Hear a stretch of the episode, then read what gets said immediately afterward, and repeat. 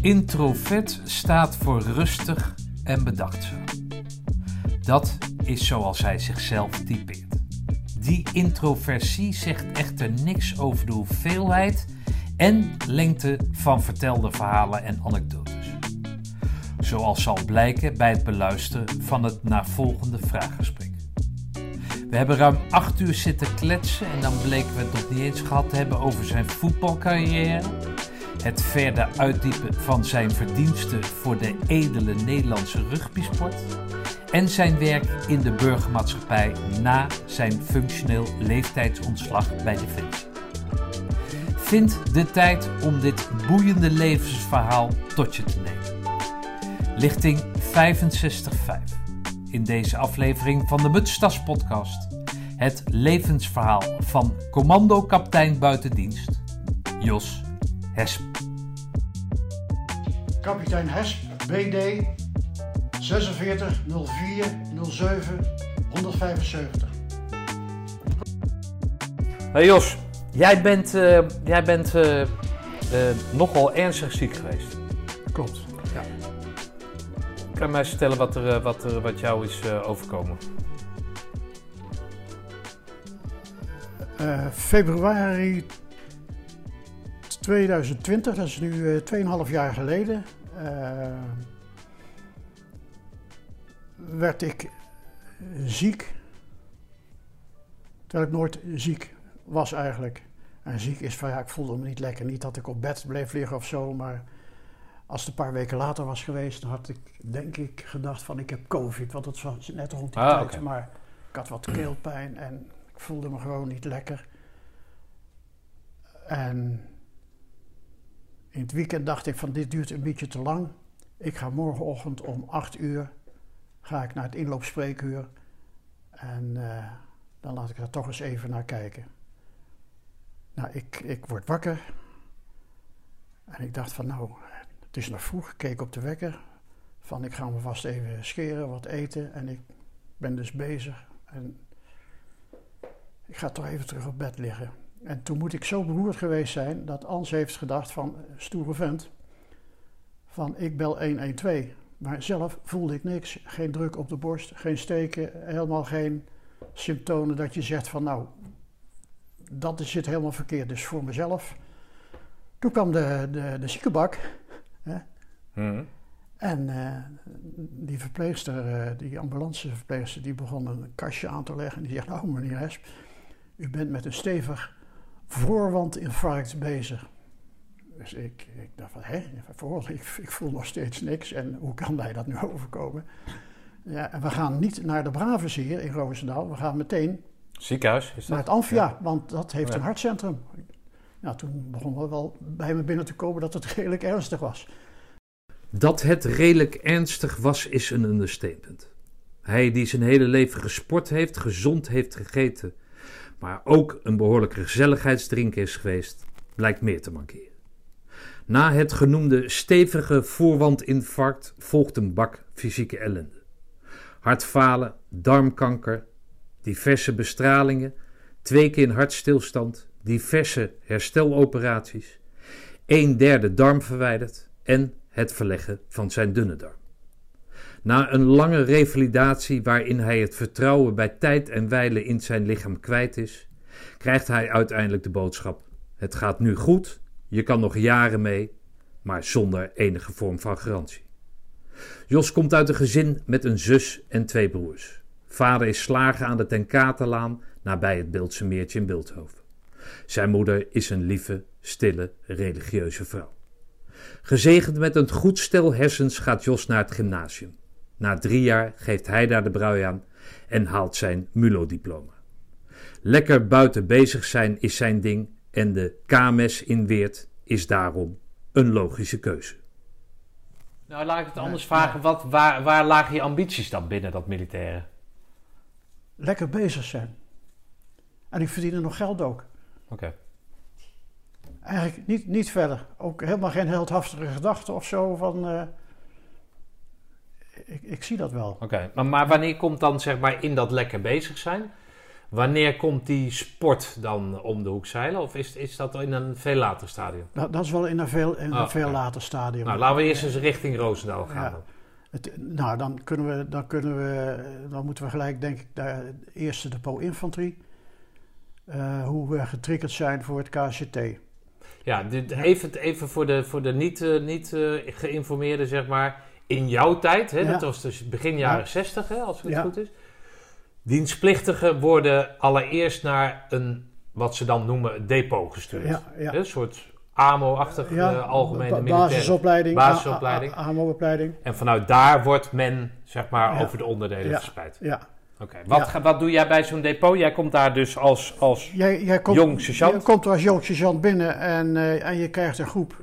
En die leidt je op eh, eh, in, in mili- in militaire vaardigheden. Er zit ook al een stukje vorming bij natuurlijk. Het heeft ook al met iets met persoonseigenschappen je toch wat aan te sleutelen.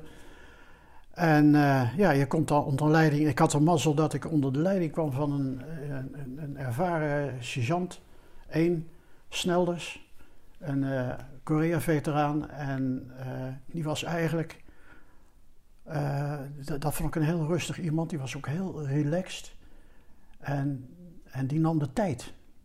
Ik kwam binnen en hij hield eerst een gesprekje met me. En, hij vertelde ook hoe, het, hoe die spichtigen in elkaar eh, stoken. Dat die ook wel eigenlijk tegen hun zin uit een, uit een voor hun veilig leventje geplukt hadden. En dat die toch ook wel wat...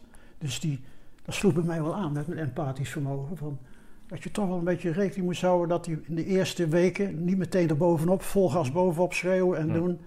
Van even laten wennen die lui. even laten wennen, aanpassen. Ja, en, en, en, en niet meteen eh, als ze 's ochtends eh, om eh, één minuut over zes het bed om niet uit zijn, dat bed opkiepen. wat, wat ook gebeurde. Ja. Hè? Maar dat je dan gewoon vertelde van luister, je moet je, je, moet je bed, bed, bed uit, want je hebt nog veel te doen. En eh, om half acht staan we allemaal buiten. En er moet nog gecorveerd worden. En, dus, en dat kwam er ook nog bij dat eh, het eerste depot infanterie, dat eh, leidde de AMO op eh, van jongens die naar de kaderopleidingen gingen. Hm. En, en naar de eh, SROKI, naar de Ja, reserveofficiersopleiding. Dus dat waren toch al jongens die een wat hogere stabiliteit en intelligentie hadden. Dat vraagt toch weer wat, wat andere aanpak. Die kun je. Hè, Ja, dat is begin situationeel iets eigenlijk. Ja. Dat Maar je naar van de- zo'n schrokie... Tuurlijk moest je dan wat, hè, een, een bepaald... Ja, mijn hond loopt ontzettend te stinken, maar dat ben ik niet. Hè? Niet Nee, dat jij ja. denkt dat ik dat ben. Ehm, maar ehm, zo'n schrokie, dat zijn natuurlijk mensen met een, met een wat hogere beginopleiding. Of hoe noemen we dat? ja, Een dat zijn, dat zijn meestal HBS-gymnasium eh, jongens. Ja, precies. En, en, eh, waar, het- Maar is het ook zo dat die jongens eh, gemotiveerd zijn altijd? dat is me ook toen verteld. Dus ik, ik ben erop afgegaan. Oh, wel? En, eh, ja, ja, dat is me toen wel maar als je verteld. dus ongemotiveerd bent en je hebt alles geprobeerd Ja. om uit dienst te blijven, ja. maar je moet toch je dienst in, dan word je gewoon soldaat. Dan kan je gewoon soldaat worden. ja. Oké. En ik bedoel, maar het is me verteld, dat gesprek wat ik al heel wat vond.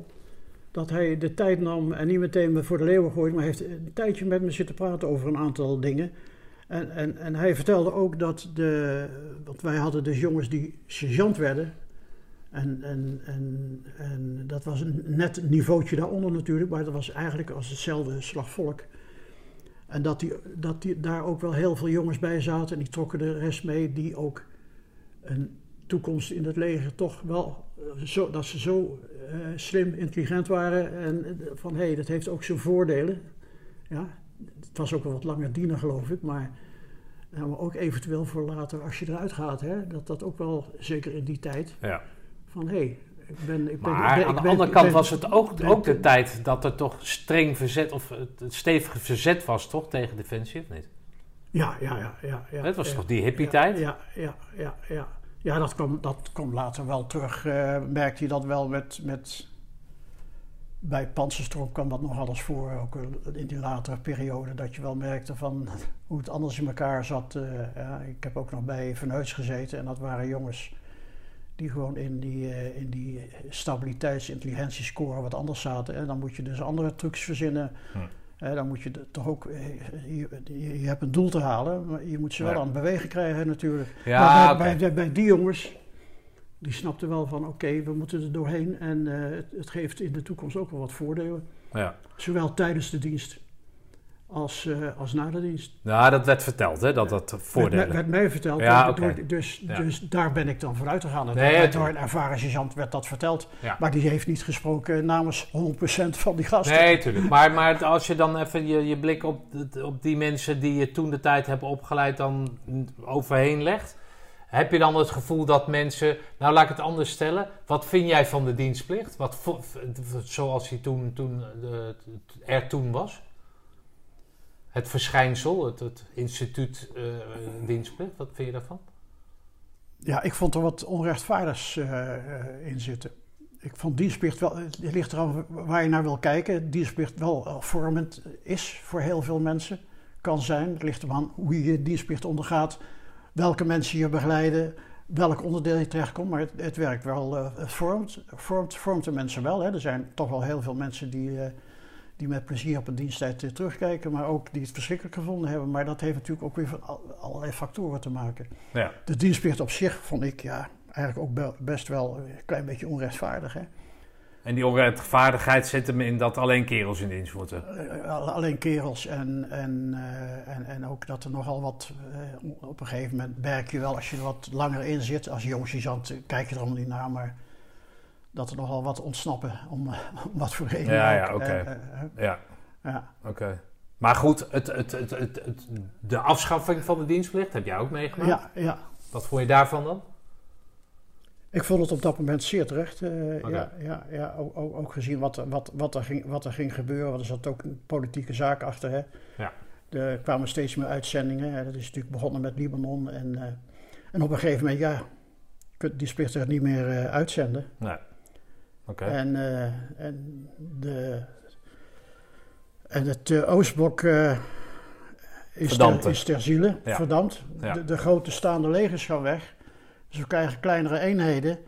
Maar dan gaan we wel eh, links en rechts brandjes blussen. En dan zie ik wel in, eh, of tenminste toen, toen was Toen ik zeker, ja. zeker daar rijp genoeg voor van ja, dit is, dit is, dit is wel het beste. Oké. En ik heb natuurlijk met, met luchtmobiel en zo eh, die periode meegemaakt, hoe die transitie op gang gekomen Ja. is. Ja. Oké. Hey, die, die, die, wanneer komt... Even opnieuw. Ehm, dus jij bent eh, ingedeeld bij het depot waar je dan zeg maar eh, eh, nou, de wat gemotiveerdere het middenkader dan Ja. aan, het, aan het opleiden bent. Wanneer komt voor jou de drang of de, de wens of word je gevraagd op, nou, andere, het, simpeler ge- ge- gesteld, wanneer en waarom ga je naar Roosendaal? Nou, je hebt net over Jelle Schepers gehad, in samenhang met Jelle Schepers, want wij zaten daar, Jelle zat bij een andere compie. Maar wij kenden daar wel, eh, nee, we zaten daar bij dezelfde compie, maar het doet er verder niet. In ieder geval, Jelle zat ook op, eh, zat op hetzelfde depot. En we gingen natuurlijk heel veel met elkaar om. We sliepen weer met elkaar op de kamer, dus je groeit wel heel erg naar elkaar toe. eh. Ja. Hè, je bent gewoon op dat moment ben je- toch wel maatjes. En eh, van ja, de, de volgende stap, want ja, oké, elke twee maanden hetzelfde. En eh, in het begin, eh, daar zit natuurlijk ontzettend groei in, omdat je juist die herhaling hebt. De tweede keer wil ik het beter doen en daar Ja. leer je ook van. En op een gegeven moment... naar vier- Ja, even voor de mensen die, die niet uit dat tijdperk komen. En de rest is, zal het vast vergeten zijn. Maar één keer in de twee maanden kwam er Ja, een nieuwe ja, lichting op. Ja, dus wij, wij hadden, ik heb, Jelle en ik hebben het dan een jaar gedaan. En eh, na vijf keer, na een maand of vijf, Dan weet in, je in die wel. periode, toen begon het wel een beetje te kriebelen van, ja, om die nou nog. Hè? Ja. Het is, Ja, dat is dus Eh, elke keer eh, kerels leren marcheren. ja, het is natuurlijk groenten. heel, heel kleinschalig leren schieten, leren hè, velddienst, de simpele basislesjes. Ja. En op een gegeven moment, ja, Dan weet je het wel. Wij waren infanterie opgeleid eh, op, op de KMS. We hadden daar met mortieren geschoten en met TLV's. Het echte Ja. werk met die ziepjes rondkrossen. Ja. een spannende werk. Dus, dus dat... eh, dus wij waren op zoek naar wat anders. Nou, toen kwamen wij, eh, of die, die kenden we al.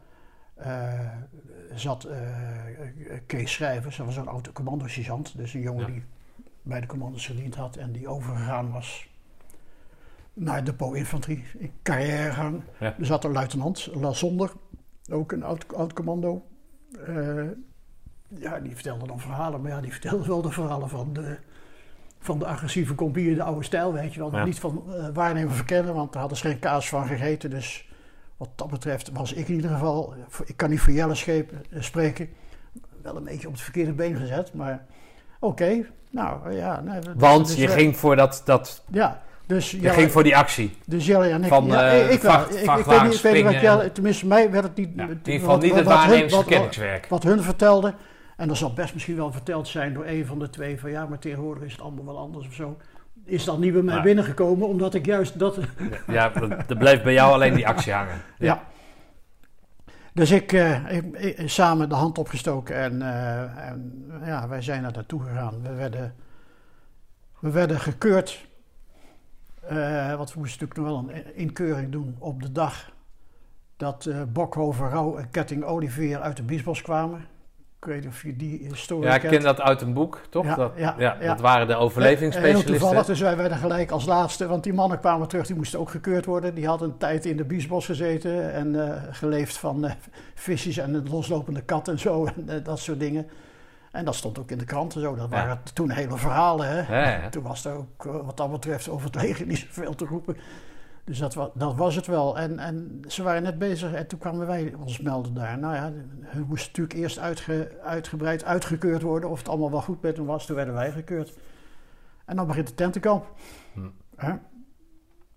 Dan worden de jongens erbij gevoegd. En, eh, Ja, dus ja. die hadden allereerst hun tweejarige, of de tweejarige, twee eh, Twee- maandelijkse ja, vooropleiding hadden ze. eh, Elders, ja. Ja, en ja. dan kom je met z'n allen kom je in Roosendaal terecht en daar begin je dan vanaf dag één meteen met je ACL. Ja, ja, ja.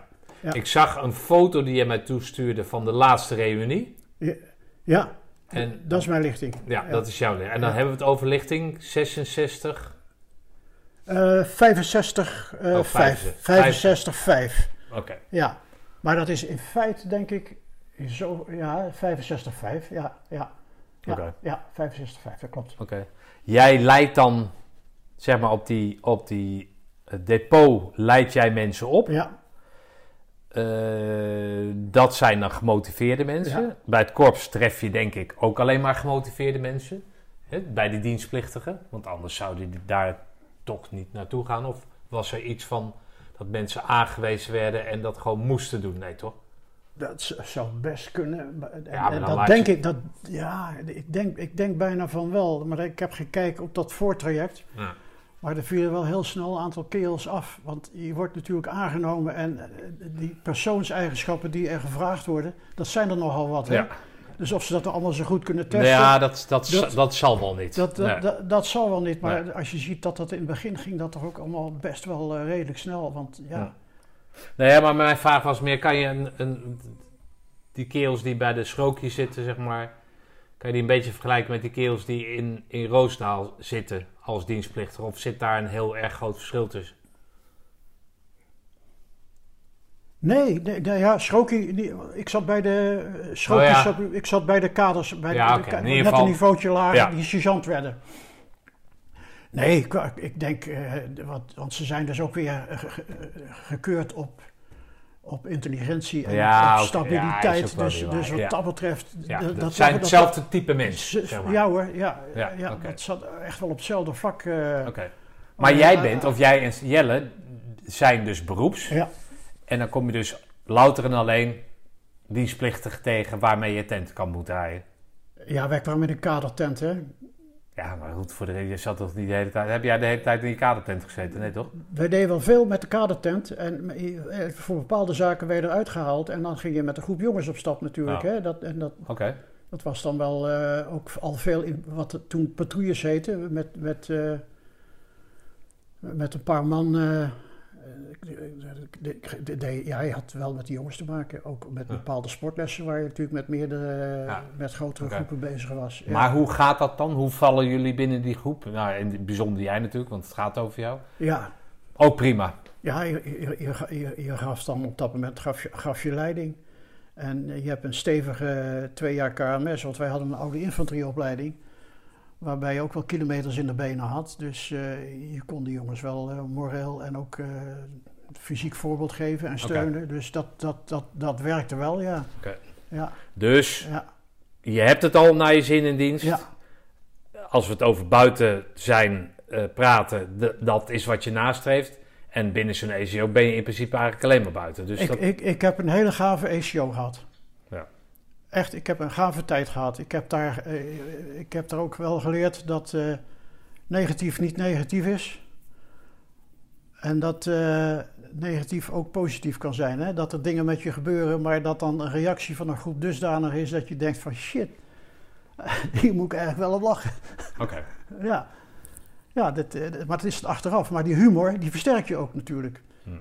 Ja, da- daar, daar word je wel, eh, dat, dat helpt je wel in je incasseringsvermogen. eh, als, je, als je bepaalde negatieve zaken als humor gaat zien. En, eh, Ja, ja, dan, dan begin je ook bij die grotere groep te horen. Want dat Ja. is toch een beetje wat het KCT dan in zich heeft. Die bepaalde soort humor en zo. En dan Ja. kom je langzamerhand ook in die grotere groep. Want in het begin is het natuurlijk... dan ben je met elkaar bezig. In, in eerste instantie was het echt wel zo dat je heel veel met, met die kadergroep bezig was hoor. Ja. Ja, we hadden een kadergroep van vier beroeps. eh, twee dienstplichtigen, sergeanten, twee eh, jongens van de schrookje, dus vaanders, dienstplichtigen. En, en een dokter hadden we. Nou, en, de dokter was eigenlijk eh, was ons zorgkindje en dat helpt dan ook weer met de groepsvorming. Want die jongen die kwam van de OCMGD, die had dus een AMO'tje gehad, op de Ja. op, op, die had gestudeerd, arts geworden. En dat, die zat fysiek wel goed in elkaar, want hij was een wedstrijdroeier geweest op een van de universiteiten. Maar die was natuurlijk militair hartstikke onhandig. Ja. Ja.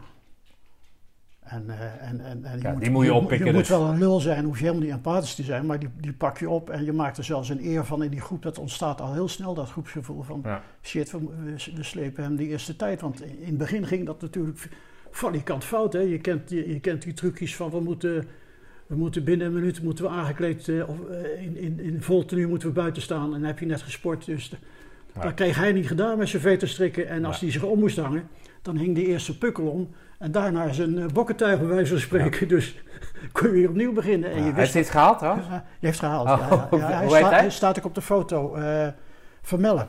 Oh, oké. Vermellen. En, en je kent het wel, hè? Want dan, dan, dan wordt er geraast en dan eh, en, en naar binnen. Maar bij ons werd er ook al een beetje vormend, eh, vormend geraast, hoor. Dus, Jij bent heel erg met dat vormend en Ja, dat team. ja, dat, dat- dat, dat ja, ben jij, hè? Ja, ja, ja. Ja. ja.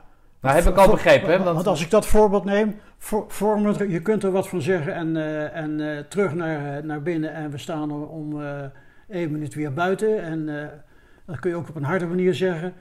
Maar als je dan ook nog eventjes toevoegt van een lerend moment. Laat nou de eerste man even de tentflap opbouwen. snap ja, je? ja. Dan heb je ja. vormend elementje toegevoegd. Ja. En, en, en dat geluk hadden wij, dat dat bij ons toch wel, eh, zowel op de KMS als op, op, eh, op, op het KCT heb ik de mazzel gehad. Want dan leer je, je leert ook van het voorbeeld, want ik ben ook van het voorbeeld. Van shit, zo kan het ook. Oké. Het is niet alleen maar Jij wil zeggen dat je dus het geluk hebt gehad dat je Ja. goede instructeurs hebt gehad? Ja, goede instructeurs, maar ook, Oké. ook vormers. Hè. Ja, nee, oké. Ja, maar, ik- en wie waren die instructeurs dan? Eh Biekstraten, Van Gelder, Dirks. We hadden Dirks, eh, die deed eigenlijk apart de, de, de, de kadertent. En Dirks was ook heel creatief, daar heb ik ook veel van geleerd. Met. Ja. Dus op het moment dat je dus van je ACO leert en in de ellende ook dingen aan, shit, eh, van een voorbeeld aan Ja. overnemen. Bram Bruinogen, dat was de adjudant en die leidde... Oh, dat is, dat is jouw Bram tentenkampcommandant. Bruinogen. Oh, mooi. Nee, dat was Hollard. Oh, oké. Hollard was tentenkampcommandant, maar ja, die was commandant, hè, dus die stond daar toch wel wat, wat verder buiten. Maar, maar eh, ja, die, Maar dan is Bruinogen is dan de CSM of zo, vernoem je zo iemand? Nee, die is ja, mijn hoofdinstructeur, maar die, Ja, oké. die, die had de praktijkuitvoering, zou ik, ik maar zeggen, die zag je toch wel. eh, Ja, maar het- het- Veel meer dan terug, Holland. Ik, dat, dan snap ik het niet. Of ik snap het wel, maar ik ben van 82 cent. Vroeg op was onze Ja. tentenkampcommandant en Jelle Schepen was de chameur. ja, Waar, dat ben ik al lang Ja. kwijt, maar is Jelle dan zeg maar degene die dan eh, zeg maar op de, de, de, de, de- zeg maar de, de veldtrainer? En, en is, is, eh, is vroeg op dan meer de... de, nou, ik, ik je een voorbeeld geven, zoals dat, het, het gaat natuurlijk ook, ik praat ook vanuit verdere ervaring. Ja. om daar een oordeel over te hebben en hoe dat is. En ik ken Hollard ook veel beter. Hollard is trouwens, eh, heeft tot, eh, nog steeds eigenlijk eh, contact met, met dat peloton. eh eh, Oké. Verleden jaar is hij nog op een pelotonreunie van ons geweest. Samen met Constance. Want Constance was onze kompiescommandant. Ah, oké. Ja, ja, ja. Maar Bruinogen, die kon verschrikkelijk gas geven, tirades houden. En dan ging hij tekeer dat wij als... Wij waren natuurlijk al wel ge- gewend, drie jaar eh, onderofficier. En eh, dat wij zelfs schrik hadden. Nou, schrik is natuurlijk iets wat thuis hoort in de, in de persoonseigenschappen. Hoe, hoe ga je er tegenover staan? Van shit, dit en dat. Hè, dat heeft ook te maken met de zaak een beetje opstangen en op eh, hè, streng, streng regime. Hè. Dat is dan een van die verzwaarde omstandigheden waar je onder werkt. Maar die kon ook heel, eh, dat vond ik op de KMS, die kon ook wel een beetje vaderlijk en, en, en sympathiek zijn.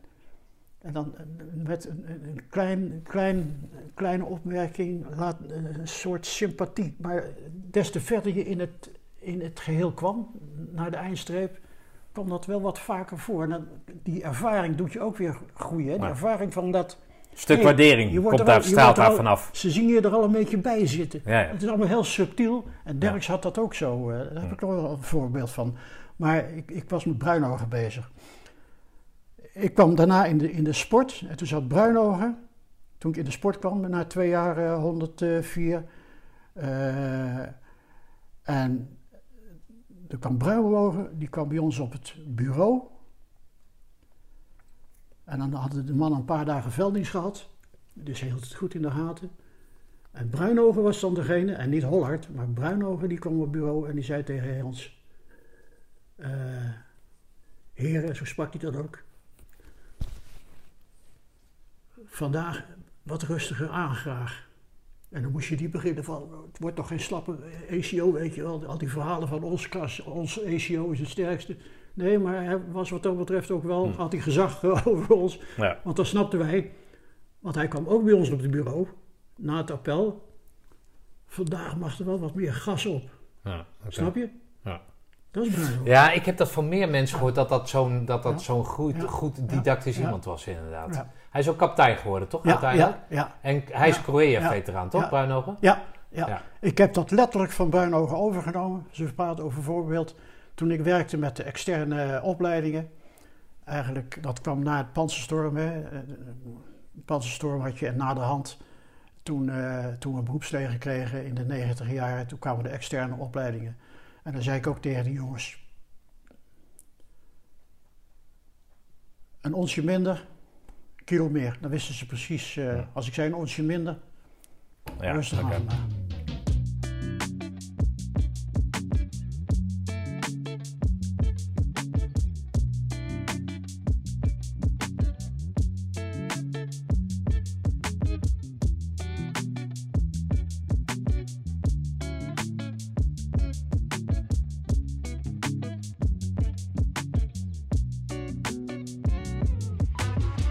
Dus bruinogen, dat, eh, daar heb ik eh, eh, verhalen van gehoord. Jij onderstreept dat.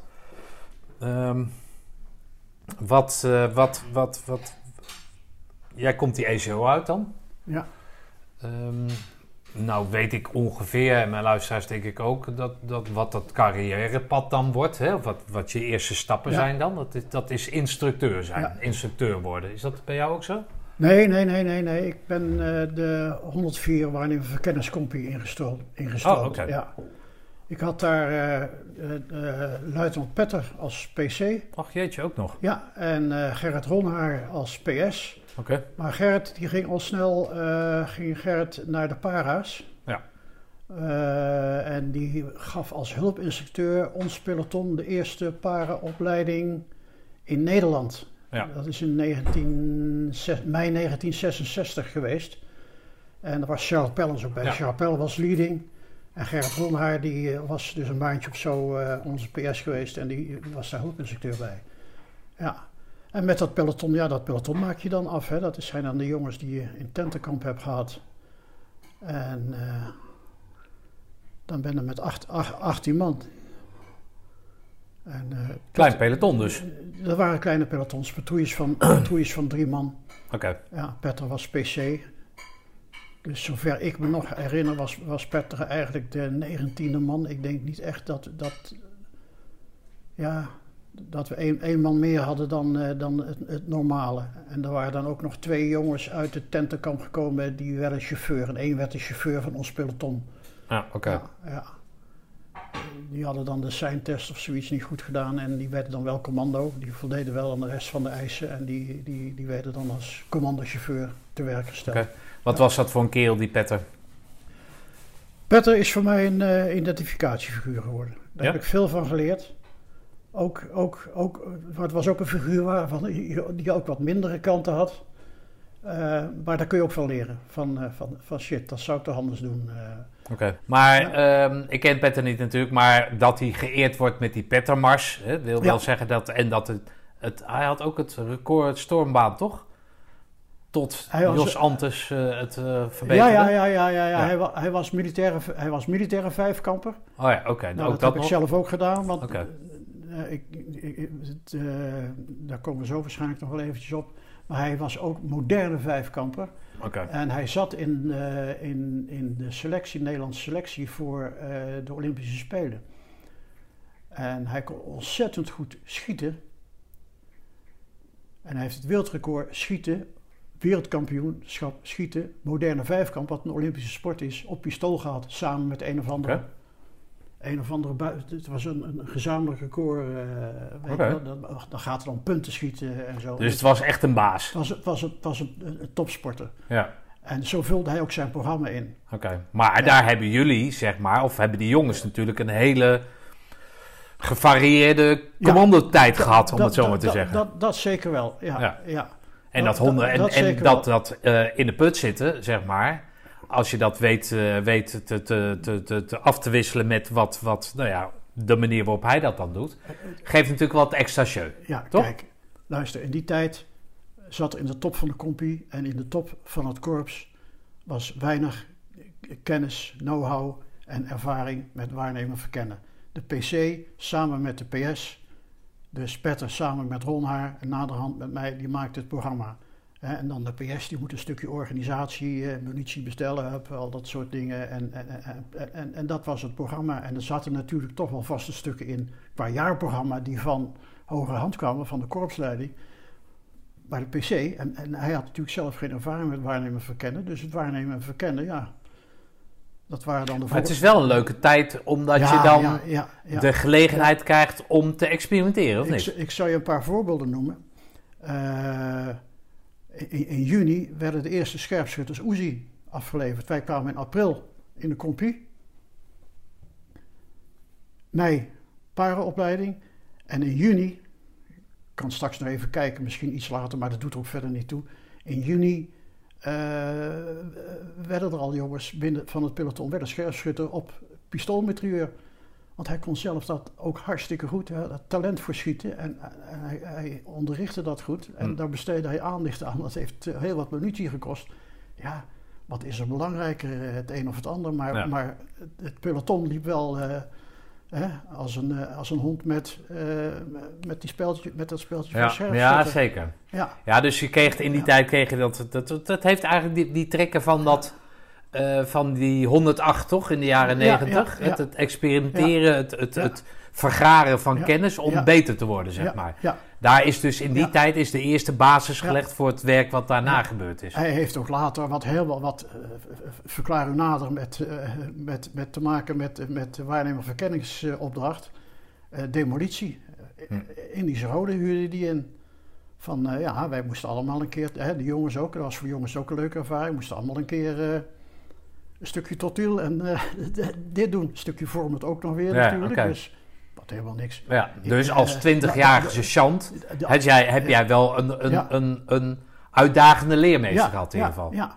Eh, eh, de andere rode met zijn boten. Ja, wat, moeten, wat moeten wij met, met, die, met, die, met die stormboten en toestanden en eh, ja, de Wezer oversteken? Ja, dat moesten we met een pakketje doen, bij wijze van spreken. Ja. Dus, maar eh, dat, dat regelde die ook. Dat we dus een dag de Biesbos, of Hm. eh, ik weet niet hoeveel, misschien wel twee dagen, en, maar dat we dan ook onderricht kregen in die boten en En toestanden. daar kreeg hij dus ook de ruimte van, van, van, van de top. Dus kennelijk. Ja, Of hij nam de ruimte. Ja, of het werd gedoogd. Maar hij, hij, Ja, ja. hij, ik, ik weet wel dat hij, hij, hij maakte dan dat programmaatje en dat ging weg. Ja, dat werd dus gesanctioneerd. Of het werd gedoogd. Oh, Oké, dat gaan we dus doen. Er, werd, er kwam er geen... eh, ja. ja, ook wel een aardige wat hier direct mee te maken heeft. En, en, wat mij ook erg getroffen heeft, waar ik veel overgenomen van overgenomen heb, is eh, het kwetsbaar durven opstellen. En dan komen we gelijk weer eigenlijk terug op iemand die gezag heeft, die durft zich kwetsbaar op te stellen. Iemand die macht heeft, die gaat zich niet kwetsbaar opstellen. Wij zijn op, we zijn, eigenlijk toen de, de, voor de pauze de opname gestopt werd, omdat we heerlijk hebben gegeten, ja. Hans, geweldig. Um, zei jij tegen mij, ik ga, of ik vroeg aan jou, ga eerst even uit, vanuit jouw visie het verschil tussen macht en gezag even uitleggen. Ja, ja, ja. Nou, gezag krijg je van je eigen mensen waar je mee samenwerkt. Ja, macht, er wordt iemand ergens weggezet door een autoriteit en die gaat top-down, gaat hij naar beneden leunen. Ja, niet op, op, op wederkerigheid en op gelijkwaardigheid. Nee, iemand die gezag heeft, die is wederkerig. Ja, die communiceert op een bepaalde sociaal competente wijze met mensen die bij hem werken. En dat sociaal competente verdien je bijvoorbeeld ook door je kwetsbaar op te stellen. Ja. Gezag, die inspireert. En dan geef je mensen verantwoordelijkheden, daar komen we misschien straks nog wel op. En die geef je vertrouwen. En dat die dat op een gegeven moment ook de verantwoordelijkheid nemen om ook iets te doen wat eigenlijk jouw werk is, maar jij staat erbij en vindt het dan goed. Ja? Bij iemand die macht heeft, die, dat is af, afwachtende houding. Ja? Wantrouwen. Ja? Het continu beschermen van je eigen positie, zodat anderen niet onder je duif kunnen schieten. Of onder je veren, hoe noemen we dat ook weer? Ja. Precies, en, en, en iemand die gezag heeft, die, die, verwerft dat gezag door zijn houding en optreden en door wat hij echt presteert. En jij zegt dat Petter een natuurlijk gezag had? Ja, hij had natuurlijk gezag. Oké. Ja, dat is het Is, dat, is dat, iets wat je kan leren of is dat, moet dat aangeboren zijn? Ik denk wel dat je bepaalde karaktertrekken moet hebben, maar je moet ook voorbeelden van anderen zien. En dan komen we gelijk op waar we nu naartoe willen. In de 104 ja, ging hij op een gegeven moment hinderlagen en overvallen doen. Hinderlagen en overvallen, eh, waar we verkennen. Stramming, waar, eigenlijk waar we, nu, waar we nu over praten. Nou, hartstikke interessant natuurlijk. Veel losse schieten en dat soort dingen. Mensen prikkelen, ja, commando uh, houden, commando uh, blijven. En we hadden op een gegeven moment een oefeningetje. En dat was een vrij eenvoudig oefeningetje van een paar dagen op de Rukversei. En dan hadden we jongens van het verbindingspeloton met een sergeant... Uh, die, die waren dan tegenstand. En wij moesten dan overvallen doen en hinderlagen leggen. En dat deden we dan eerst schools. En de eerste keer uh, deed hij, want hij deed alles wat ik vertelde ook vaak de eerste keer, hè, laten zien hoe het moet. Ja. Alleen dit mislukte eventjes. Hij ging een verkenning doen met nog twee jongens, patrouille, driemans patrouilles. En uh, oké, we komen terug. En, uh, en dat ging erom dat we ons avondeten moesten hebben. Ja, want dat zat dan in, dat, in, dat, in, de, in die, in die, uh, in die drie, tijd waren er nog drie tonners, in die drie tonnen, of, of, of, zo'n webje, zo'n één ton, dat weet ik niet precies meer, van de jongens van de verbindingen. Nou, wij komen eraan. En hij had een, een naderingsroute had hij verkend. Maar zich gewoon verkeken op, op, op, uh, wat zaken. Want er stond ook een, een, een struikel naar licht zijn. Dat ken je wel, denk ik. Hè? Ja, Dat, dat, had hij dan waarschijnlijk niet opgewerkt in zijn verkenning. En dat ging af. Dus die jongens van de verbinding, die begonnen allemaal te schieten.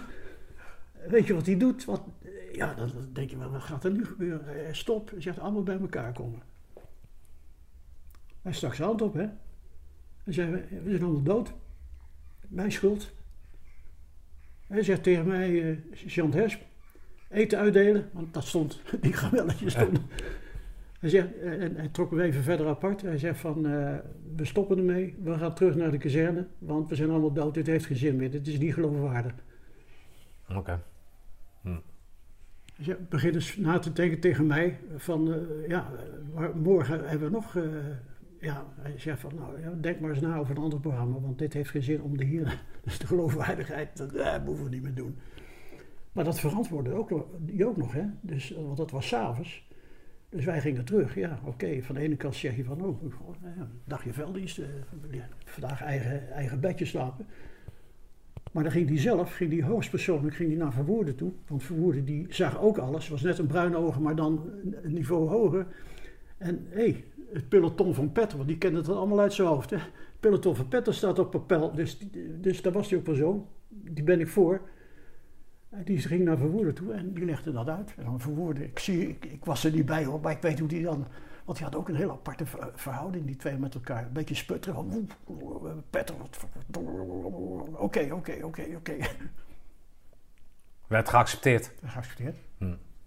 Dus hij had wel draagvlak. eh, Ja, oké. Dus door- dat door- natuurlijke gezag wat Ja. hij meenam, Ja, eh, dat, dat werd eh, gekenmerkt door zelfreflectie en, en eerlijkheid. En eerlijkheid. En voor- als, als je voor- dan... Voorbeeldgedrag, alles het eerste. Precies. Dit- En als je dan dus, dus faalt in dat, op dat moment, de vrouw, één, eerlijk zijn naar het peloton en zeggen: jongens, we stoppen ermee, want anders heeft geen. Hè, anders, ja, Ja. waarom schieten ze dan? Ja. En dan meteen de verantwoordelijkheid Ja. nemen door naar de korpscommandant te gaan. Wij zijn er morgenochtend niet, Niet, want want het is mijn fout geweest. heeft hij, was, ja, dat, heeft, hij- dat heeft hij natuurlijk moeten vertellen. Van, ik heb Ja. het daarom daar gedaan. Nou ja, maar je kan, jij zegt, als je het op een andere manier had Ja. aangepakt, dan had je nog op die hei gezeten, dan had Ja. je die oefening gedraaid. Dan was, was het voor de buitenwereld was het oké geweest, want ze zijn niet op appel. Ja, En dit is sterker omdat je daarmee je zwakte aangeeft. ja, ja. En dan is het zo dat je dan hoopt dat je mannen een, in soortgelijke situatie het, het, het gedrag gaan imiteren of, of hetzelfde doen. Ik weet niet of dat erbij mag, hè, maar ik heb het overgenomen. Ik, Ja, ja, ik- oké. Shit, dat lukt. Ja. De- de- de- de- want ik heb daar die kerels nooit verder over eh, negatief over. eh, Hm. Nee, nee, nee. Nee, ik, ik, ik heb dat op, overgenomen als zijnde van: hé, hey, oké, dat, eh, dat moet je moet op een gegeven moment zeggen van: oké. Oké. ja. Ja. Hey, en die sport, wanneer komt die sport dan eh, bij jou eh, binnenvliegen? Of eh, wanneer ga je je richten op die sport dan? Is dat eigen initiatief trouwens, of wat? Ik, ik, kan nog wel even over Petter doorgaan. Ja, dat mag ook. Ik, in, in, inspireren, daar was hij ook, ook heel sterk in. Op een gegeven moment zegt hij tegen mij, en dat ligt ook weer in, in relatie tot, tot waarnemen verkennen, oké, het minimum voor hem dan, want hij moest natuurlijk al wat doen. Hij zegt van, eh, we moeten, er wordt weer tijd voor een, een, een oefening en eens een keer een ander oefenterrein. En eh, wat oude stijl en zo. Eh, Je hebt toch ook op de KMS gezeten en die buurt daar, vallen daar nog leuke dingen te doen. Ik zeg van nou, ik heb wel wat ideeën. Want wat mij bijstond, was een of andere oefening die we gedraaid hebben. En dat we een, een, een, een tocht door de peel, en toen was de peel was nog bij Griensveen, was redelijk onontgonnen. Zeg, dan kunnen we dat integreren en met wat verplaatsingen. Walter de Rode laten we komen. De creativiteit krijg je dan ook, wat ontwikkeld wordt. Hè? En dan kunnen we daar bij de Maas kunnen we oversteken en zo. Dat, eh, daar bij. Ik had het al een beetje, ik had het heel snel, had ik al het patroontje in mijn hoofd. Ja. Hij zegt, doe maar, gaan, we- gaan we doen.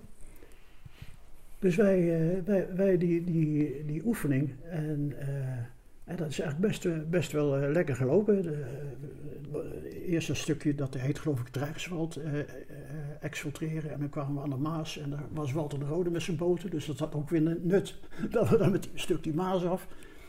En, eh, en op een gegeven moment, eh, ja, ik kende dan die route vanuit de KMS.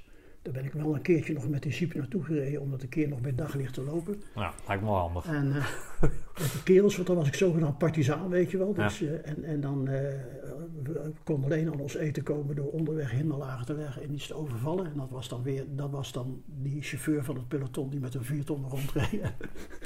dus minimale, Ja. minimaal eh, oefenleiding. En eh, en wij sliepen ook samen achter in de, in de viertonnen, geen tent opzetten, geen gezeik, geen, eh, we een jeep voor, voor hem dan om rond te rijden, of, of ik dan om de beurt en eh, dingen te doen. En dan die viertonnen. Nou, wat er ook, wat, op een gegeven moment hebben we er ook nog in een, in, een, in een klooster had ik dat geregeld. De katholieke kant kwam weer naar, naar boven, dat ze dus een, als soort partisaan, dat ze dan in zo'n klooster bij Venray, dat ze daar onder in die kelders, dat ze daar konden slapen, straks weet je, een soort schuilbivak, eh, of overdag Ja. dat was dat dan. En toen had ik ook een, eh, had ik ook bij die paters gevraagd van, heb je, heb je niet zo'n ding, zo, zo, zo'n kasuifel en eh, Zo'n pij. zo- zo'n pij aan te Ja. trekken met zo'n puntmuts. Maar het was toen, het was toen al tegen de winter aan en het was hartstikke, hartstikke helder met, van die, met, met, met maan en zo en koud. En, die mannen lagen er op een punt, zeg maar tegen de vier of vijf uur s ochtends. En die zouden daar dan door mij weer als partizaan, dan zou ik dus de laatste twee kilometer partisanenroute uit het klooster. En dan ligt, dan ligt een jongen op, op ligt een van die gasten ligt er op wachten en ik kom er aanlopen. En ik, ik besefte dat eigenlijk niet zo. Die lag een half een beetje te snurken. Dus op een gegeven moment, En jij had die pij aan. ik had die pij aan.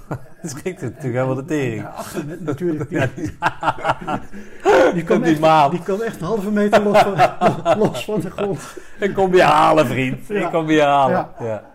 Maar toen, ja, tussentijd, wij sliepen achter in dat, in dat, in dat, in dat eh, de drietonnetje. En eh, ja, we hebben toch heel veel gesprekken gehad eigenlijk. Eh, eigenlijk was hij nog nooit zo... eh, Maar wat scheelde hij dan in leeftijd met jou? Hij Nou, was dan... eh, eh, ik denk dat 30 hij, of zo. Ik denk dat hij eh, 6, 27 was en ik Oh, 20. oké. Ja, ja. Ja, misschien, misschien 28. Oké. Ja, want toen dat gebeurde met het ongeluk, toen was hij al eh, kapitein. Dus toen moet hij in de 30 Ja, geweest zijn. eh, ja. Maar Dus goed, hebben echt wel al met al, gewoon Dus- heb, dus- je, heb je aan hem... Is het gewoon een iconisch figuur van het korps, toch? Ik vind van wel, Ja. ja. het is tragisch tot het tragisch einde gekomen. En eh, ja, ja. Maar we hebben toen echt wel veel, veel eh, ja, we hadden natuurlijk, ik was een, eh, een beetje een, eh, een, jonge, een jonge hond, een beetje ook nog, wat, nog steeds wel wat teruggetrokken. Maar met dit soort dingen, we hebben het al over gehad, kon ik, me, Ja. kon ik, uit, die, kon ik uit die introversie komen. Want dan kom ik naar voren en heb ik een rol te spelen. En dan, Ja. dan moet dat los, los natuurlijk. Ik Ja, nee, inderdaad. Ja, ik heb DK Wielinga heb ik ge eh, geïnterviewd. Die is 95 en die is reserveofficier. En die was verantwoordelijk voor de... In die tijd dan voor de herhalingen. Ja. En die had zo'nzelfde visie. Zo van, hè, je kan de jongens natuurlijk de hele dag op de appelplaats laten inchecken en eh, weet ik van wat. Maar die had vanaf het begin, als ze daar dan kwamen, meteen actie. Helikopters en boten en alles had hij dan al geregeld. En dan zaten die lui binnen een dag, zaten ze al op een boot en eh, weet je wel. En dan die overige twee weken was dan peanuts voor hem. Ja, daar was hij wel heel erg, eh, heel erg, heel erg mee bezig. Ja. Ja, we hebben toen echt wel ook, ook over sport en over allerlei, over allerlei dingen. eh, zelfs had ik nooit van hem verwacht, want hij begon zelfs over verkering te praten en zo. Want eh, ja, hij, hij wist wel dat ik veel uitging met, met de vaandres. eh, Goed, niet doen. Ja. met de vaandres en zo. eh, eh, ja, ja, ja, ja, ja, ja. Begon hij ook van, ja, ik heb eigenlijk op het moment ook wel. eh, nou, kijk, dan krijg je dat soort gesprekken. En dan, ja, dan krijg je een band. dan smelt er iets, hè. En dan, Ja. Ja, dat, dat, dat was wel hartstikke mooi, ja. Ja. En ook, eh, ook over, over die, die, dat kwetsbaar opstellen, eh, daar had hij geen enkele moeite mee. Heb ik het ook over gehad. Want dat, dat- toen kwam ik nog terug op dit incident. Hij zei van, ja... Hij zei, dat is mijn gevoel op dat moment. En eh, zinloos om door te gaan. En Ja. ja, Nou ja, jij bent 20, je bent jong, maar 27 is ook niet oud natuurlijk. nee, nee, Dus wat dat betreft, toch? nee, nee. Is het natuurlijk een bepaald natuurtalent dan.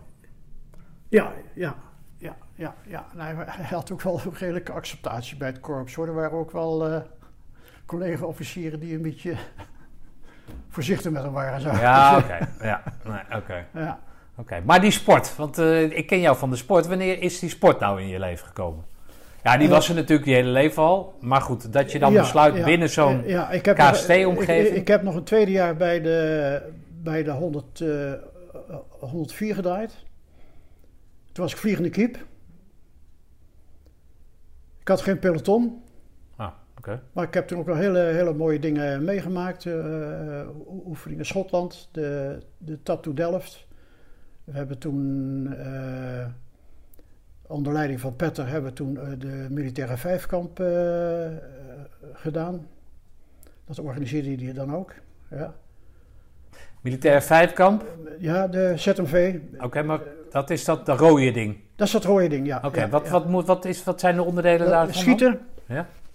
Eh, Met wat? Schieten met de val. Ja. Eh, ogenbliksdoelen, dus die, weet je, die wegklappen steeds. Ja. En, eh, en precisie, dus dan blijven ze staan. En dan moet je een aantal punten scoren. Hindernisbaan op tijd. Niet de hindernisbaan van, van, van Roosendaal, maar de standaard hindernisbaan. Handgranaat werpen op die putten, dus zuiver tot 32 meter. Oké, Dan moet je mikken. ook punten en verwerpen en dan moet je ook een aantal punten komen. Zwemmen met hindernissen. Eh, Dus een, een, een, een, balk waar je onderdoor moet, een, een, een, een vlot waar je onderdoor moet. Dus hup, onderdoor. en dan allemaal. Ja. En dan een, eh, een, een, een, eh, een vlonder waar je op moet klimmen en de andere kant eraf. En dan een balk waar je weer overheen moet en dan weer onderdoor. En, Maar dat was een vastgesteld... eens per jaar werd dat gewoon, Ja, voor, de hele KL werd dat afgenomen. Ja, oké, ik wou zeggen. en dat, waren, Ja. dat waren tevens, dat waren tevens wedstrijden. Oké. Dus En jullie zat- peloton deed daar aan Nee, dat mee? was geen peloton. Oh, Toen had hij echt, eh, ja, ook weer een jongen die initiatief neemt, die had echt vanuit eh, het hele korps had hij in, want er waren ook sportinstructeurs die meededen. En eh, ik denk dat we met een, met een groep of twaalf waren. Oké. En dat, daar ging hij mee trainen. S ochtends vroeg zwemmen daar bij het politiebureau, de kwakkelkooi, om zes uur. S ochtends. En het schieten, dat lag in zijn handen. Ja, ja, Het schieten ging ook hartstikke goed op. sco- Iedereen scoorde bij ons hartstikke goed op, op schieten. En dan was nog even kijken, eh, vijf onderdelen. Eh, de veldloop was erbij, acht kilometer. Hm. Cross, hè, zwaar, zwaar Ja, terrein. eh, ja. en, en dan moest je tot, een aantal punten komen. En dan kreeg je dat, kreeg je dat ding. Nou, oefening in Schotland is ook hartstikke, hartstikke mooi geweest. Stap to Delft. Dat speelde allemaal in dat tweede jaar. Dus ik heb het Ja. eigenlijk, ja. Eigenlijk dat tweede jaar was ook wel heel mooi, want ik zat niet bij een vast peloton. Nee, je werd elke keer toegevoegd ik, aan werd, iets. ik werd toegevoegd. Ja. En eh, ik, ik heb vooral bij het peloton van Verbrugge eh, eh, ben ik ingesprongen. En Zeker met, eh, met oefeningen. We gingen op oefeningen, zeker als dat buitenlandse oefeningen waren, waar je een beetje naar voren moest treden. Dan vonden ze mij een hele ervaren waarnemer verkenner. En dan vulde ik dan zo'n zo'n peloton, peloton aan. Ja, nou ja, dat ervaren waarnemer verkennen, materiële kenning en zo, dat ging allemaal prima. Hm.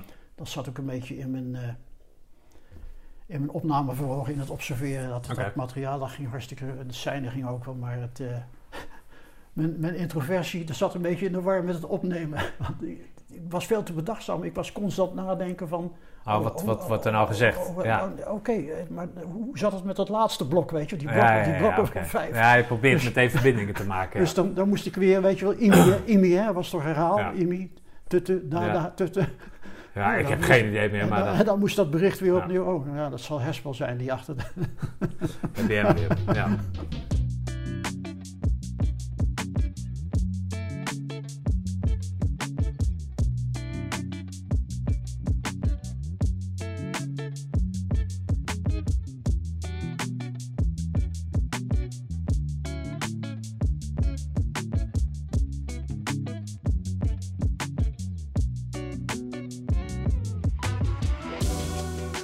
Ja, toen, kwam, toen, toen, eh, toen op een gegeven moment moesten we bij eh, de S1 komen. Ik denk dat dat van Loksel was, de personeelsofficier. En eh, Kees de Waard, Frans Kusters, helaas overleden. En, en mijn persoontje.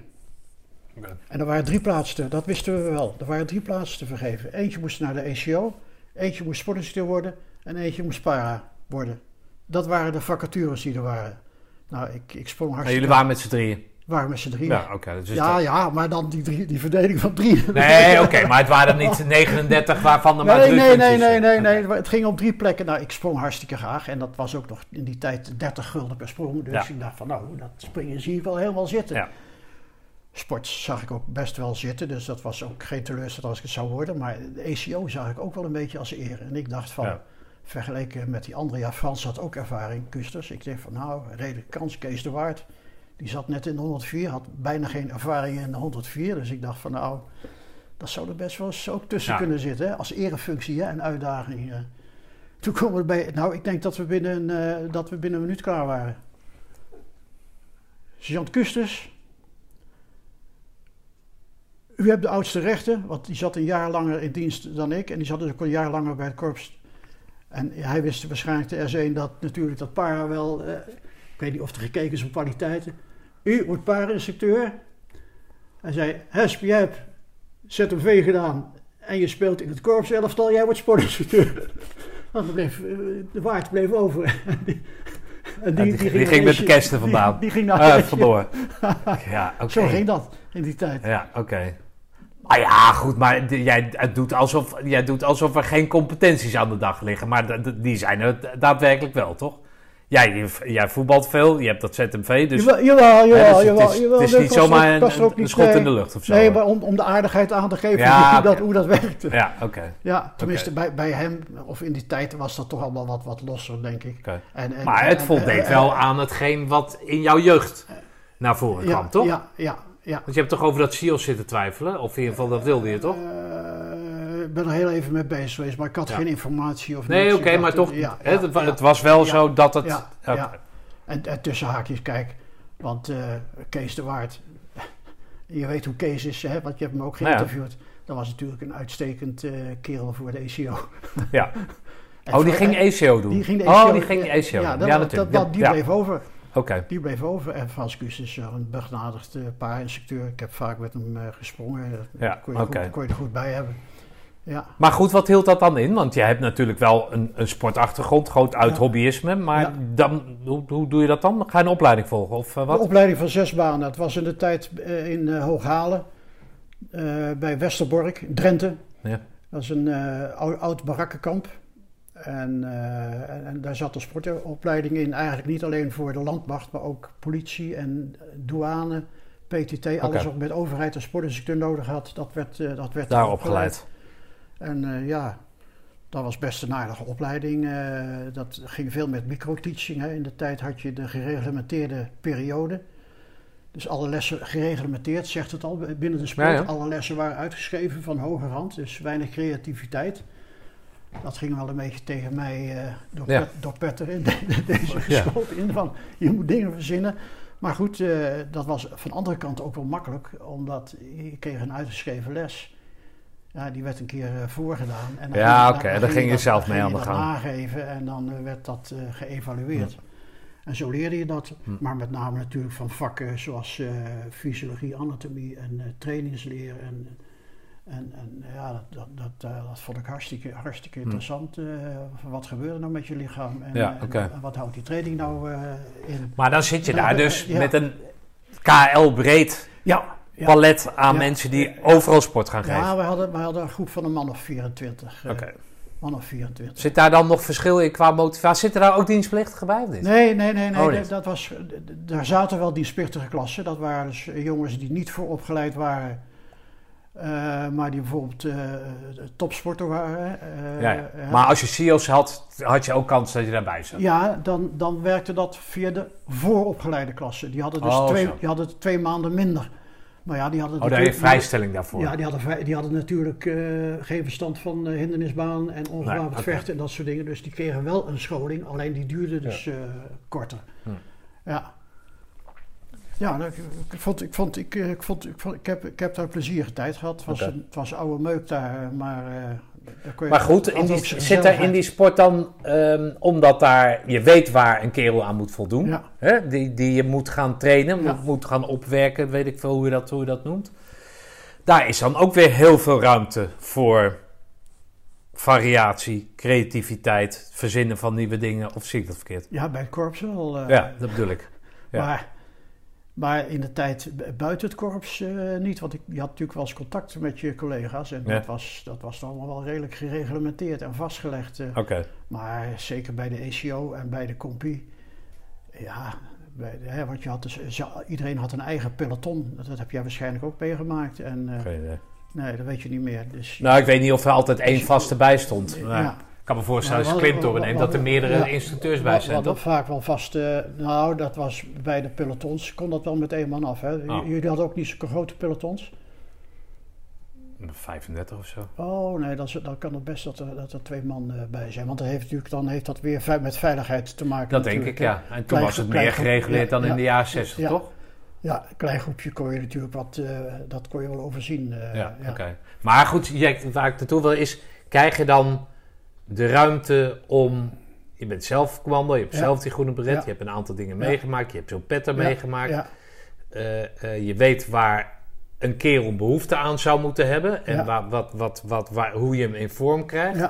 Daarin zit voldoende ruimte om zelf je ding te doen. Het is niet Ja, een syllabus van Samen- week 33 Met- gaan we nu, eh, weet ik veel wat. Met, de P- met de PC en met de PS natuurlijk. Hè? Ja, ja, oké. Die, die, die konden wel aangeven dat ze bepaalde dingen eh, konden doen. eh, hè? Bijvoorbeeld eh, NSF, hè? want daar kon je ook nog een keer 100, Oh, ja. 100 gulden mee verdienen. Van, we gaan Oké. met het peloton en Is NSF. NSF zwaarder dan dat ZMV? Nee, nee, nee. nee, Oh. nee, nee. Ja, het, is, het is eigenlijk wel weer... het, ZMV is natuurlijk militair, hè? schieten, hindernisbaan. Handgranaat. En NSF is? NSF is... En, en, eh, dat is van de Nederlandse Sportfederatie. Daar Ja. zit atletiek in. eh, je moest zoveel meter touw klimmen, eh, zwemmen zit Ja, ja, ook in. oké. 100 meter rug, 100 meter borst, geen hindernissen. Ja, Militair moest natuurlijk wel Oké, hindernissen maar daar Daar krijg je dus een medaille voor, Da- toch? Daar zat wel een zelfverdedigingsding in. Ja. Er zat uithoudingsvermogen in. eh, 10 kilometer lopen of vierdaagse. Nou, wij hadden toen met Petter hebben we ook... Natuurlijk deed Petter dat ook. Die voerde dat ook in. Uiteraard. Want dat was ook weer een onderbreking van het normale, Ja. no- normale geheel. Plus, Ja. plus 100, eh, eh, 100 guldetjes was in die tijd best wel wat toe. Maar dan hadden we de vierdaagse gelopen. Dus de vierdaagse gold dan als uithoudingsproef. Hoefden we niet te doen. En, zelfverdediging zat erin. Eh, judo, eh, boksen of, eh, of schermen. Nou, Ben jij dan al die sporten, of een gemiddelde sport, sportinstituut bij het KST, moet hij al die sporten zelf machtig zijn of niet? Ja, als je ze geeft wel. Want Ja? boksen, kregen wij ook wel op, eh, op de sportschool. eh. Oké. Daar, daar zat dus ook een van de vakken waar je ook wel... te- eh, dat voor mij nieuw was, dat je daar ook boksen kreeg. Oké. En eh, ja, even kijken. Ja, schermen, schermen werd natuurlijk niet gegeven. En ongewapend vechten werd ook, werd, ook, Hm. werd ook op de sportschool gegeven. Maar daar leerde je eigenlijk meer bij van je collega's als je bij het korps kwam. Ja. Want die waren een stuk verder met ongewapend vechten. Dan, Ja, plus dat als sportschool. plus. Wat, wat ik weet is dat, en maar dat is gewoon maatschappij breed, dat mensen naar de Ja. sportschool gaan. Dat had je vroeger niet, hè? Ja. Of wel? Dat Nee, er s'avonds nee, in nee. gewicht werd gehe- Nee. geheven. Hoe noem je dat? Geheven, ja. Nee. Dat was hij, hè, dus de sportles was er, maar dat- misschien een beetje hardlopen. Maar voor de rest deed de kerel niks aan zijn fysiek in zijn eigen tijd. Ja, misschien een beetje opdrukken of zo, maar er was niet iets van een gelegenheid als een sportschool waar je dat dan, of wel? Ja, maar wanneer dat ingevoerd is, weet ik niet. Maar we hebben op een gegeven moment eh, eh, zijn, we, eh, zijn we begonnen. Maar dat is toch al in de 70 jaar geweest. Met heel geïmproviseerd gewichten. Dat waren bijvoorbeeld van die oude stootkogels. Daar was een gat in geboord en een stang ertussen. Van Ah, stootkogels van Ja, ja. atletiek, hè. Ja, ja. Dat, dat, hadden we, dat hadden we wel hoor. Dat werd ook met de circuits gebruikt. En we hadden dan op een gegeven moment hadden we een mini-circuitje hadden we dan in de kleedkamer. Van het oude sportgebouw, het kleedkamertje. En dan konden eh, gewichten neer en dan eh, acht stationnetjes. En dat, oh, binnen, daar kun je heel veel doen eh, binnen dat kleedkamertje. Oké. Dus dat, dat, werd wel, dat werd wel ingevoerd. En na de hand, weet ik nog wel, dat was de periode dat ik eigenlijk officier werd.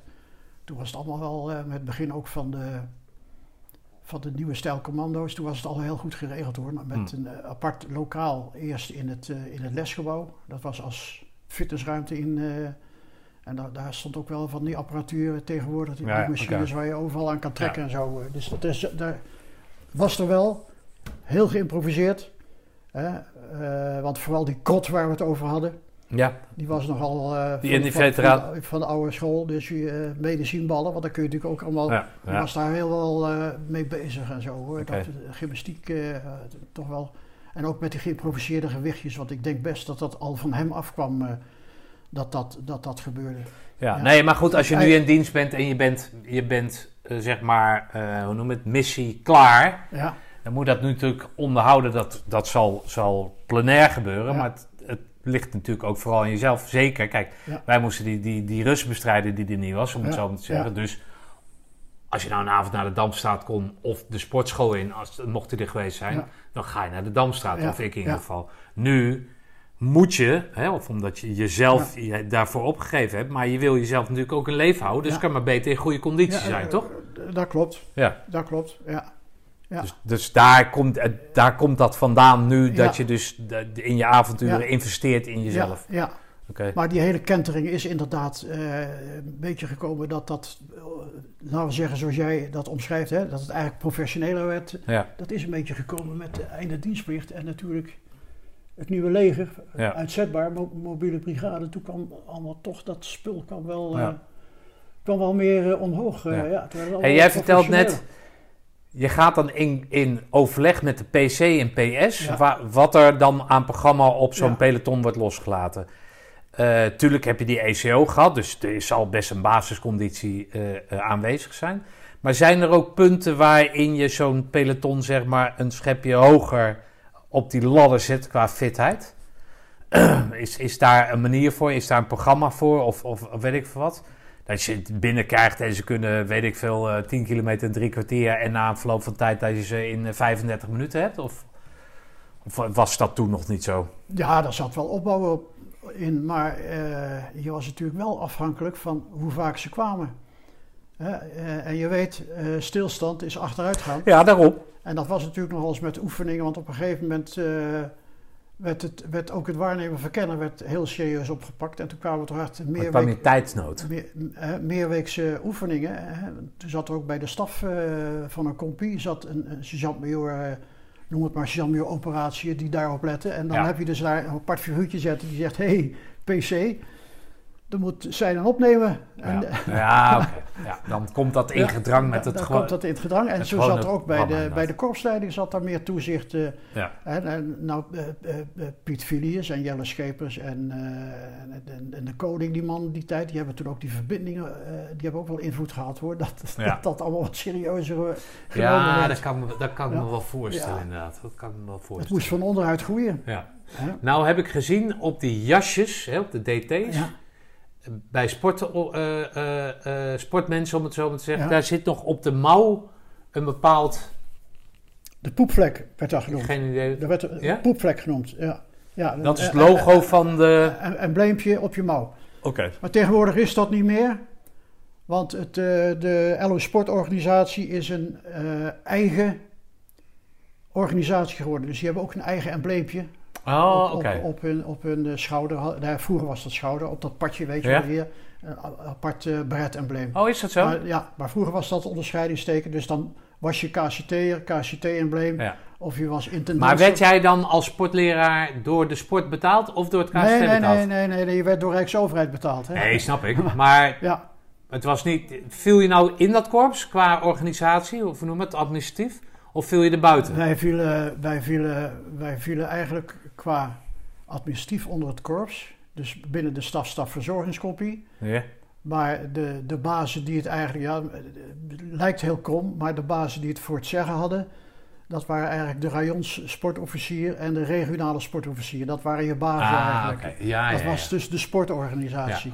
Maar het En- was niet zo dat jullie terugkomdagen hadden of, of dat het eigenlijk een organisatie binnen een organisatie als KST is. Eh, de sportorganisatie had af en toe wel eh, bijscholingen. Ja. Ah. Bijvoorbeeld, er is toen ook, eh, waar we het net over gehad hebben, is er een hele grote bijscholing geweest over het, de krachtsport. Toen dat in, toen dat in, in, kwam, hè, in mode Ja. kwam, Oké. Toen, eh, toen ja, dat is dan een, een, paar dagen zijn we bij elkaar geweest. Dan heb je al die nieuwe, Ja. nieuwe technieken en, en tillen en dragen, hoe je het allemaal doet, weet Ja. je wel. eh, ja. Maar zo'n sport, wel- of zo'n sportding van zes maanden, is dat enigszins te vergelijken met SEALS? Of, want SEALS duurt vier jaar, toch? Drie, vier jaar? Wat, hoe lang duurt dat? Ja, nou, ik- het is heel specifiek eh, de militair, op de militaire, militaire vakken natuurlijk. eh, Ja, ja, oké. Dus geen- de, de geen stormbaan, Geen, de... geen echte specialisaties, natuurlijk ook algemene vakken. Ja. Maar eh, in de SIAS kun je je specialiseren. Dan word je, hè, de jongens komen dan als voetbaltrainer, er vanaf, ja. oefenmeester zoveel, komen ze al, dan mogen ze al hulptrainer zijn bij een betaalde voetbalclub, geloof ik. Hm. Dus die zijn veel meer gespecialiseerd in dingen. Ja. Jij vertelde mij dat je, dat je eh, niet gerookt hebt, maar dat je gewoon een sociale drinker ja, was. ja, Ehm, hoe, hoe, hoe was dat mesleven voor jou? gezellig. Ja, dat zal best, Ja. want jullie woonden een soort naast de, Ja, naast de ja, mes, toch? Ja, in, in, in eerste instantie woonde je natuurlijk een aantal jaar. Hè, die eerste jaren, tot, tot, een, eh, tot 71 eh, woonde je op de kazerne. Dus het was voor je huiskamer, dus dan ging je een biertje drinken. Ja, je ging ook wel de stad in. Maar, en eh, zeker als eh, sportbureau hadden we toch wel een minigroepje. Eh, tenminste, alle groepen die ik meegemaakt heb, dat was toch wel redelijk gebonden. Dan was het nog alles eh, dat je elkaar aanstak. We lekker gewerkt. We gaan even nog een pilsje pakken. Ja, oké. Zo, zo, zo werkte dat. Ja. Ja.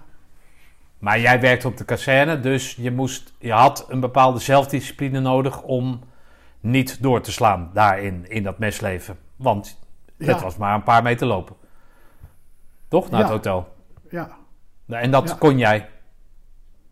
Of heb je ook wel eens Nou, laten gaan, zeg maar. Ik heb ook wel eens laten gaan. Je had natuurlijk wel eens, als, er, als, als de hele meute bij elkaar kwam en eh, er- er viel zo'n panzerstormteam binnen. ja, dan werd het wel eens, eh, dan werd het wel eens erg gezellig en dan werd het wel eens wat later, ja. Want Ja, wat is zo- een panzerstormteam? Panzerstormteam, dat zijn, eh, dat zijn eh, eigenlijk een, een, een officier heeft de leiding van Panzerstorm. Hè. Eh, daar heb je drie PC'en, dat zijn drie onderofficieren, een adjudant en, en twee sergeant-majoors. En er zitten sergeanten onder, Ja. dus een man of 12, 13. En die, die waren bezig met die, eh, met die infanterie- en cavaleriecompagnieën. In, in Oké. de tijd waar we nu over praten, want we praten nu over mijn eerste periode bij, bij, de, bij de sport. Hè? Ja. Dus die, eh, die leerden zich te handhaven, eh, afgesneden van eh, vijandelijke linies. En er zat natuurlijk ook een stukje mentale vorming aan vast. Ja, dat waren cursussen van twee weken.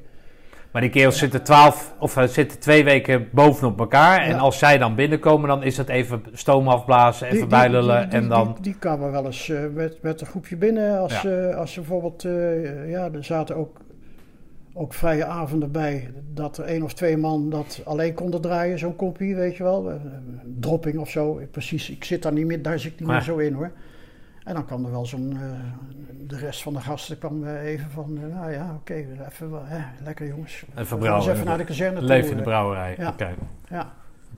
Ja, en daar zaten natuurlijk toch wel, toch wel feestneuzen bij. Hm. Hè? Noem eens een paar die- feestneuzen. Maar die heb je ook, feestneuzen. Ja, dan noem eens een paar feestneuzen dan. Mimmy, Mimmy Woudenberg. Ja. Ja. Dat was wel een, dat was wel, dat was wel een feestneusje, ja. Ja, kon ik ook goed mee vinden. Prima vent. Die komt misschien later in het verhaal nog terug. eh slimme Streupers, eh Stubborn. Ja. Daar hebben we als sport ook eh, wel bepaalde herinneringen aan, aan die periode met Mummy. Ja, zo had je nog wat van die, van die, van, van die figuren die, Ja. ja. Goed, dan woon jij dus op die kazerne. Dan is dat dus een vrij geïsoleerd leven eigenlijk. Hè? Alles speelt zich daar af Ja. als je naar buiten gaat, naar de hei gaat of zo. Maar voor de rest een biertje doen in de stad. Maar dat is het eigenlijk. Ja.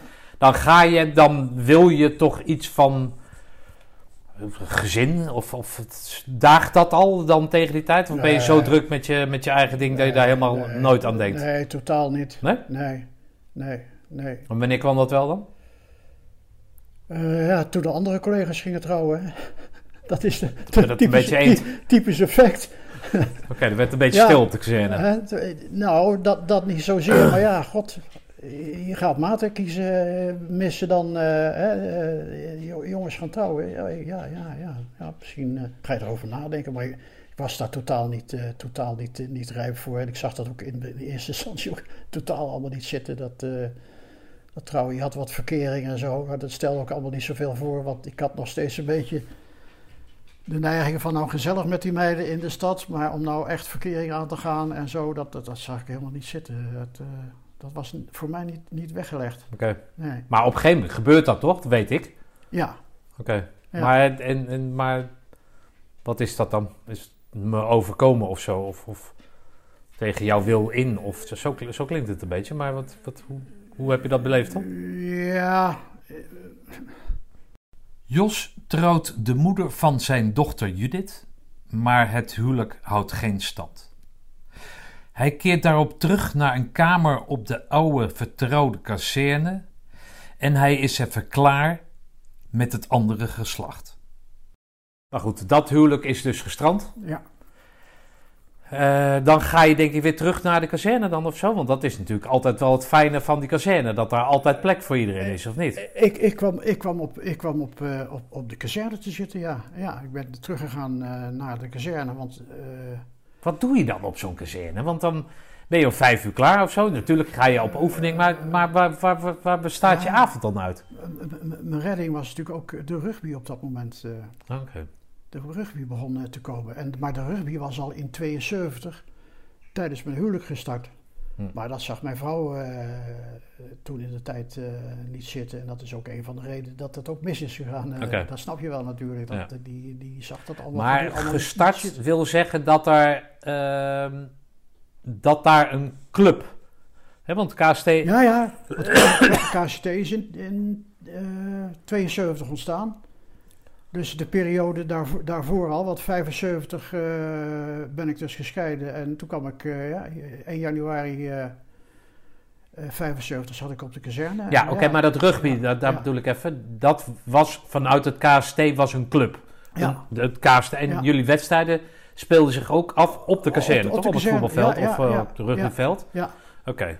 Ja. En dat En- heeft en- een heel sociaal leven dat bij gaf, zich. Dat, dat eh, gaf mij natuurlijk verbondenheid. ja, hè? Dus eh, eh, eh, trainen en een aantal andere jongens die eh, ook binnensliepen, dat waren ook, eh ook rugbyers. Dus dat werden al gauw eh, werden dat eh, extra stapmaten om zo eens een stad in te gaan. En, eh, en eh, ja, Maar Jos, op zo'n manier, als je op zo'n manier je leven aanpakt, kom je toch nooit een vrouw tegen? Of hoe zit dat? Ja, nou. Wij speelden jaarlijks eh, met Koninginnedag. Speelden we op de kazerne. Dan was het een open dag op de kazerne. En dat werd dan eigenlijk beëindigd. Dus de bevolking uit Roosendaal die kon dan binnen- Iedereen was, eh, alles, alles bekijken en wapens bekijken en, eh, en al dat soort dingen. En dat werd afgesloten met een parachutesprong. Met een rugbybal, want de rugbyclub was er. En er zaten een paar inventieve, creatieve kerels. En die hadden dus gedacht van, dan gaan wij dat afsluiten met een rugbywedstrijd. Want het is ook spectaculair voor de mensen in Roosendaal. Want er bestaat geen rugbyclub in Roosendaal. En wij gingen dus spelen tegen, traditioneel werd dat tegen de oud-Leidse studenten Minerva. Dat werd dan afgesloten met een barbecue'tje. En daarna een feestavond en eh, einde seizoen zo'n beetje. Hè? Want dan was het seizoen ook een beetje afgelopen. Je had dan, je had dan- Oh ja, april ja, natuurlijk. je Ja, had dan in mei had je nog wel wat wedstrijdjes, maar dat waren geen echte competitie, competitiewedstrijden meer. En ik had eh, die wedstrijd gespeeld, er waren altijd gezellige wedstrijden. En eh, ik dacht van ja, dat feest laat ik maar eventjes de eerste uur, die barbecue hoeft ook niet. Dan, eh, dan word ik weer allemaal aangesproken over bescheiding en over al dat soort eh geneuzel. eh, daar had ik allemaal niet zo'n zo'n zin in. Dus ik de stad in en ik kom om een uur of elf kom ik terug uit de stad. Ik dacht van ja, ik wil wel wat, feest meemaken. Hè? En ik sta daar om de muur heen. Ik ga aan de bar zitten en niet tussen het, tussen het, andere volk, want komt die introversie weer een beetje naar boven. Dan toch is dat weer heel vreemd dat dan toch dat je denkt van trek me maar een beetje terug. Ja, dan komt er af en toe komt er, komen er wat van die jongens komen met je een beetje drinken. Wat met je drinken. En op een gegeven moment komt daar, om, dat zal tegen sluitingstijd geweest zijn, komt daar een, eh, een mooie mevrouw. Die komt een kopje koffie halen aan de bar. En die zag mij zitten. En wie het initiatief nou uitging, dat weet ik niet. Maar we raakten aan de praat. En ja, daar kwam een vervolgafspraak over. En zo ben ik aan Ans gekomen. Onderaan de bar, letterlijk en figuurlijk. Want ik denk dat ik zelfs op een gegeven moment op die reling onderaan de bar ben gaan zitten. Gewoon eh, informeel gesprekje. En eh, ja, daar is meer uit voortgekomen. Hey, luister, is dat ehm, ehm, liefde op het eerste gezicht? Of, of moest dat, moest dat, heeft dat nog een eh, weg moeten... Nee, ik, ik was, ik was vinden. eigenlijk, ik was, eh, ik was, ik had zo eh, eigenlijk mijn buik wel vol van vrouwen. Dat dat, dat een redelijk, redelijk stoplichtjaar is geworden. Licht aan, licht uit. Dus we hebben wel, dan ging het weer eventjes aan en dan was het weer uit. En een jaar later, toen Dus geen liefde op het eerste gezicht? Nee, geen liefde op het eerste gezicht. Nee, nee, gewoon wel heel leuk. En, eh, en doordat je dan begint bij elkaar komt, van, ja, dan ga je weer zitten, dan ga je weer twijfelen. Nee, dat moet ik toch maar niet doen. Eventjes afstand eh, weer nemen. Hm. E- even maar weer de maten opzoeken. ja. En op een gegeven moment houdt dat natuurlijk op. Dan heb je een beslissing genomen. En ja, dan wordt het wel wat het nu is. Hm. Ja, dat is dan 46 jaar. Ja. Dus- Ja, ik wil even terug, want, want eh, ik val niet op mannen. Maar je, ik heb, ik heb eh, foto's van je gezien, die je Ja. zelf hebt opgestuurd. Bent Echt een knappe kerel. ja, Ja, dat zegt weet hij. ik niet. Dat weet ik niet. ja, zegt hij. Hoor je dat Zo- dan? zo zie je- ja. Zo zie ik dat niet. Heel introvert hoor. ik Ja. ja, ja, ja. Nee, maar je bent een knappe kerel. Ja. Goeie, goede verschijning. Dus je zal aan, aan vrouwelijk eh, aandacht zou je geen gebrek hebben. Die, die introvertiteit, of hoe, hoe dat is, wat, die zal je misschien parten gespeeld hebben, of niet? Je gaat naar de bar met de maten, maar ben jij dan degene die zal niet... Jij bent niet de eerste die op de bar staat te dansen. Eh, nee, De tweede. nee, maar als het om de foto gaat, Een foto wel. het gaat om de foto, Oké. Ja. denk ik. Nee, nee, nee, dit gaat niet om de foto. Nee, oké, oké, oké, oké, oké. Oh, niet, oh nee, zo, nee, nee. Maar ben jij, ben jij een, een- je zegt je, je- dat introvert zijn komt elke keer weer terug? Ja, ik ben niet de eerste die op de... Ik doe ook geen gekke dingen met, eh, met, met drank op. eh, wat, wat die jongens vaak deden is eh, allerlei rare dingen opeten als ze, als ze, als, een biertje op Ja, wat men me vertelde inderdaad. al Ja. Dat, dat, dat, Vissen nee, eten en gewoon- dat soort zaken. Gewoon gezellig meedoen. ja. Ja, en als je wat op had, dan had je wat meer te vertellen. Maar. Dus de kans is groot Ja. dat als jij zegt: Ik weet niet meer wie, eh, wie aansprak aan de bar, zeg maar, daar om de hoek. Ja, De kans is groot dat Ansat is geweest. dat zal best wel eens kunnen, ja. dat zou best wel eens kunnen. Ja, ja. Nee, als je Ah, het zo stelt, vind ik, het- vind ik een hele goeie. Ja, oké. Ja, Ja, oké. ja. Dus op een gegeven moment dan, dan, dan leer je Ans kennen en je leert jezelf kennen in die gevoelens Ja. naar Ans toe. ja. En wat is, wat is er toen dan? Want Ans had een verleden, zoals jij ook een verleden Ja. had, hebt. ja. En wat is dan eh, de reden geweest om, om, om, daar, om toch die stap te nemen dan?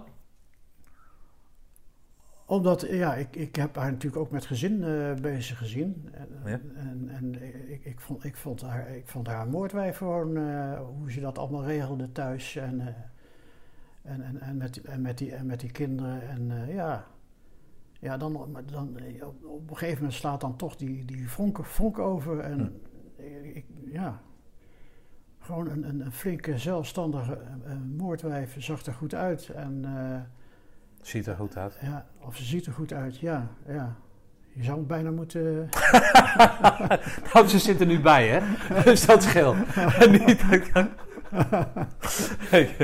ja. nou ja, oké. Dus dat, dat werd dan zeg maar jouw basis.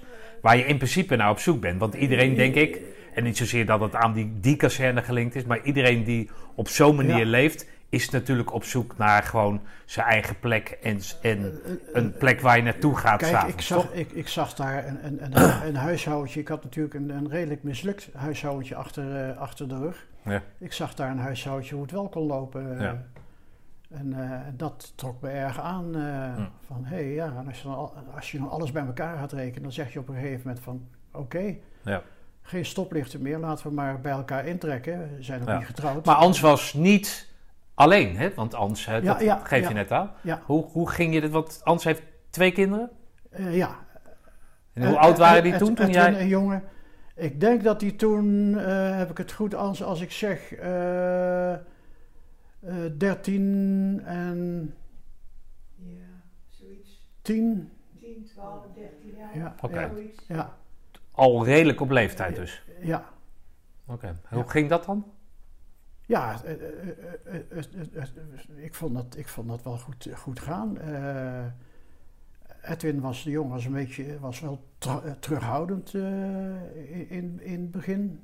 Maar Vivian, eh, ja, dat ging meteen hartstikke goed eh, met dat meisje. Hm. Hè? En eh, ja, je zou het aan hen moeten vragen, maar ik, ik was, zoals dat ging, was ik wel best, best, best tevreden.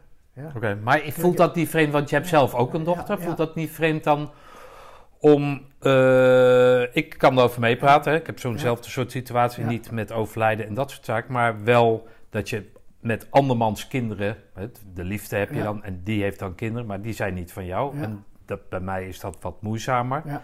Maar jij, en dat blijkt uit alles, ook uit de verhalen die Ans vertelt, dat dat gewoon in één keer, ik weet niet of het in één keer klikte, maar dat dat wel zo is dat het jouw kinderen ook zijn. Ja, ze- ik heb van begin af aan heb ik ze als mijn kinderen Ja, gezien. maar dat is bijzonder als, de, als Ja, zij dan ja. al zeg maar tiener Ja, zijn, Ja, toch? ja, Kijk, als ze twaalf, eh, eh, twaalf weken zijn, nou ja, oké, dan dat is twaalf weken. Maar Ja. als je al dertien jaar, heb je daar eigenlijk al, voor een jong kind heb je er eigenlijk al een heel leven op zitten. ja, Dus als daar dan een vreemde bijgeschoven wordt, dan moet je maar net geluk hebben dat het klikt, toch? ja, ja. Ik heb, ik heb... Heb je daar je best voor gedaan? Ehm, Best voor gedaan. Heb je daarvoor uitgesloofd? Weet ik veel wat? nee, nee, nee. Nee, ik ben, ben mezelf gebleven, maar dat ligt ook wel een beetje in mijn aard. Ik ben, ben wel zoveel mogelijk mezelf gebleven. Hm. Ja, En dat is dan, als iemand 13 is, is dat dan... Dus je...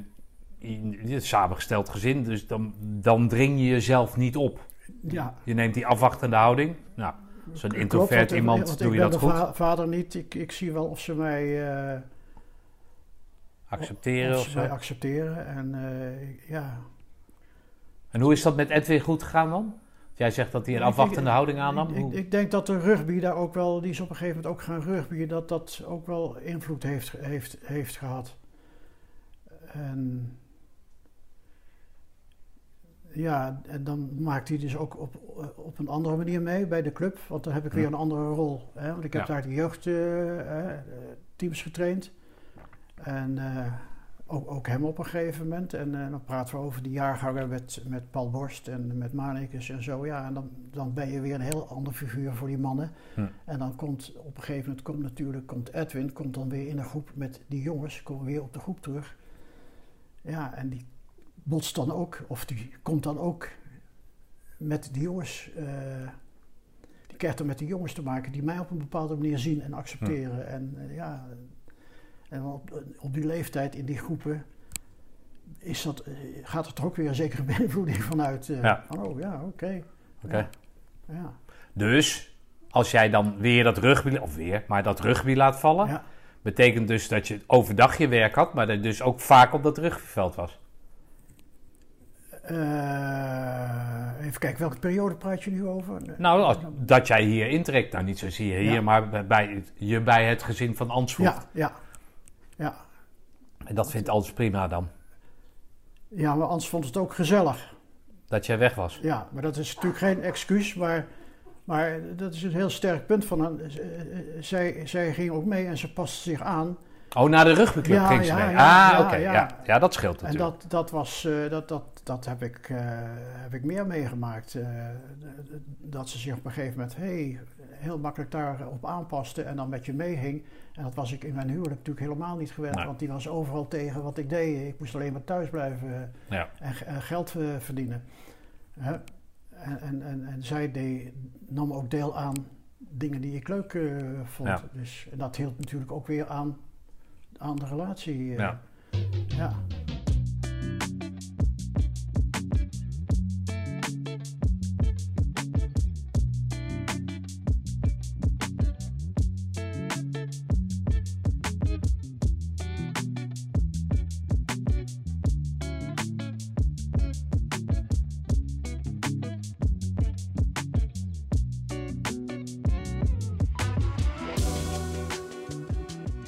Jos vervolgt zijn carrière bij de sportschool in Drenthe, die na verloop van tijd naar de Koningin Wilhelmina kazerne, ofwel legerplaats Ossendrecht, wordt verplaatst.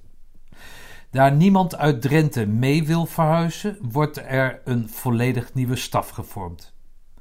Deze goed opgeleide en tot op het bot gemotiveerde kerels zorgen voor een nieuw elan. De vakgroepen worden in het leven geroepen en men gaat werken volgens nieuwe methodieken. De armee ziet dat er winst te behalen valt met de vormende werking die uitgaan van de sportlessen. Jos schrijft in die tijd onder andere programma's die de sportafdelingen in den landen moeten helpen om de diverse eenheden voor te bereiden op de verschillende onderdelen die in oefening Panzerstorm van het KCT aan bod komen. Het tweede punt, en dat had er dus mee, te- mee te maken, is dat eh, ik, ik vond het heel vreemd dat die sportjongens die kwamen naar binnen, en er werd best wel hard gewerkt, maar die gingen, die gingen in feite zonder een of andere afsluiting gingen, gingen die weg. Er zat wel een parcours militair in en dat is best wel zwaar. Ik weet niet dat gelopen hebt. Dat je met groep afstanden moet lopen in de looppas en tussendoor allerlei hindernissen, een rivier. Oh, dat zou ik niet eens weten. Nee. Maar ik zei, ja, je moet dat meer, meer vormend maken. Hè. Die gasten moeten ook, tegen, moeten ook weten wat er dus af en toe gebeurt eh, bij, bij de troep.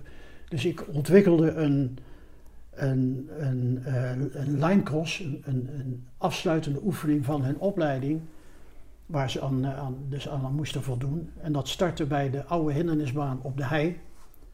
Daar begonnen we smiddags en dan gaven we les in hindernisbaan, dat ze dat dan kenden. En dan s'avonds starten we. Het eerste, eerste object dat ze moesten nemen was de hindernisbaan. Arnhem, weet je wel, de, Ja, die, de die, die nu Ja. op Tentenkamp staat. En dat liep dan 24 kilometer, door best wel zwaar terrein, liep dat naar Ossendrecht. Alleen het verschil was, het gebeurde bij nacht.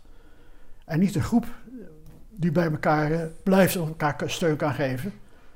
Eenlingen kun je niet maken, want dat is voor de veiligheid nou niet zo slim. Je moet twee man zeker s'nachts bij elkaar houden als er wat gebeurt. Dus met tweetallen, nou, dat is wel een stuk zwaarder. Is met een groep Ja. van een man of acht, eh, want dan kun je elkaar steunen. En, eh, en zo zaten er onderweg nog een aantal, eh, aan- aan- aantal, aantal hindernissen. Onder andere daar bij Huibergen, daar heb je van die duinen, van die hoge duinen, een boom erop, tokkelafdaling, maar wel een tokkelafdaling bij nacht. Hè. Hm. En dan kwamen ze daar in wat grappig. Aan. Ja, Ja. ja.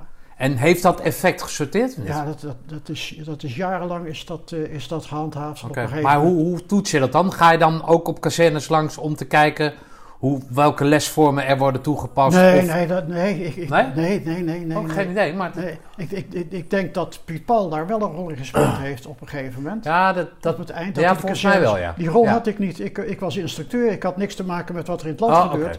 Dus er zaten wel regionaal of, of, of rajonmatig zaten de mannen als Piet. Die dan op een gegeven moment de controle op de ja, want het lijkt me wel Ja, zinnig Ja. om dat dan te Ja. controleren. Zeker toen het nog zo'n grote organisatie was. Ja, ja. De- Nou, een derde, een derde wat, wat ik ingevoerd heb toen is, is natuurlijk rugby, hè. Hm. Ja. Ik Waar zeg- staat rugby voor jou? Wat, wat de, de, de, de sport rugby? Wat, wat is voor jou de sport rugby?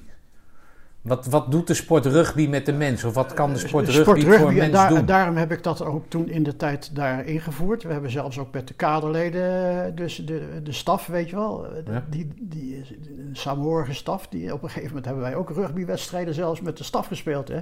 Dus alle, alle, alle docenten. Die had ik zover dat ze dus ook gewoon eh, speelden hier in de omgeving. Hebben we een paar wedstrijdjes gespeeld tegen clubjes. eh, die instrueerde ik wel van tevoren van, eh, het zijn onervaren jongens. en ik zorgde ook altijd wel dat ik een scheidsrechter had als Piet Paul en zo, die dat een beetje kon, kon Ja, bespelen. maar eh, luister, sowieso alle, alle, alles wat je fysiek eh, kan, nodig hebt als militair, dat zit daarin. Hè. Lenigheid, coördinatie, snelheid, kracht, uithoudingsvermogen. Ja. Ja. Maar kracht allround. Ja, natuurlijk, eh, natuurlijk heb je met, met volleybal, moet je ook eh, vanuit je benen kunnen springen, heb je ook eh, kracht nodig. Maar bij rugby wordt er ook nog wat gevraagd van je schouderpartij en, en, en, Ja. en, en, en je armen. En, maar je moet ook lopen, dus het is heel allround op, op kracht. Daar zitten dus vormende elementen in. En je moet durf hebben, hè.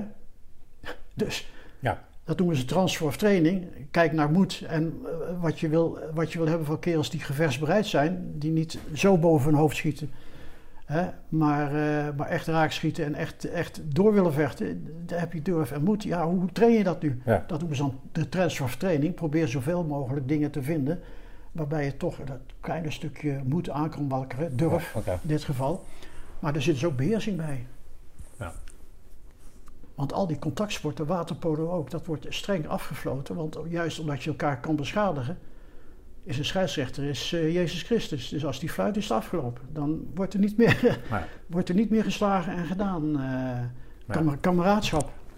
En kameraadschap heeft weer te maken. Het, het grote voordeel voor, voor rugby is dat of je nou lang bent of klein, gespierd of wat meer overgewicht, ja, of je nou spelintelligent bent en echt, eh, echt een goede balcoördinatie hebt, rugby Kan alles, Kan toepa- alles. is alles toepasbaar. kan, kan alles. Ja. Want die sterke jongens die hoeven niet zoveel met die bal te goochelen. Hè? Die moeten alleen maar, eh, snap je? Hm. Ja? En die lange jongens die moeten springen om die bal in bepaalde eh, wedstrijdsituaties. Ja. Dus dat brengt zo'n groep ook. Er is ook ik, ik heb zelf ook wel redelijk niveau gevoetbald. Ik, ik heb altijd ervaren dat in rugby, met respect voor de tegenstander en met respect voor de, voor de referee. En je, je collega's de kameraadschap, dat dat veel groter was als bij, als bij het voetbal. eh. Hm. En, en, en de zaken die ik nu noem, die spelen daar een hele belangrijke, hele belangrijke rol in. Want ook de tegenstander heeft respect voor je. Ja, als hij geen respect voor jou heeft, voor jou, Nou ja, voor ik jou- weet niet van wie ik dat gehoord heb en ik weet ook niet of het waar is. Maar wat ik een hele mooie vond van dat hele rugbyspel, is dat ik gehoord heb, nou wat ik al zei, dat als er iemand uitgaat, dat er niet een nieuwe speler in mag. Dat klopt. Is dat, is dat nu nog steeds Dat is niet meer hoor, dat, Oh. is, dat is achterhaald. Het is, allemaal wat, het is wel heel erg geprofessionaliseerd het rugby hè. Ja, nou oké, maar het is qua, qua Ja, team, ja. teambonding, of hoe je het ook wil noemen, is dat natuurlijk het. Ja, ik kan nu wel opgeven, want ik kan niet meer. Ja, is dat, natuurlijk mooi, want ik blijf erbij. Want dat, dat is... zoals jij zegt, of je nou groot, klein ja, of wat dan ook ja, bent, Ja, dan is er altijd nog wel een taak voor jou. ook al kan je niet meer. ja. Ik zou niet weten wat, maar Ook, ook zoals het bij ons ging, weet je wel, eh, in de tijd, eh, in de beginjaren van de rugby, dat we een kleine groep rugbyers hadden, kwamen nieuwe jongens binnen. En eh, oh, 104 op oefening, we, we missen vijf man. Hey, we spelen wel ereklasse, dus je moest, Oh ja, je, je- oh ja. moest je jongens binnenhalen. Ja. Ja. nou, die hadden natuurlijk, als je praat over hè, Zo is dat. hockey, Die- jouw sport, ja, voetballen, moet je toch wel een techniek hebben, anders kom je helemaal Ja. nergens. Als je, als je geen stikvoering hebt, kom je, kom je helemaal nergens. Dat is die anekdote toch met Jats Wang, toch? Ja. Ja, ja, ja. Ik weet niet of Ans erbij is geweest, maar het is, echt, het is een echte anekdote. Ja. Ja, vertel hem Ja. eens, want het- En, en, en- en- ja eh, Jatsen die had totaal geen ervaring. nee, nee, nee, nee. Kon niet Ik- spelen? Ik, ik, ik, zal, ik, zal, ik zal hem vertellen. Er was een wedstrijd tegen AAC uit, want zulke wedstrijden blijf je natuurlijk bij. En eh, bij AAC daar speelden een paar, eh, paar internationals in. Eh, dat was het was een van de top, topploegen in de tijd. En wij hadden het geluk dat Piet en Perenboom, dat waren ook, we hadden ook twee internationals in de tijd. en wij vertrekken 's ochtends, ja, dan was er iemand ziek geworden. En we hadden net 15 man, dus 14 man. Jatse Wang, die zat net als ik in de tijd, want Jatse, die kennen wij nog wel van de, van de Witte Roos, van het uitgaan, hè, Jatse Wang. Dus zo, zo werkte dat ook weer natuurlijk, Jatse ging ook als de stad in. En eh Jatse zat in de, in de kantine, dus Kees de Waard, ja, die, dat was wel de man daarvoor, die had wel overtuigingskracht. Die loopt naar de kantine en die ziet Jatse zeggen, Jats, ga je sportspullen pakken? Loop even naar Piet Paul, want je moet, je moet voetbalschoenen hebben, want je moet met ons mee rugby. Ja, maar ik heb nooit gerugby. Nou, ik ken Kees. Oké. Dus we hadden de tijd hadden, was hartstikke goed geregeld, want we hadden van... We speelden ereklasse en we maakten nog eens reclame voor het korps. eh, dat er artikelen in de Volkskrant en de Telegraaf eh, stonden van eh, lopende tanks. En, en, en reuzendoders en, en dat soort. Dus het korps, we, hebben een paar stevige krantenartikelen. dat ging hartstikke goed. Dus het, het leger zei, het korps zat er, had daar ook wel vinger achter. Jullie krijgen een bus, dus in die bus. Dus we hadden voor ons eigen, voor die 15 man, ja, de vrouwen gingen nou ook mee. Dus eh, in die bus en dan gingen we, want we speelden landelijk, hè, eerste klas, dus die ging Amsterdam en Apeldoorn. En eh, ja, wij komen eraan en eh, Piet legde een beetje de spelregels uit aan Jats. En die zei van ja, het is één ding, we zitten hier op de wing een beetje buiten het strijdgevoel, aan de buitenkant langs de zijlijn. dan blijf je een beetje buiten de strijd, maar daar loopt wel een, ventje, een hele snelle. En, en ik ben zijn naam even kwijt, daar kom ik misschien nog wel op. eh, maar die, die, die moet tegen de grond aan. Zeg, die moet onschadelijk gema- gemaakt worden. Ja, maar hoe doe ik dat tegen de grond? In de bus, weet je wel. Zo, ja, je mag hem niet bij zijn nek pakken. Dus je moet hem dan onder bij de benen tot aan zijn heupen. En dan trek je gewoon aan die benen en dan haal je hem zo onderuit. Oké, oké, oké. Dus die wedstrijd begint. En de bal wordt dan eh, van het midden uitgeschopt. En die gaat meestal naar een zijlijn toe om een aantal tactische redenen. Maar die ging juist de andere kant op. Dus Jatsen stond met een heel leeg veld voor zich, alleen aan die kant. Ans, hoe heet hij nou ook weer? Hij is bareigenaar. Hij was ook een bareigenaar. eh, Amsterdam. Echt Amsterdam. En Jatsen loopt naar die vent toe. En die vent, oh, het spel loopt daar. Oh, ik loop even wat naar achteren toe. eh, een beetje aan, tactisch een beetje eh, positioneren. En dan plotseling komt er een stofwolk aan. En die veegt zo die vent. Oh, nou ja, tackelen kan best wel links zijn, want je moet erop bedacht zijn. Als Ja. je op bedacht bent, dan doe je een beetje hup en dan bescherm je een beetje, net als met judo en eh, het valbreken met, met OG. Dus die maakte een smak. Ja, net natuurlijk ook voor het publiek, voor het publiek van, van AAC, want er stond al die Amsterdammers. Oh, nou, Piet ertussen. Ja, ja, God, ja, ja, ja, ja, hij doet voor het eerst mee, dat weet jullie toch wel eens, dat er soms eens mannen tekort hebben. En ik, ik heb hem vergeten te zeggen dat hij alleen maar mag tackelen als je een bal in de handen hebt. ja, hij blijft goed. En, de, en de wedstrijd gaat door, ja. Verder had, had Jats ook nog niet zoveel in te brengen. Maar in ieder geval, hij hield die vent hield die kort. En eh, wij gingen een beetje meer op hem letten natuurlijk. kreeg hij weer die ka- kameraadschap van... Oh, wat, die jongen die naast hem staat, die moet vast wat opschuiven. Weet je. wel. Ja. En, en, en zoals dat bij de rugby is. Na afloop, derde helft, biertje drinken. Het respect voor je tegenstander. eh, de aanvoerder haalt geld op bij eigen ploeg. De tegenstander doet dat. En komt allemaal op het eind op hetzelfde Ja. natuurlijk qua, qua uitgaven. Ja. Maar alleen dat al kan bier langs. Maar hoe heb jij dat rugby dan bij dat, bij dat sportbureau erin gekregen als vast onderdeel van Ja, het sportschool. aanbod bij de ja, van sportschool? het aanbod, dat werd, dat werd, dat werd een onderdeel. Eh, dus elke lichting eh, eh, waren er een aantal rugbylessen. Er waren dan dubbellessen, dubbel uur. Dat deden wij vaak dubbel uur achter elkaar. In Ja. verband met niet al te veel opkleden op een dag. Eh, en eh, dan leerde je het hele spel aan. En dan, eh, dan zo'n beetje tegen het eind van de lichting, dan plande je een wedstrijd. Meestal tegen een van die oudere jeugdteams van, van, van Roosendaal hier. Ja. Weet je wel, die, dat waren dan wel goede rugbyers. Hè? Praten dan over Manikes en Borst, dat ze 17, 18 jaar waren. Ja, ja, oké. Ah, en, en, en, en die luisterden ook wel naar mij. Ik had wel gezag bij die mannen van jongens, even klein beetje de rem erop. En dan kijken hoe het gaat. Want de ene deed, de ene Ja. O- Oklo-team, Oklo heette dat eh, instituut, deed beter dan de andere. En dan geef ik vanzelf wel aan, kom weer terug op Tandje Bruin- erbij. Kom, Ja. ik, eh, kom ik op Bruinogen terug van, jongens, tandje erbij, laat het even voelen. een, stukje, stukje vorming moet er ook in. Oké. hey, die, eh, die sportschool, die, die, die, die, die weet je dan mede vorm te geven. Jij hebt het over dat je drie keer terug bent, of je drie keer in Roosendaal hebt gezeten. De Ossendrecht is qua woonplaats is dat natuurlijk fantastisch, toch? Ja. Zeker beter dan Drenthe. Ja, ja ik, ben, ik, ben, ik ben na die periode ben ik teruggegaan naar het KCT. En dat was, dat was een hele mooie tijd. Het sportbureau, Panzerstorm verdubbelde. Dus het, het sportbureau werd ook wat groter. Er werd een luitenant eh, werd er, werd er baas. Dus ik kwam als sergeant-major, ik werd tweede, tweede man. En eh, wat, wat, wat, wat daar erg leuk was, is dat er een aantal facetten bijgekomen waren. Slimme Streupers, de oefening van Memmi en eh, Piet Paul, het, het, het sportdeel, weet je wel. Onder het mom van, eh, je kunt wel overleven, maar daar in, in de Eifel, ik weet niet Slimme Streupers gedaan Nee.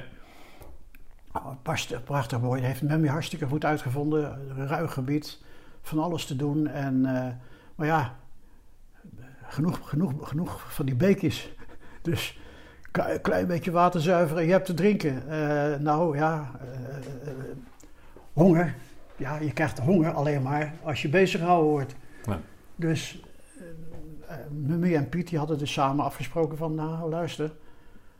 eh, Piet, als jij nou zorgt voor eh, dat de mannen redelijk afzien eh, onderweg en ook een beetje op een leukere manier, eh à la Petter, dus afwisseling, niet alleen eh, het, hetzelfde, hè? dus even die prikkelingen weer, eh, weer onderscheidelijk maken en dan doe ik doe het overlevingsgedeelte, dus onder, onderkomens maken, et cetera, et cetera. Ja, ja, en, en, en de tips en de tools en een eh, slaapzak, maar want dat werd allemaal ingenomen, hè? slaapzak en zo, de slaapzak van wat jute en, en, en, en, en, en wat Ja, dat zijn die jassen. ja, Hè, en, die, eh, die en wat je in het bos kan vinden en zo. Nou, en het sportdeel, dat was dan een, eh, een oriënteringsloop in dat gebied, weet je wel. Dat, dat is een van die nieuwe loopvormen. Dat is gewoon op een, op, een, op een kaartje met allerlei punten erin en dat zo snel mogelijk aflopen. Dus individueel. Het is een combinatie van kaartlezen en hardlopen. En in dat terrein, dat was, dat was pittig. Ja, dat was ook, ik denk, 19 kilometer of zo. Er zat een parcours in, dus een stuk lopen, opdrachten, water oversteken, handgranaat werpen, toestanden. Ja, eh, Maar waarom werd die, wat, wat, wat, eh, waarom werd de, jij zegt Panzerstorm werd verdubbeld qua capaciteit? ja, ja, ja. Werd, dat werd dus uitgebreid naar ja. meerdere onderdelen. Dat, dat werd, werd dubbel gegeven. Er kwamen dus twee teams. Voorheen werd dat enkel gegeven. Dus dat dubbelde zich ook voor de sportinstructeurs. Dub, Ja, oké. Ja. Maar het was niet dat er meer onderdelen van de KL daar eh, naar dingen... Alle panzerinfanterie onderdelen kwamen er toch? Eh, panzerinfanterie en, en, en, en cavalerie-eenheden. Dus echt, de echte gevechtseenheden. Oh, die kwamen Ja, daar. En ja. dat werd twee keer zoveel, omdat... Ik, ik, ik denk het wel. Ik, weet niet of dat de reden was, maar wat daar nou precies achter zit. Maar dat was wel, eh, denk ik, het idee wat erachter zit. Maar die, werd in ieder geval verdubbeld. Dus Hm. eh, de 104 werd groter in de tijd dat jij kwam. Nou, jij praat zelf al over een peloton van 35. Wij hadden pelotons van 18, dus dat was Ja. voor de sport. Hè, Maar was de ECO toen zoveel zwaarder? Grapje, Jos. eh, Nee, maar hoe heet dat? De- jullie kwamen met nee, minder eh, op dan of zo, wat? Hè? Nou, wij kwamen wel. Ik denk dat je naar de afvalpercentages moet kijken. Kijk, daar heb ik een heel apart idee over, over die, over die zware ECO's. Ik heb daar diverse aan de zijlijn meegemaakt. Ik heb er nooit zin over gegeven.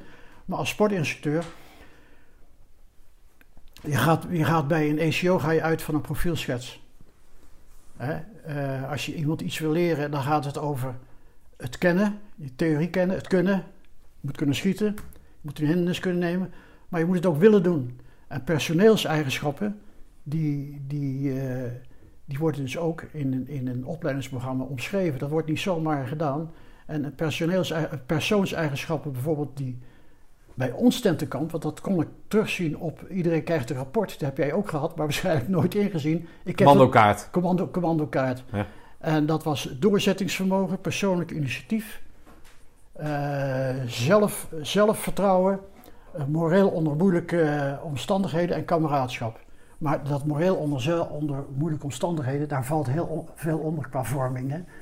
Daar is natuurlijk later zijn er allerlei duurdere kreten gekomen van incasseringsvermogen, wat ook al een beetje bij doorzettingsvermogen Ja. ligt. Maar tegenwoordig hebben ze zo'n lijst van Oh nee, dat zal best, Ja. tuurlijk. maar die vijf, dat dekt het allemaal wel hoor. Zeker omdat onder dat moreel onder moeilijke omstandigheden. Dat wil zeggen dat je in een tentenkamp moet je verzwarende omstandigheden aanbieden.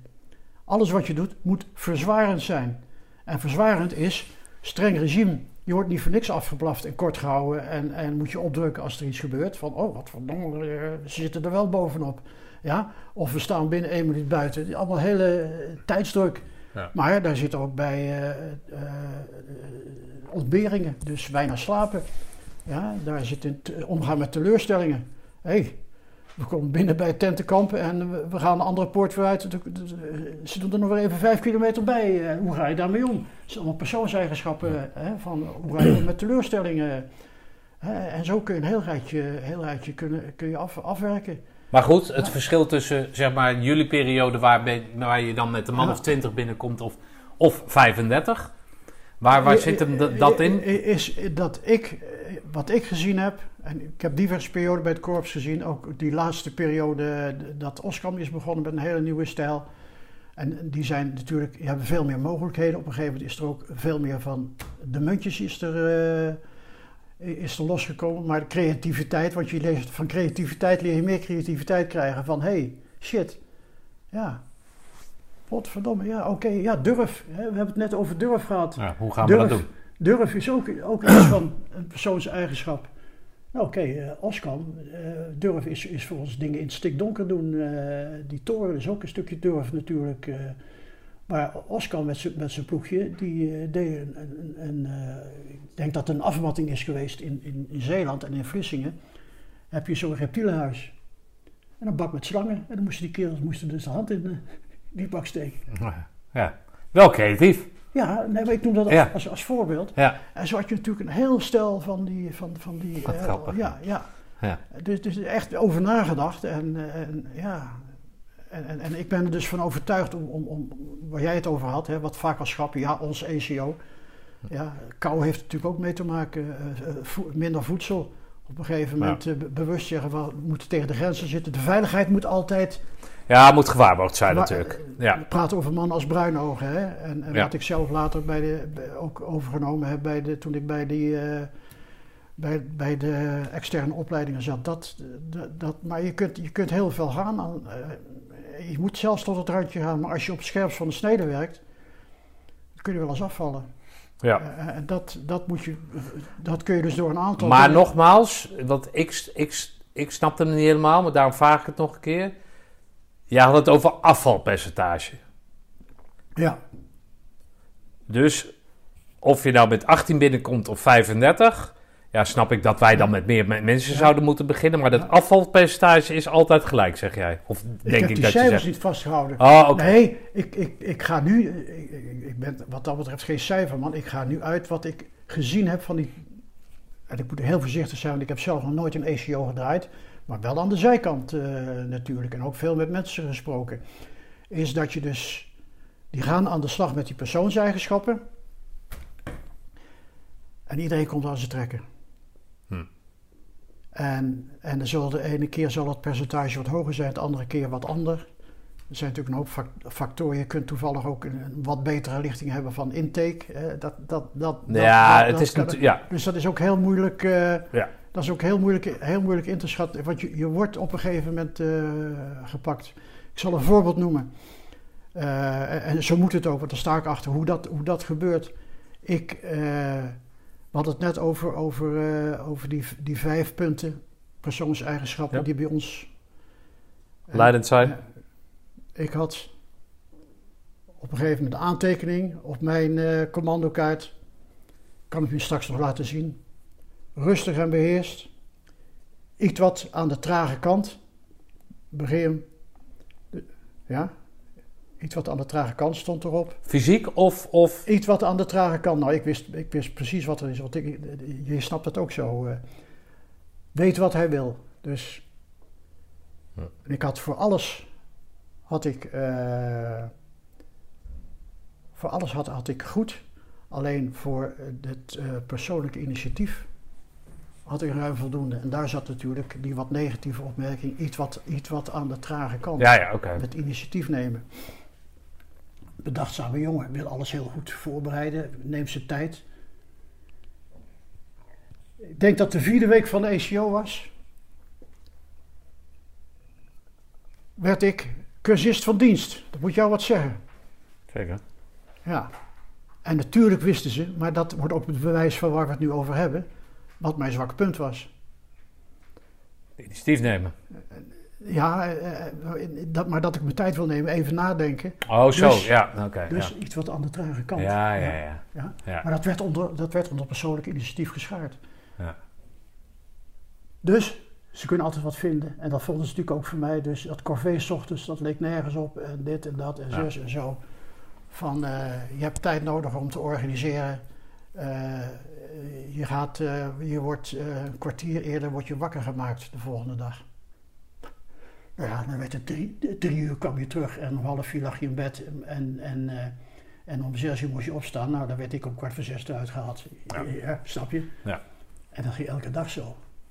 Dus ik heb het na de hand berekend. Normaal, die andere jongens hadden 16 uur geslapen die week. En ik 8 uur. Ja. Dus ze hadden me aan mijn taas. Ja.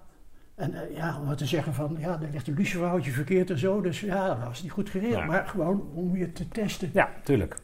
En ik heb dat gered. Tot wat, doordat wij een hele coherente ploeg hadden. Want ik werd dus geholpen door mijn maten. Want zo werkt dat natuurlijk ook. En dat, wil, dat willen ze ook zien. Dat, eh, ik, had, ik had jongens die, eh, van de kaderploeg die daarop letten. En die ook Ja. Een handje uitstaken. Van, eh, die dan ook tegen cursist riepen van... Hé hey joh, eh, loop even daar naartoe. Want Ja. de sergeant heeft net gezegd, weet je wel.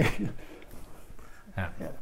Mooi hoor, dat is hartstikke mooi. Daar- kun je ook al boeken over schrijven. Over, over, ja, ik ben het niet van plan hoor, maar... Nee, maar, maar- niet, ah, niet alles verklappen. Oké, dus dan de tweede keer kom je terug. En dan ga je je bezighouden met die sport in het algemeen. Toch? Als je ja, ja. Met, met slimme streupers, met Po, want daar waren we over onderweg, weet je wel. Ja. Dat Po erbij gekomen was, slimme streupers. Po vond ik ook hartstikke leuk. Po was daarvoor, was dat niet? Nee, dat, dat was niet. Dus, maar Oh. voor ons sportinstructeurs was het een uitje. En zeker degene die, die, die sprongen. Eh, volgens mij had Piet Paul in de tijd had wat slechte enkels en zo. Maar die ging dus niet. Dus toen kon ik zijn beurt nemen. Henkie Burg, die sprong ook wel. Ja. Is ook helaas overleden. Dus ik, vond- ik vond het hartstikke leuk, want ik sprong graag. Maar je, ging je eigenlijk mee met die, met die groep om als er dagen uitvielen. Dan komen jullie in viel- Dat activiteiten. gebeurde in Po bijna niet. Nee, Want lekker. daar- Daar gingen ze juist Ja. naar Polen. Maar goed, dan hadden we het springen, maar dat was het idee erachter. Dus een van de sportjongens mee om daar het een en ander. eh. Dan zat daar de eh, slimme streupers, Po. Marcedam kwam erbij, weet je wel, dus het rotsklimmen. Want dat was voorheen allemaal Limburg en zo. eh. Oh, dat was Limburg was natuurlijk. Limburg, Ja, dus oké. Ja, ja, oké. ja. Ja. En dat was natuurlijk ook wel hartstikke attractief. En eh, dat maakt het ook wel wat zwaarder en wat Ja. langer. Want Limburg was in feite een eitje hè, met eh, een touwbaan en, eh, en een tok. Ja, ik ken alleen die hele oude foto's van Ja. kerels die ik Ja. uit die oude lichtingen Ja, gedingest heb. Inderdaad. Ook, ik wist helemaal niet dat dat... Nou, recent is het niet, dat is Ja. 40 jaar terug. Maar dat dat dan zo recentelijk is en, en toen werden wij, werden wij ook door de Belgen opgeleid, opgeleid voor uh, Cordelier Rouge. Oh ja, voor dat, oké. Ja. Ben je een En, beetje klimmer of niet? Wat? Was je een beetje een klimmer? Eh, klimmen, klimmen ging goed. Ik heb, in de tijd heb ik, eh ik heb Cordelier Rouge gehaald. Dan mag je dus jongens op die rotsmassieven eh, mag je begeleiden onder leiding van. Dat werd dus Piet Paul. Want de laatste week dan, dan ga je van Marseldam af. Dan ga je naar vreemde rotsen toe. Dus al, allerlei rotsen in de Ardennen. En dan moet je daar ook allerlei, allerlei klimmen en allerlei trucs doen. En ik, ben, ik ben toen gestraald, gezakt op. Komt u weer? Je moet binnen een bepaalde tijdsdruk moet je een, een, een stellage Ah, moest je uithangen, weet je wel. Ik was nooit op die rotsen geweest. Marseldam, daar wist je precies van, van daar moet ik dat touw vastmaken. Dus ik nam veel te veel mijn tijd van, eh, het was niet echt onzekerheid, maar juist de zekerheid van, ja, zou dat wel goed zijn, dit en dat. En, Ja. en ja, op een gegeven moment, eh, en dan waren ze, dat, dat vond ik wel heel goed, daar waren ze onherroepelijk die Belgen hoor. Ja, een Ja. beetje streng. En anders wordt iedereen het natuurlijk. Ja, en, eh, Ja. Hensby werd buiten de tijd en, eh, en eh, dit gaat dus niet door. Dus je- mag geen, ho- geen hoofdinstructeur, want het was eigenlijk hoofdinstructeur worden. Je mag alleen onder leiding van, Ja. Dat werd dus Paul. Dus ik kon gewoon met mijn taakje verder doen. Maar, Ja, dat maar niet zat- erg? dat zat- nee, nee, nee. Oké. Ik, vond, ik heb het altijd wel leuk eh, gevonden, ja. Maar wanneer mag jij nou zelf eh, je ding gaan ontplooien? Hè, ik weet, je hebt verteld dat je eh, hoofdsport bent geweest geworden, toch? Op een gegeven moment? Of is dat de derde keer dan? Dat je terug bent? Dat is de derde keer. Ik ben, Ah, oké. ik ben daarna teruggegaan naar de sportorganisatie. Weer naar de sportschool. Oké. Weer? Weer naar de sportschool. Oké. Ja, Heintje Davids. Bij het korps ben ik Heintje Davids. En, eh, en bij de Maar sportorganisatie. dus nog steeds, en die waren, zaten nog steeds in Osdrecht? Die zaten in Ossendrecht. Nou, Maar er waren twee dingen veranderd. Ze hadden de vakkenstructuur. Hè? Dus Ja, ja. Die, die werkgroepen die heel nauw met elkaar samenwerken, hadden ze opgegeven. Iedereen moest alles kunnen geven. Ja. Verder kwamen er officieren binnen. Die hadden geen praten, die hadden alleen ALO, die hadden alleen de academie gedaan. Maar wat gebeurde er net op dat moment? Toen werd er gezegd van, voorheen kregen die jongens voor ze op sportopleiding kwamen, kregen ze een, een, eh, een, een militaire opleiding bij het OCMGD, bij de geneeskundige troepen. Daar hoorden ze dan ook registratief onder. Hè? Dus Ja. die hadden een beretembleem van, van, eh, van, van het eh, geneeskundige troepen. Nou, dat was tegen het zere van een aantal van, van die heren. Van, ja, die waren dus voor sport, voor sport in het leger gekomen. En niet, eh, niet om op, op bivak te gaan en, eh, en dat soort dingen. En, eh, en, en op de schietbaan te staan en eh, in, in de... Oké. Dus dat werd een beetje wat competentiestrijd en dat stak ook wat onderofficieren aan. Ja, maar als hun niet gaan, waarom moeten wij wel? En, en eh, dus de sfeer die, dat, was niet al te best. Toen kwam er nog bovenop dat ze al die vakken moesten geven en dat daar wat onderofficieren ook bij zaten, maar ook officieren trouwens. Die voelden zich onzeker op bepaalde vakken. Kan ik me voorstellen hoor. Ja, in één keer zo'n ze- hele lood of... eh, Ze, ze ja. hadden, ze hadden mij, in, in eerste instantie hadden ze me ook geen, eh, geen fysiologie eh, van hoe, hoe werkt het hart nou Ja. precies en dat soort dingen moeten regelen. Had later wel handig geweest voor je, Dus, maar... ja, ja, dat wel. Had maar opgelet. Maar daar kwam natuurlijk ook weer een negatief puntje van, oh nee, nee, dus er kwam wat, wat weerstand en, en onderlinge strijd en dat was niet gezellig. Hm. En er wilde niemand meer bij de, eh, ja, of niemand meer, ik, ik ken de cijfers natuurlijk, ik moet een beetje uitkijken. Ja. In ieder geval de intake van mensen die daar wilden werken, dat liep nou niet te stormen. En er zei ook kerels van, nou, eh, Het werd wat minder aantrekkelijk voor mensen om bij het sport te gaan werken. Dus er ontstond eh, personeeltekort. Maar ik was aangenomen, want in die tijd was ik adjudant als eh planning, coördinatie, didactisch begeleiden. Dus het, het, het, het lesproces begeleiden en ook daar les in geven. En eh, nou, dat was eigenlijk niet de bedoeling, maar dat kwam er na de hand wel van. En opleidingscontrole. Dus ik had in feite een staffunctie, bureau. Hm. En ik werd mentor van de G-klas. Dat waren de sergeant in opleiding. Dat vond ik hartstikke leuk, want dan kon weer een beetje met de praktijk meedoen. Dacht ik, met die mannen meedoen. Maar Dat bleek dus niet. Binnen een van tijd, lag natuurlijk voor aan mezelf te vielen gaten. En omdat de mensen zeiden van ja, nou ja, multi, multi, multi eh. Ja. Dus toen ben ik mee gaan, mee gaan draaien. Wat, wat ook toch toen meespeelde, toen kwam die hele, hele GVA kwam op, het grensverleggende activiteiten hotsklimmen. En, eh, en ja, ik was dus een van de weinige Cordelier Rouges eh, in, het, in, in het leger. En de KMA en de OCO, SD, de, de officiersopleidingen en de KMS, die moesten bevrucht worden voor die cursussen. Dus ze kwamen ook nog eens een keer vragen voor. Af en toe werd ik weggeplukt van ja, je moet bij het KCT steun verlenen bij de jongens van het KCT. Oké. Want de KMA gaat naar Amsterdam. Dus ik had het hartstikke druk. Daar heb ik ook wel redelijk over de kop eh, gewerkt. eh, toen. Dus die band met Ja. het korps, ook vanwege de afstand natuurlijk, die, die is gewoon blijvend. Ja, ja, ja, Oké. ja, ja, die was er wel. Maar natuurlijk ook die, die, eh, de, de, die wa- waar, waar ik het net over had, die KCT-dag, die zat er ook nog in natuurlijk. Hè. Die jongens gingen nog steeds Ja, oh zo. dat, ja, dat soort eh, dingen doen. Nee, ik had, ik had wel band, band met korps. Zeker ook door die, eh, door die, door die GVA's. Ja, toen dat afgelopen was... ja, dat was 89, eh, eh, eh, vakofficier. Toen Oké. werd ik officier. Waarom eh, word jij officier? Waarom ik officier ben? Nee, waarom word jij dat op dat moment? Want dan moet je bepalen. Dan moet, wat ik begrepen heb, is dat je voor het- op het juiste moment voor het juiste gat moet zitten, kennelijk. Om officier te worden. Daar heb je een soort onbesproken, of soort, maar daar heb je onbesproken gedrag voor nodig, kennelijk. Toch? Nou, ik, ik, ik denk dat je, dat je niet in de bak hebt moeten gezeten hebben.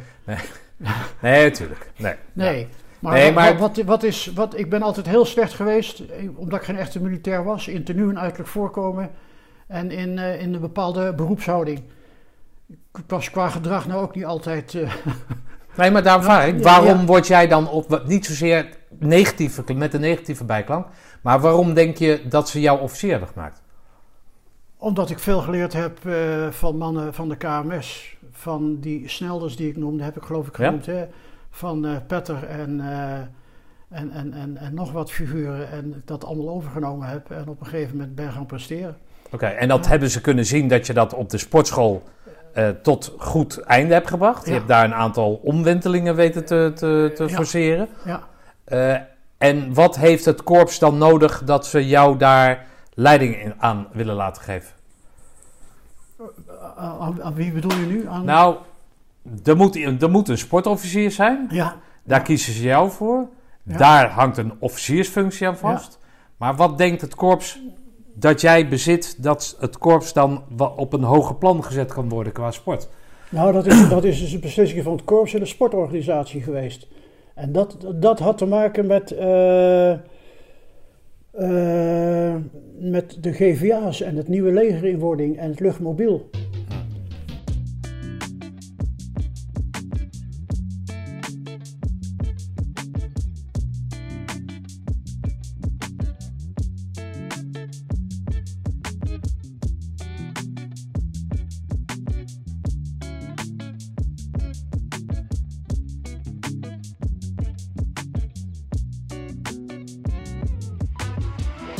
Periode daarvoor, zeg maar de laatste periode op het, eh, op, dat ik op de, op de sportopleiding zat, heb ik al vermeld dat ik eh, nogal gevraagd werd om bij het KCT steun te verlenen bij GVA's, grensverleggende Ja. activiteiten.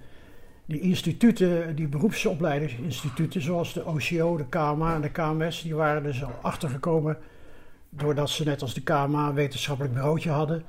Of eh, dat ze bij de OSD hadden ze een hele vooruitstrevende leiderschapscel daar, die lessen gaf in leiderschap. Van dat grensverleggende activiteiten, in feite een verzwarende omstandigheid, zoals we die, want het is grensverlegging, zoals we die bij het KCT eh, ook hadden, dat dat toch wel veel, eh, veel opleverde. En toen werd er uitgevonden om, om rotsklimmen, duiken en parachutespringen voor die instituten eh, op te zetten. Dat die leerlingen dus, konden dan kiezen daartussen en, en, en dan, dan, kregen ze dus een, een traject van een paar sprongen halen of een paar duiken doen. Rotsklimmen was ook een heel programma eh, gemaakt, eh, onderhand al door, door mijn collega's in Roosendaal. En, ehm, en dat werd dan geëvalueerd. En dat had er eigenlijk mee te maken van, van, van hoe, hoe, eh, hoe train ik nu leerlingen van de instituten om leiding te geven onder moeilijke omstandigheden waarin angsten ontstaan eh, en, en, waar de zaak uit elkaar dreigt te vallen.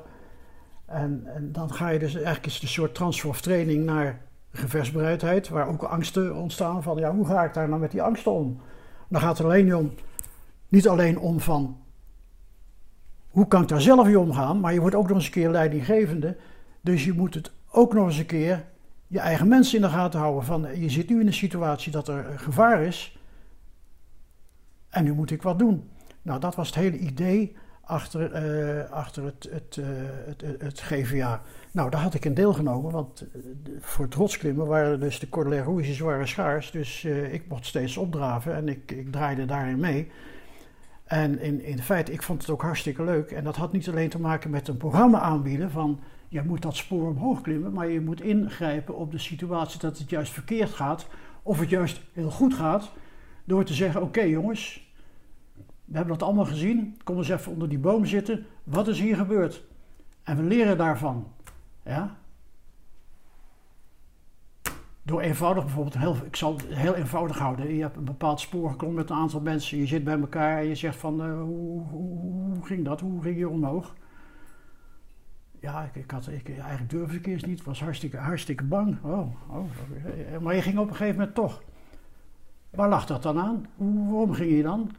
Ja, ik zag dat de overste ook klom. Ja. Nou, dan is het heel, ik hou het heel eenvoudig. Nou ja. Voorbeeldgedrag ja. van... Als hij het doet, dan moet ik het ook doen. En, dan, en dan doorverwijzen naar toekomstige functioneren. Ja, maar jij wordt straks ook overste of luitenant. En dan wordt het een beetje penibel. Dan zul je wat moeten laten zien van jezelf. En niet je verschuilen achter de anderen. En zo kun je er ontzettend veel uithalen. Ja, ik kan er nog heel, heel veel eh, voorbeelden van geven. Maar dan wordt, dan wordt het ontzettend lang, denk ik. Nou ja, het begon natuurlijk bij Petter. Het begon, het begon, bij Petter. Ja, ja begon, dat, dat, is zeker begonnen bij Petter. Daar heb je helemaal gelijk in. Toen werd ik officier.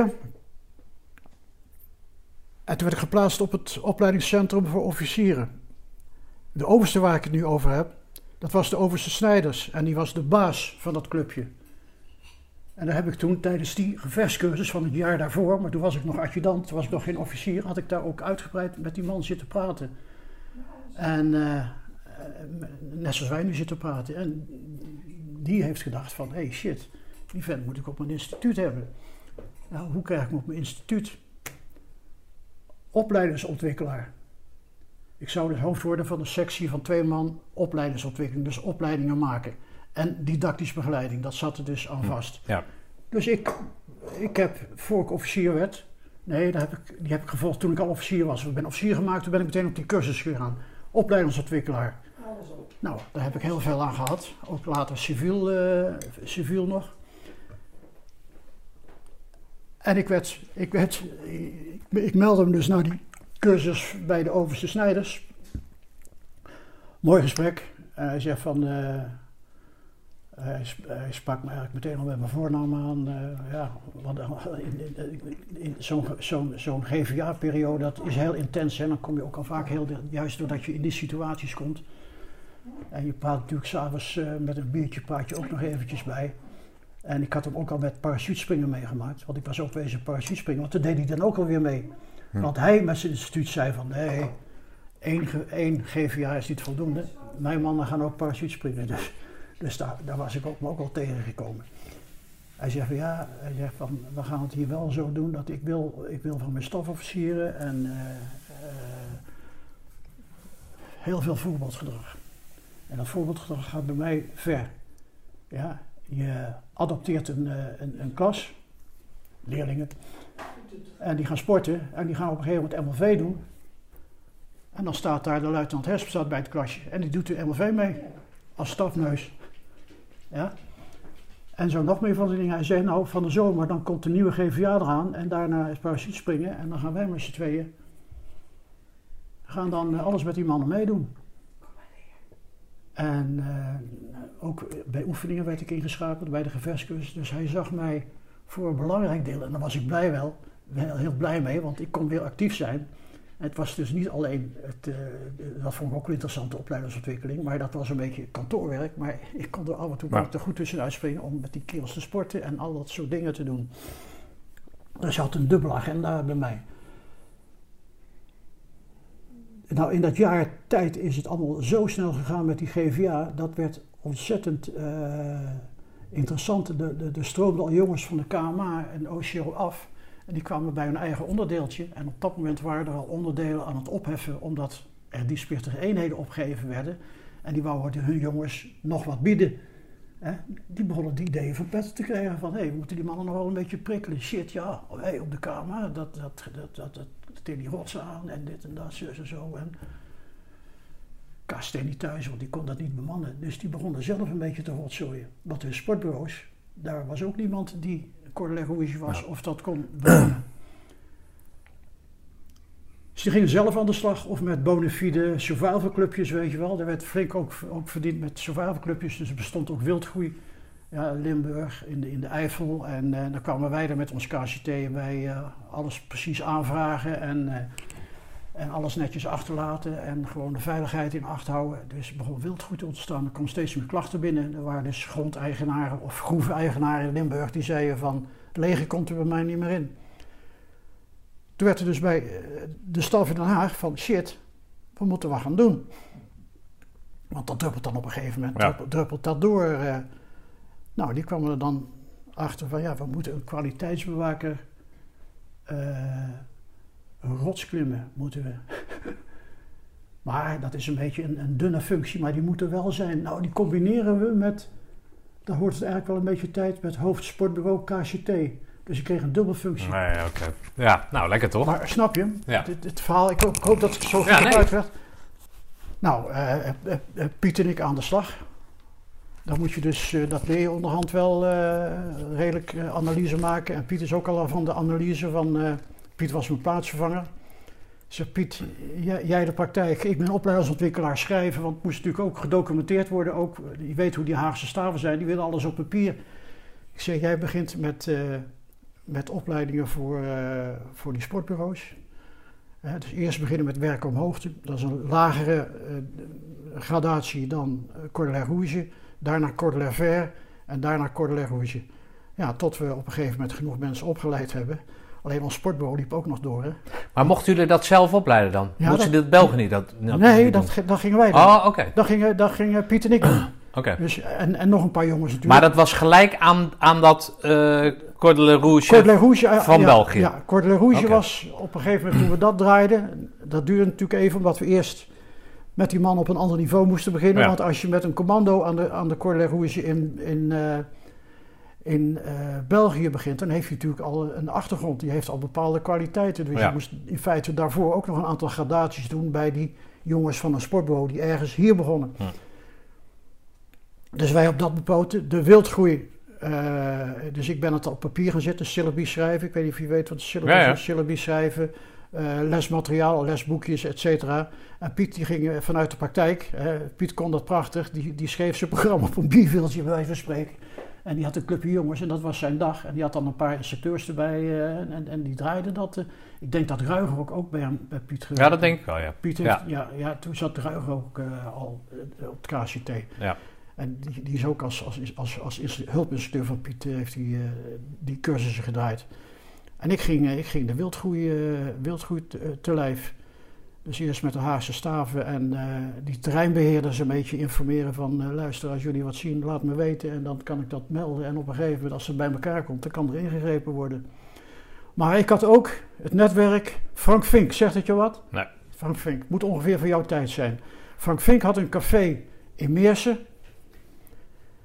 En die wandelde graag.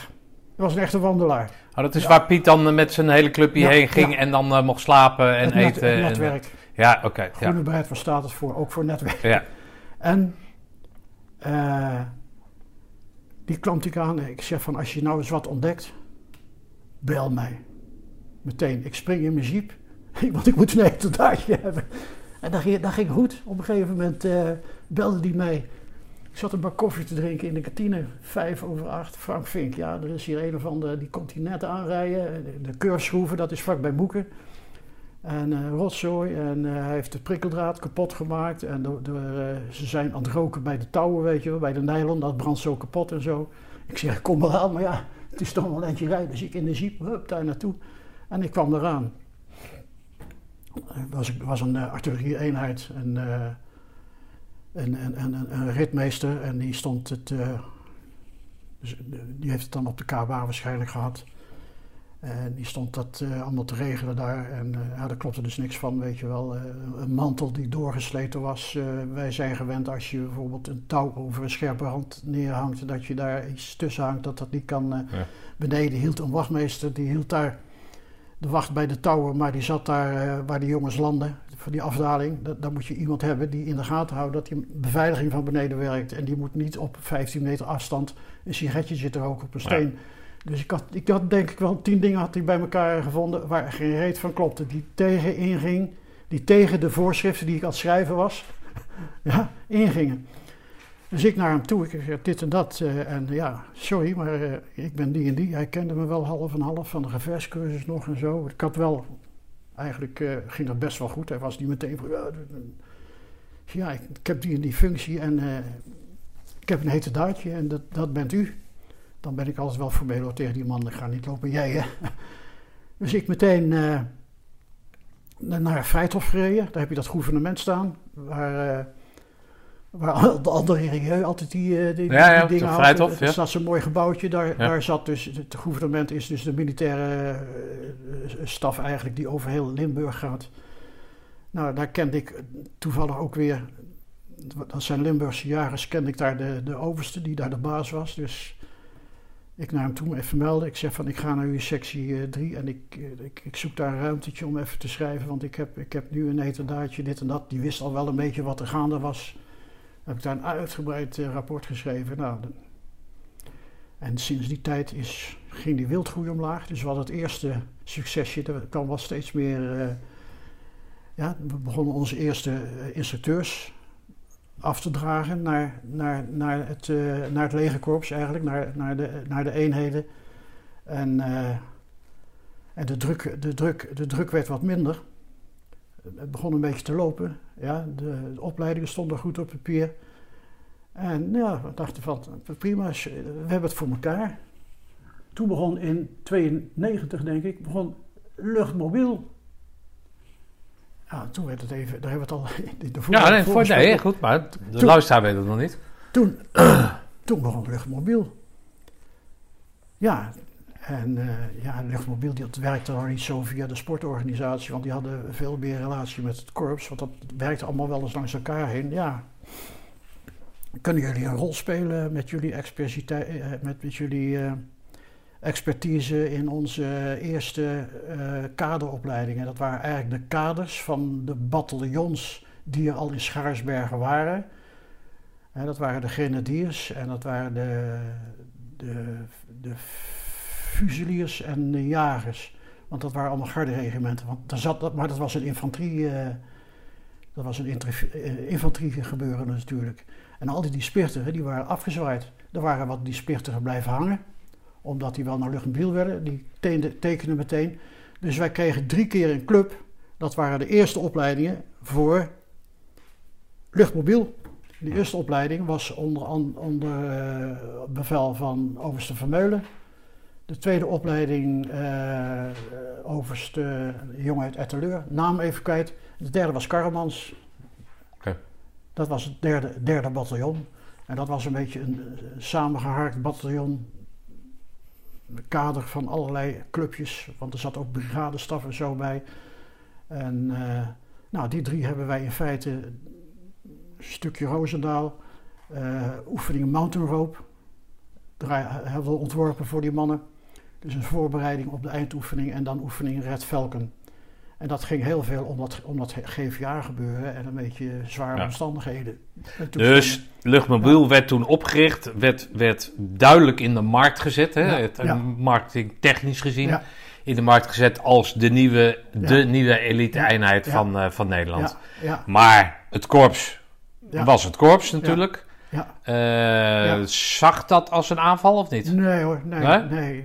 nee, is best wel goed gegaan. Ah, Kijk, er waren natuurlijk... Maar jullie werden ingeroepen om, om een Ja. elite-eenheid Ja, ja. in wording ja, eh, vorm te gaan geven. ja, ja.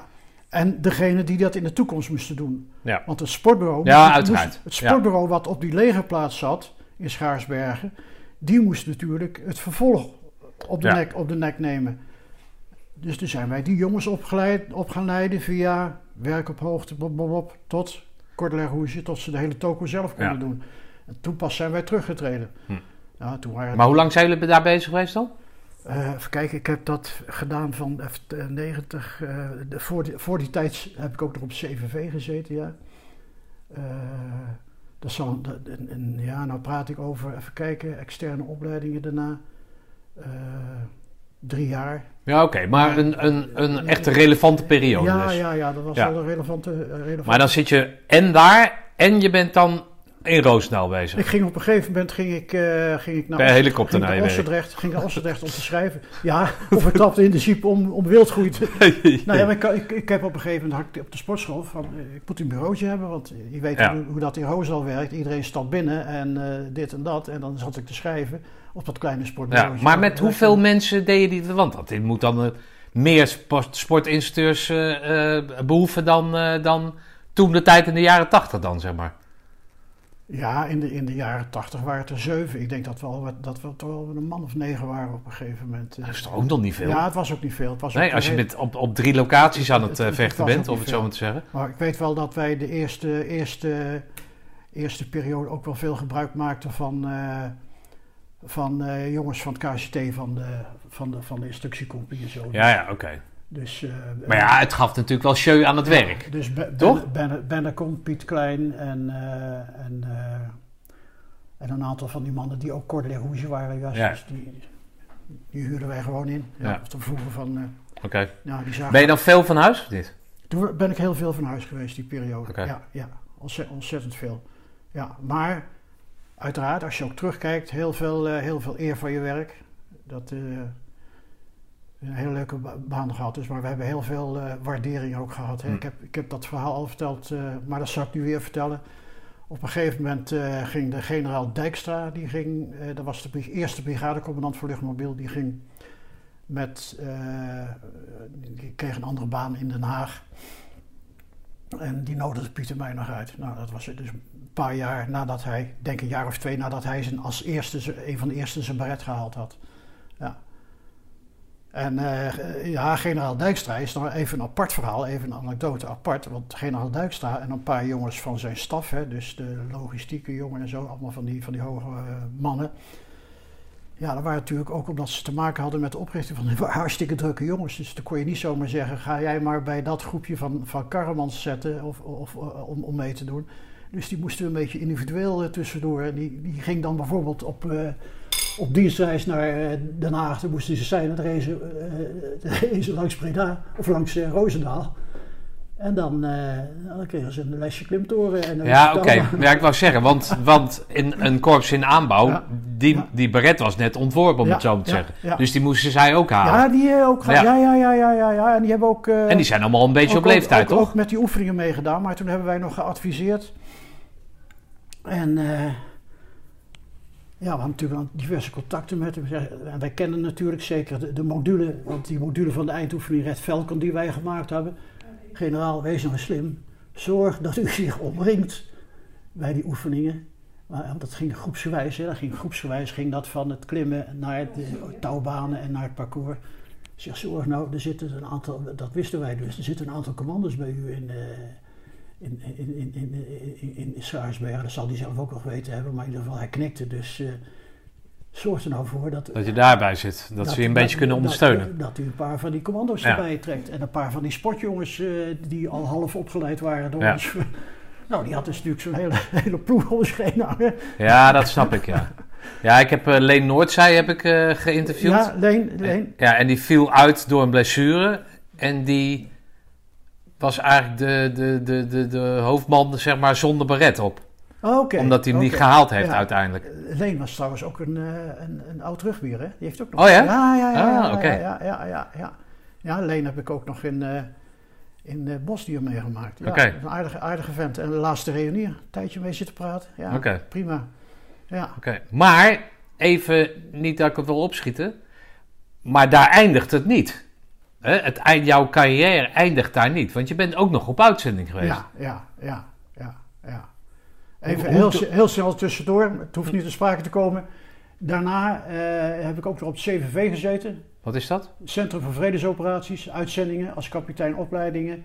En ik heb nog de externe training gedaan, gedaan, twee jaar bij het korps. Eigenlijk wat in de plaats kwam van, dat is in de plaats gekomen van de Panzerstorm. Oké. Maar toen waren we al, daar kan ik in een paar zinnen, kan ik dat, eh kan ik dat Neem je opzeggen? tijd hoor. Ja? Oké.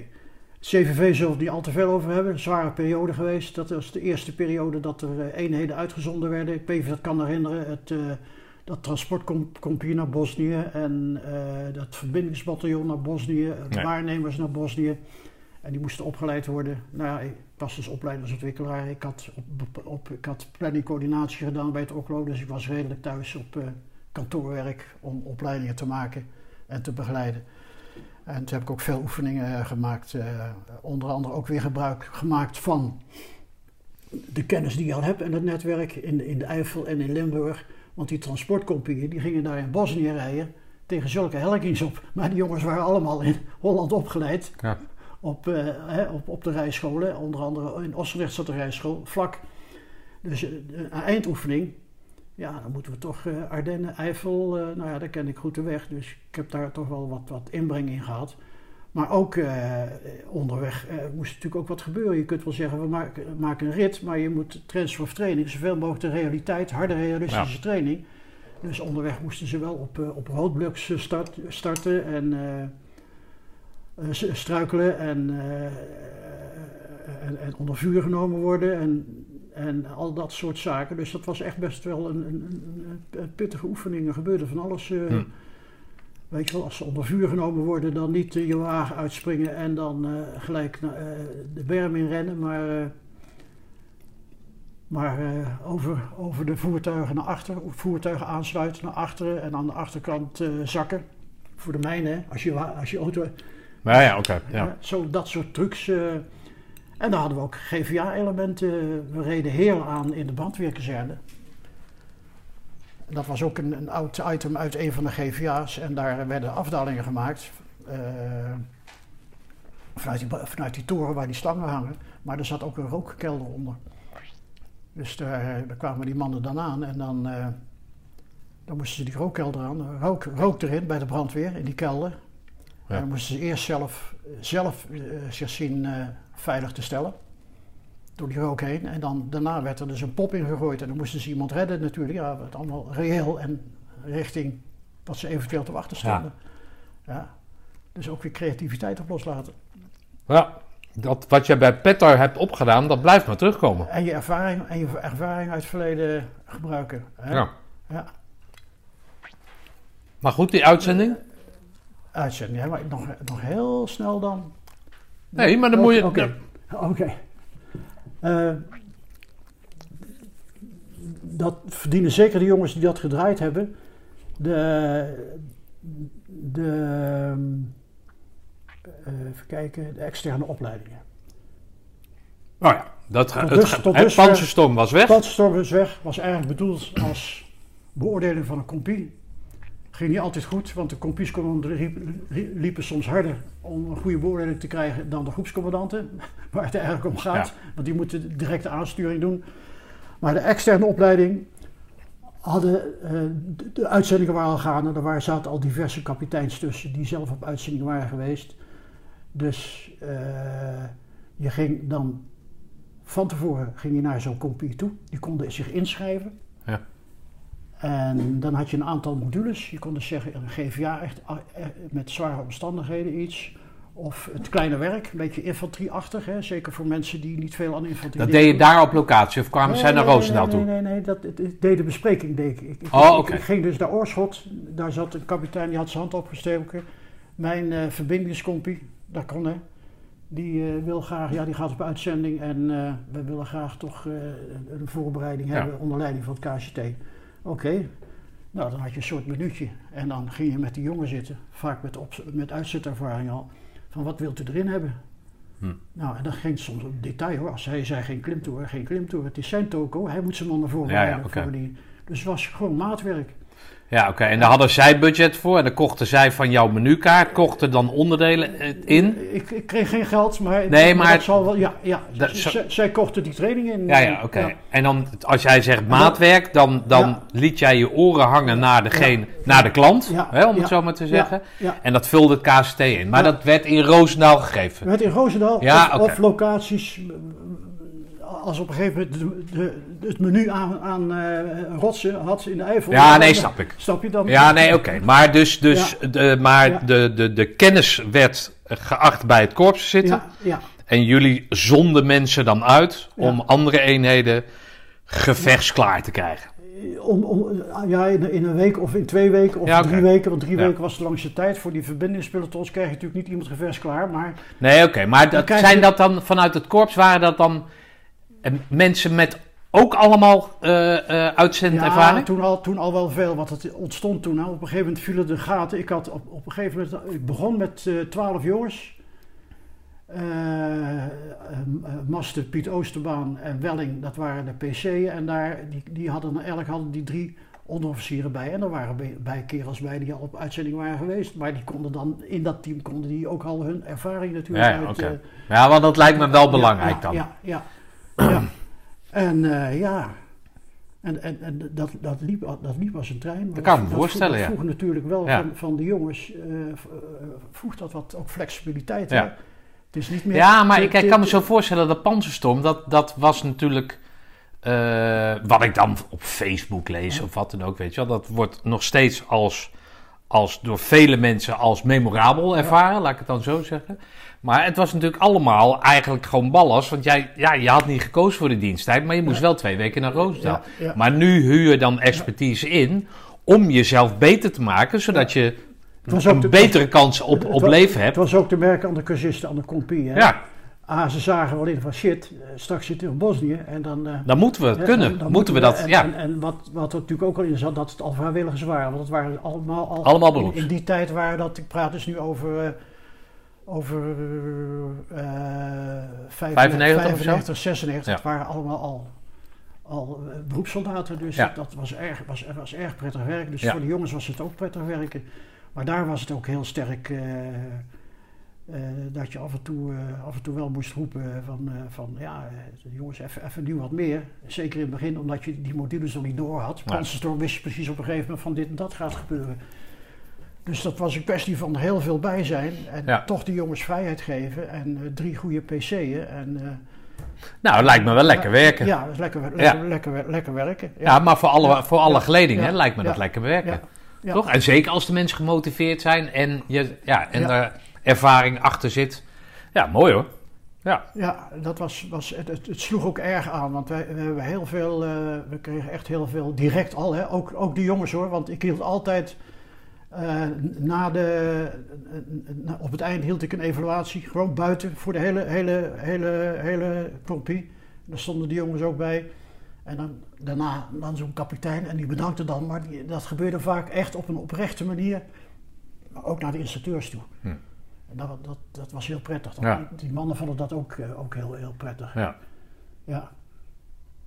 Ik heb een aantal van die jongens ook naderhand in Bosnië nog meegemaakt. En als je dan eh, met die gasten daarover praatte, eh, die hadden natuurlijk toch wel een wat langere carrière, net als Piet Oosterbaan en zo. En dan, die keken daar wel heel erg prettig op terug. Hm. ja. En naderhand kregen we zoveel verval, want toen vielen er ook... Waarom ben je niet voor jezelf begonnen dan? toen kwam er zoveel verval dat jongens op uitzending gingen. En toen Ja. moesten we echt jongens gaan, maar dat was ook goed volk. Toen moesten we echt jongens in gaan huren bij de, bij de 105 of bij de 108, hè, die al uitgezonden waren geweest.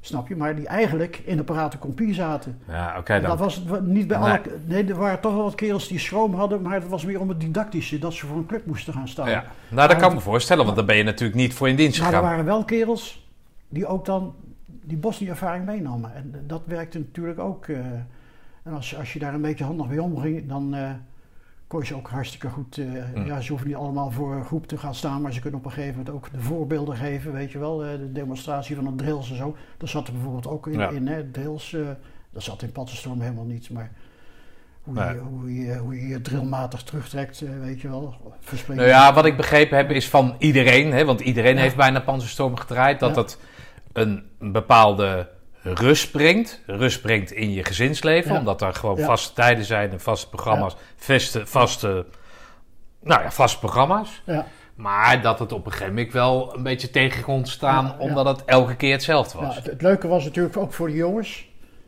dat er afwisseling in zat. Hè? Ja. Want doordat er toch, toch wel, eh, er werden natuurlijk wel vaak dezelfde modules. Er zat altijd wel vaarschool in. Dat, eh, dat was wel, de, de Beach Boys wilden zo in. Daar kon je ook wel hele eh, leuke dingen doen. We deden allerlei afdalingen bij duisternis van de brug. Eh, En over die brug lopen, Dus Ja. bij Keizersfeer zo eh, met die mannen, dat, dat werd wel vaak gekozen. En dan was de afsluiting was dan eh, bij de tent van, eh van Jatsen. Ja. Jatsen Ja. heeft het ook allemaal wel meegemaakt. Ja, die vond het ook allemaal wel mooi. Dan had hij ook wat leven daar, hè? want Ja. in feite was hij toen bezig met die hele nieuwe die boot en al. Eh, Jats is helemaal bezig. Nou ja, met, vaarschool, Met, met ja. materiaal en zo. Ja. En dan, dan kwamen er ook, eh, kwam er weer eens wat anders binnen, binnen spoelen. Ja, dat kan ik me voorstellen.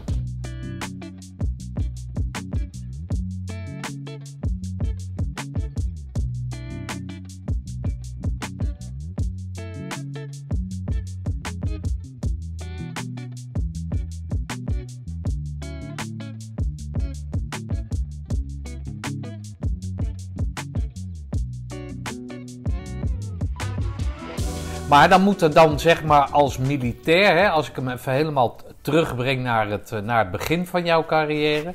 Dan, dan, dan, dan teken jij dus zeg maar, nou ja, voor het leven weet je niet. Maar hè, je tekent als militair terwijl je eigenlijk helemaal nog niet weet Ja. wat dat nou precies inhoudt. Er is te weinig dingen die je tot je kan Ja. nemen. Jij hebt in jouw omgeving, ondernemersgezin, heb je geen mensen die dicht, hè, die militair zijn of daar wat van, eh, van afweten Klopt.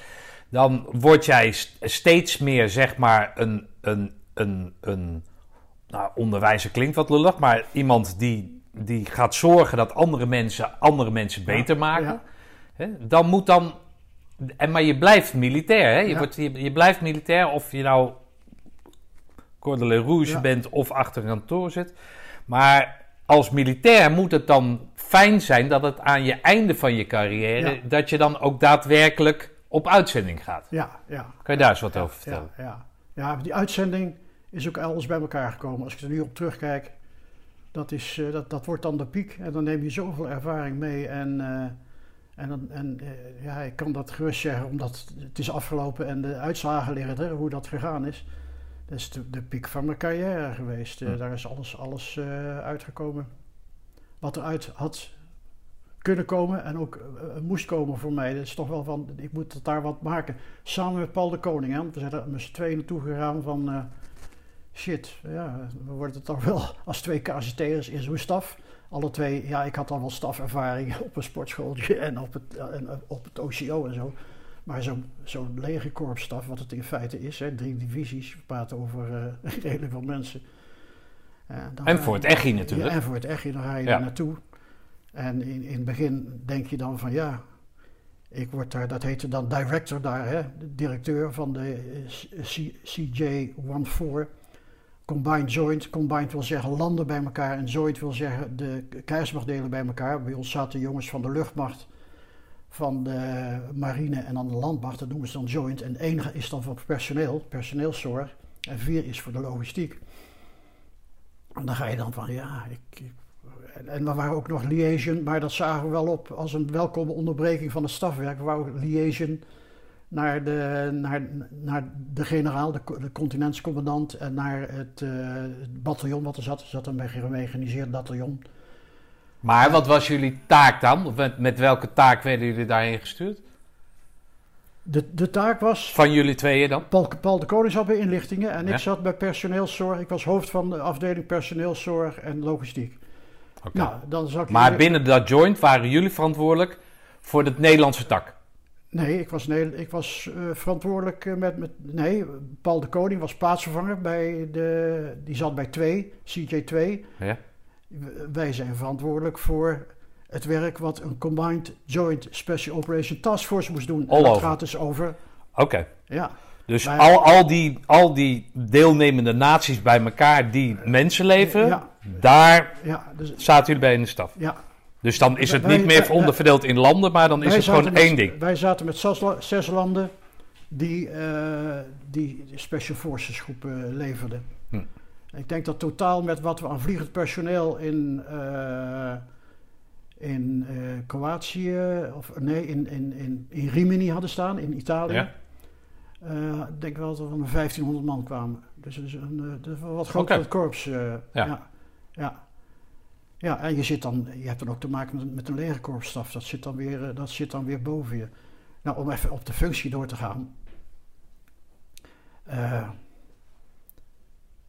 logistiek stelt geen donder voor. Amerikaanse, eh, Am- Amerikaanse logistiek. En dan ook nog eens een keer in oorlogsomstandigheden. Dat is met de grote, hè, met de grote bezem erin en eh, alles eh, wegschuiven wat onwelvallig is. En, en naar binnen schuiven wat binnen moet komen. Dus dat eh, stelde niks, eh, dat stelde niks voor. Dat, eh, Daar hoeft, Dat dat, bedoel ik mee te zeggen, hoef je geen formulieren in te vullen. Alles wat jij wil, dat ik, komt er. ik had hem als ik had een hele goede eh, sergeant-major Duns, Dunsmoor. Dat was echt een, eh, eh, dat was echt een, een, een, een, een, een, een geslepen vent. En eh, dat was een prima vent, daar kon je het zo aan overlaten. Alleen natuurlijk als er, als er zaken gedaan moesten worden met, eh, voor hem als Amerikaan met buitenlandse eenheden, met Nederlanders of zo. Of, eh, die, ja, dan kwam hij altijd bij mij, eh, bij mij terecht. Ja. En, en zo had ik ook een kapitein, Drake, die zat bij de Forward Operating, Operation Base. Dat was een kapitein met een ploeg mannen, waar ik dan eigenlijk ook boven stond. Prima vent, één keer per dag even langslopen, vinger aan de pols, klaar, die regelde zijn toko. maar de rest van het personeel was wat minder, maar we waren, hadden het over de logistiek. Nou, eh, een voorbeeld. Eh, mijn eerste commandant daar was een Californian. En, en eh, dan denk je van een heel liberaal iemand, maar dat was een, een Vietnam-veteraan. Dat was toch een moeilijk figuur. Ik, ik, ik, ik, ik, ik vind hier dat het toch wel wat onveilig is. Hij zat al een tijdje, dus bij mijn voorganger heeft hij ook niks gezegd. Maar hij kwam bij mij en zei van ja, we hebben hier van die, van die shredders staan, van die paper shredders, van die papierversnipperaars. En die komen er met slierten uit. Hij zegt, die moeten zo snel mogelijk weg. En dan moeten ook die snippers maken, die ook nog eens een keer dit doet. Ja. Oké, nou, toen zat ik er gelukkig, zat ik dan net lang genoeg om het allemaal door te hebben hoe dat allemaal, allemaal liep daar. Want dat is natuurlijk ook eventjes wennen hoe dat, hoe dat werkt. En dat is dan een cryptofactje of even bellen naar Stuttgart, want daar zat, daar zat dan onze, onze backup van de logistiek. En de volgende dag eh, om 12 uur stond op het vliegveld, een kwartier rijden van ons, daar stond, daar stond dan zo'n Learjet. Stond- Ja, wel lekker werken dan, toch? Niet? ja, nou, Ja. er stelt er geen flikker van. En er Nee. stonden dan drie papierversnipperaars. Ik overdrijf een beetje, want Nee, er, er werden natuurlijk ook wat andere dingen meegestuurd. Ja. Voor andere eenheden, maar dat was een beetje, je moet het een beetje zien. Ja, maar ligt dat aan het feit dat, dat Amerikanen zijn, eh, de- gewend zijn aan oorlog voeren en, en dat ze gewoon weten dat, dat een formulier op dat mo- moment geen zin heeft en dat dat later ingevuld kan worden? Nou, je weet wat voor problemen Piet Paul heeft gehad toen hij dacht van ik doe goede dingen met dekens of zoiets. Of, Oh ja, eh, oh ja, dat eh, vertelde je, ja. Dat, dat- Ja. Even het verschil. Ja, Ik had, ik, had, ik had een bureautje. De foto kan ik je zo nog even laten zien als we er niet te veel uitlopen per tijd. En daar zat, daar zat een, eh, een kistje in. Ans heeft ook nog zo'n kistje staan hier. Er zaten 10.000 mark. Want de, de, de, de, volk daar die wilde geen dollars. Hè? De, marken waren eh, met de neefjes die in, eh, in Duitsland werkten. en Zo met name de Kroaten. Die, dus door, de, is gewoon handgeld, De marken was daar het handgeld. Hè? ja. Ja, oké. Ik, ik, ik, ik, ik zou hier een voorbeeld houden, want dat is het andere verhaal. Op een gegeven moment, eh, de, die, die kolonel, die moest een lezing houden de volgende dag voor de, voor de legerkorpsstaf. En die wilde dus allemaal van die mooie slides maken. En de inkt was op. Nou, dan ga je natuurlijk eerst proberen bij neveneenheden en zo. Maar op een of andere hele rare manier, ja, ik zit daar ook niet zo in. Was de inkt was echt op. Het was dus ook niet binnen dat hele grote compound van ons was op dat moment, terwijl de haast achter was. En Dunsmoor zegt van ja, maar ik weet wel een adres. Ik zeg van nou, dan wil ik dan gelijk weten, want dat is een goed adres. En ik snapte het al gelijk, het was een hele, hele handige vent. Een beetje een bank- bankfiguur, een echte ritselaar. Ik zeg ja, maar je moet wel de orange money meenemen. Orange money is dat geld wat, wat die 10.000 mark die in, die la zat. Dus ik eh, heb, ik, eh, ja, hoeveel gaat dat kosten? Ja, dat weet je bij die mannen nooit. dus ik daar naartoe, nou, je reist de maffia natuurlijk, ergens achter, of in Serieel, achter het vliegveld. Eh, een beetje kapotgeschoten huis en eh, dan één- ruimte, dat was een beetje als winkeltje en toestanden. Nou, pure maffia natuurlijk. En de prijs was er ook. Nou, hup, contant betalen. Ik kreeg handgeschreven zo'n zo'n velletje mee. Zonder Factuur. Factuur. Ja, oké. eh, en dan was me gelukkig wel verteld hoe dat dan verrekend moest worden. Nou, dat was dus even eenvoudig. dat, dat doe je even bij- bij elkaar. En op een gegeven moment zeg je van ja, er zijn er nou 5000 uit. Dan wordt het tijd. Om het aan te vullen. En dan, rij je Sarajevo in. En daar zat dus op het... eh, daar zat dus op het parlement, noemden ze dat, het oude parlement van... Daar, daar zat dus... eh, daar zat dus ook de Amerikaanse, eh, de, Amerikaanse legerkorpsstaf wat betreft. Dat waren allemaal burgers die er zaten en zo. En dan werd dat geld werd, werd aangevuld. Dan liet je dat zien. Ik had zelfs zo'n schriftje. En dan in dat schriftje die losse velletjes. Oké. Ja.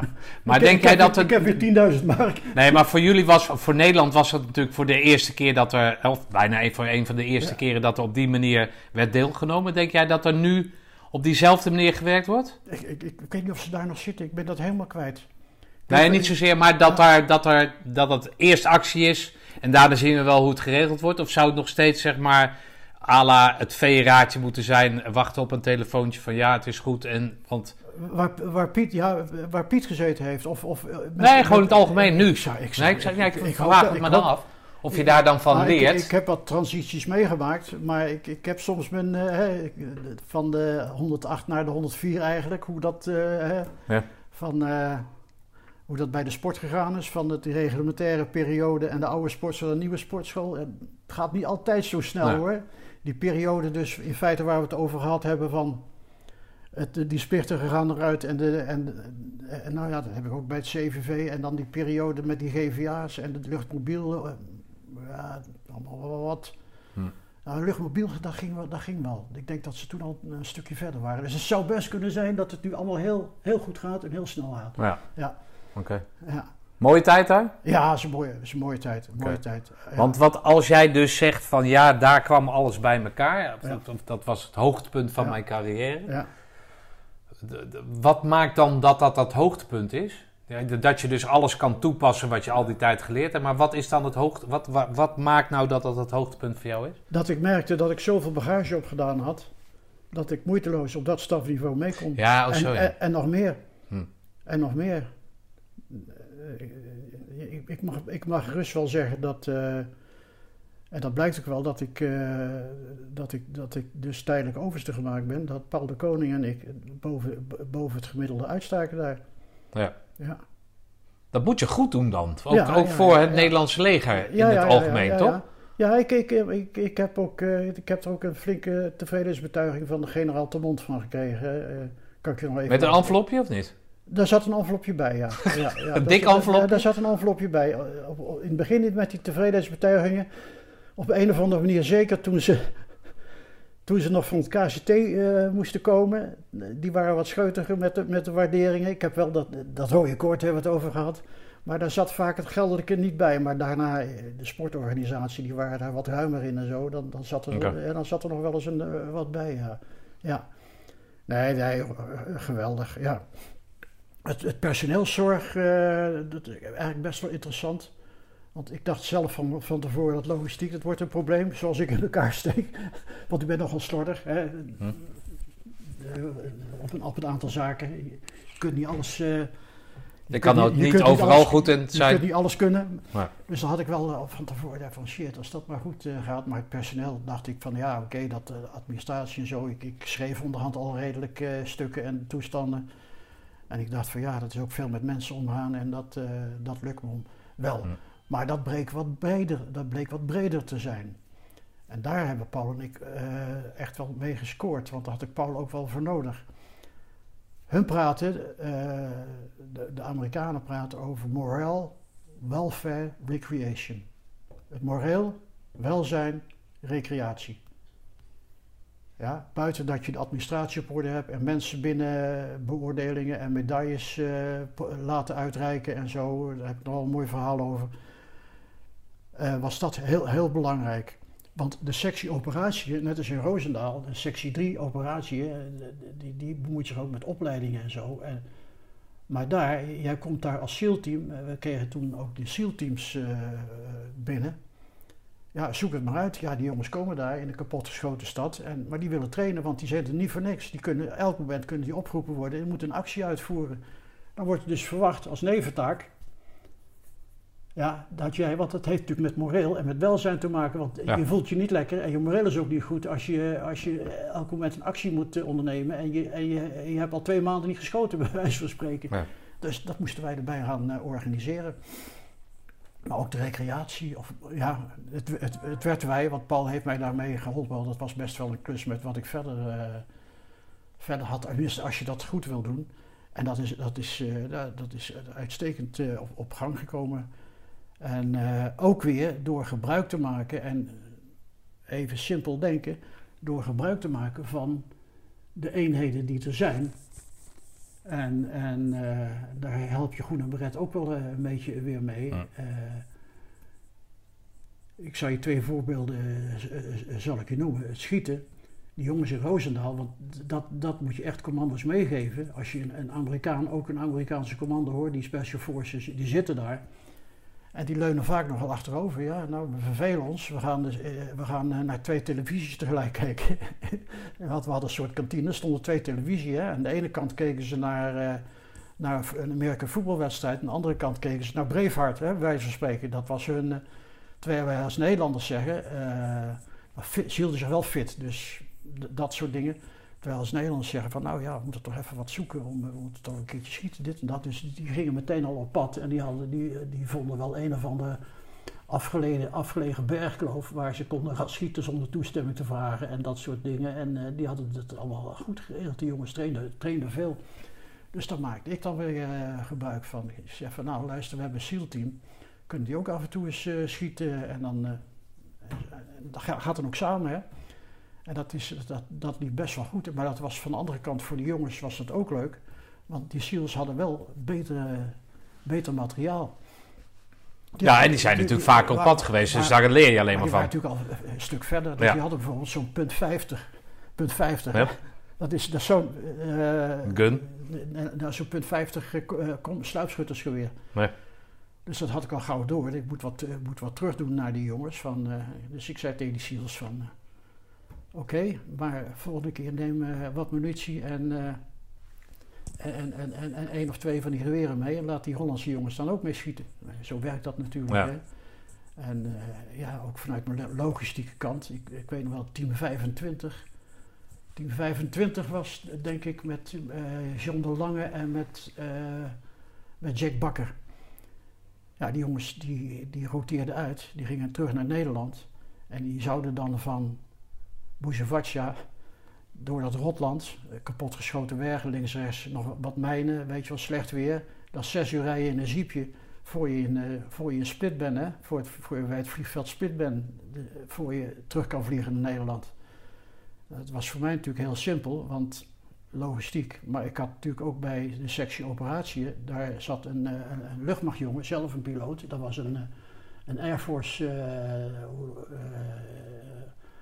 gast die, eh, die daar eh, de luchtmachtdingen, dus als er ergens een, heli nodig was, of dat is zoals wij een jeep pakken, pakken een vliegtuig of een heli. Hè? Als je praat Ja. over, oh, dan kun je beter wat grote landen in, in zo'n eh, missie hebben, dan gaat het allemaal simpel. Dus, dus die regelde wel dat die jongens, dus die jongens die zijn naar Sarajevo gekomen.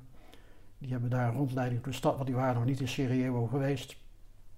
Er is best wel wat te zien. Ja, toeristen of, of eh, oorlogs, eh, oorlogstoerisme een beetje. Maar goed, je hebt in Bosnië gezeten. Je bent nooit in uh, Bujevaca. Ja. Je bent nooit in Sarajevo geweest. Ja, ja. Dus die kregen dat ze dus... Toen is Paul de Koning is als, uh, als, als gids mee geweest uh, de stad in. Tourguide. Ja, tourguide. En de volgende dag uh, werden ze bij ons van de compound hup, naar het vliegveld gebracht. En, en een half uurtje later stonden ze in Split. Dat soort dingen kun je ja, terug dat is leuk inderdaad. Ja.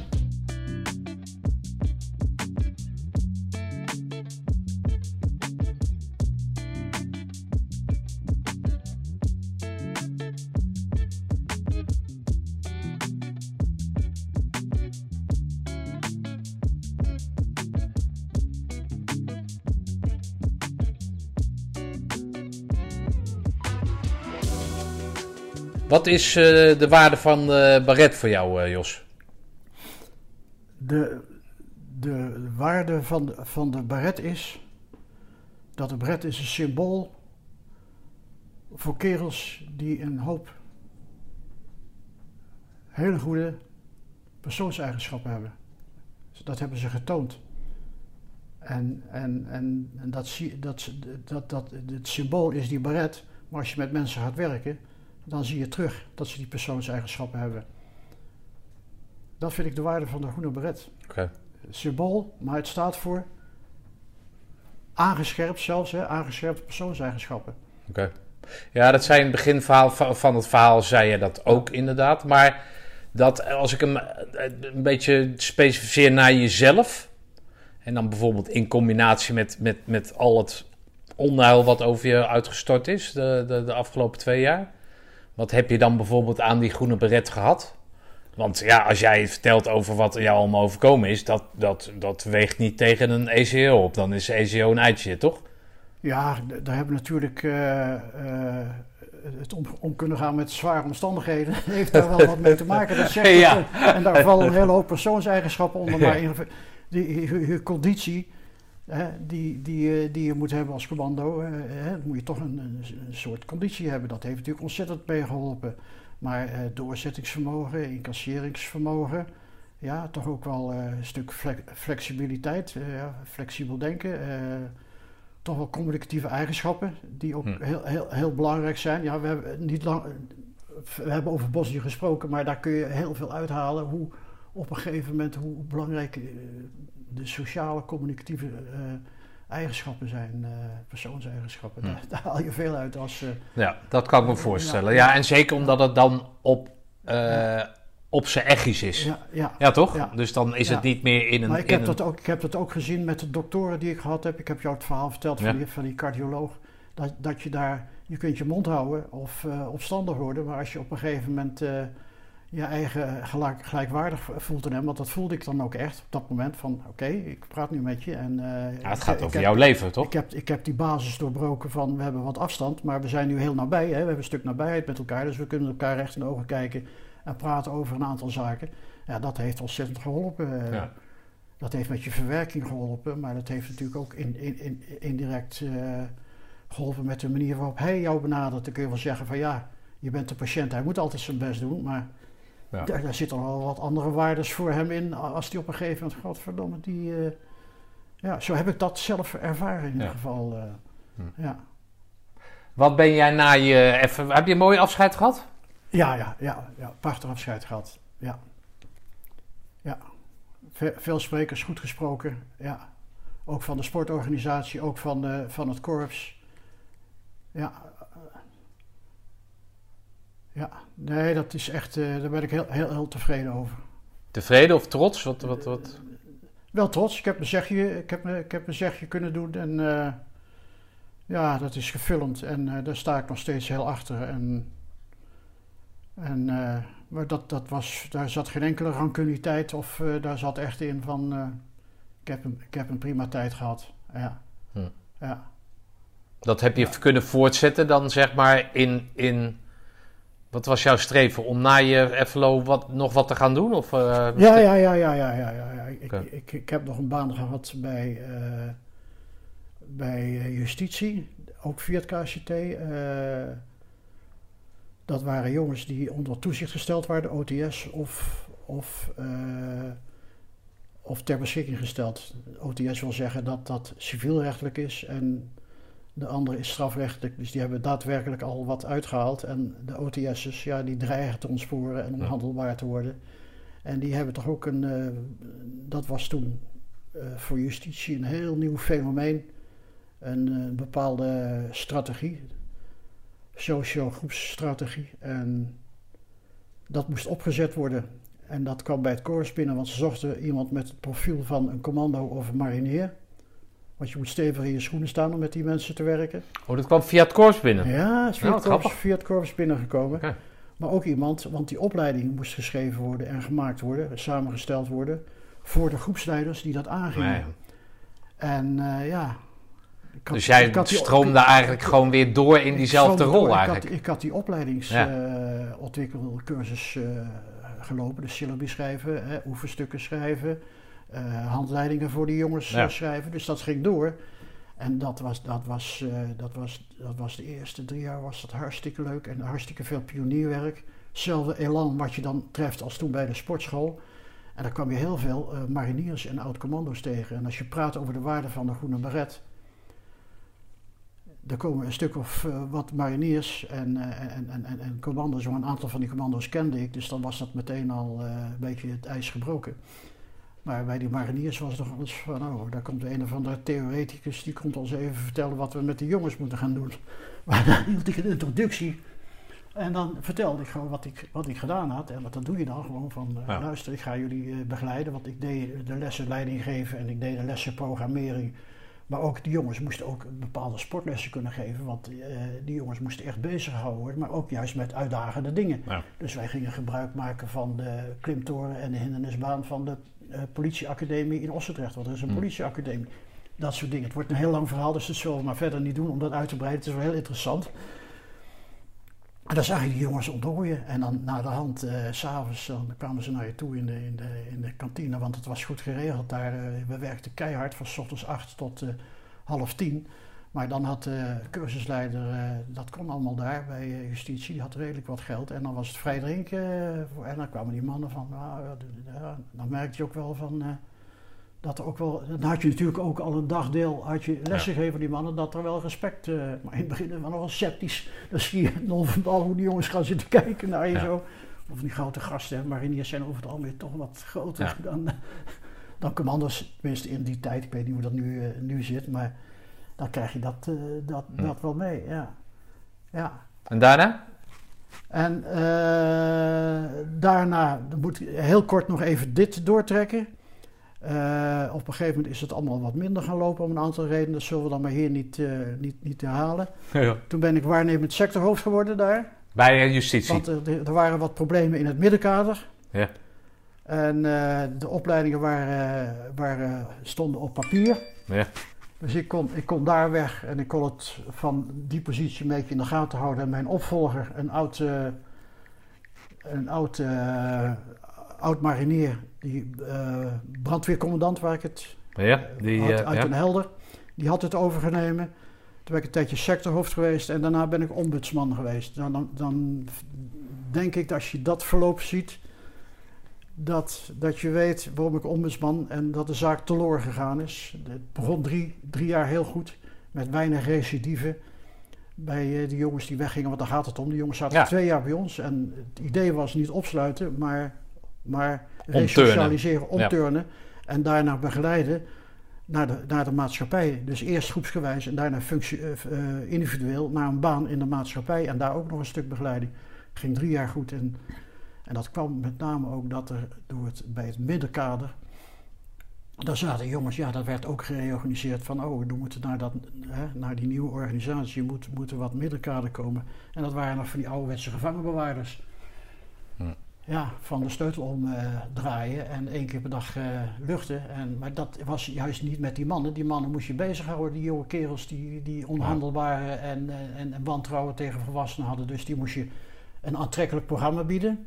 Die moest je ook nog wat leren en die moesten werken. Bosbouw of wat, wat dan Ja. ook, hè, want wij zaten hier in Ossendrecht. Ja, dus als je ombudsman bent, bent, ben je omdat je zo in die organisatie verweven zit en, en de materie kent en de problemen kent, Ja.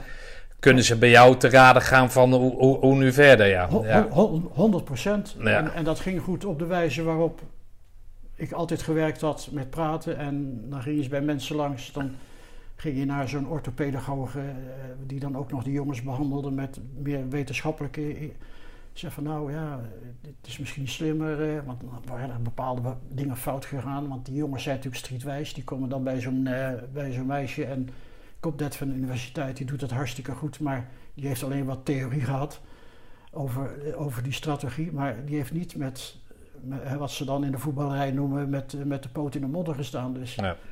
Dan probeer ik van nou, misschien zou je eens een keer bij ons kunnen komen kijken en dan hoe dat. ja, maar dat haal je nooit in natuurlijk. Nee. En dat werkte niet. Nee. En op een gegeven moment liep dat eh, flink uit de hand. En toen heb, ik- toen heb ik een keer heb ik flink doorgepakt. En, eh, Nou, toen heb ik een, een, een hoge piet uit het eh, middenkader heb ik aangepakt met een, en naar de directeur ben ik geweest met dat stuk. Maar eerst gewaarschuwd en zo. Ik kon niet anders. Ik dacht op een gegeven moment, hier gaat, hier gaat een, een, een onschuldige jongen.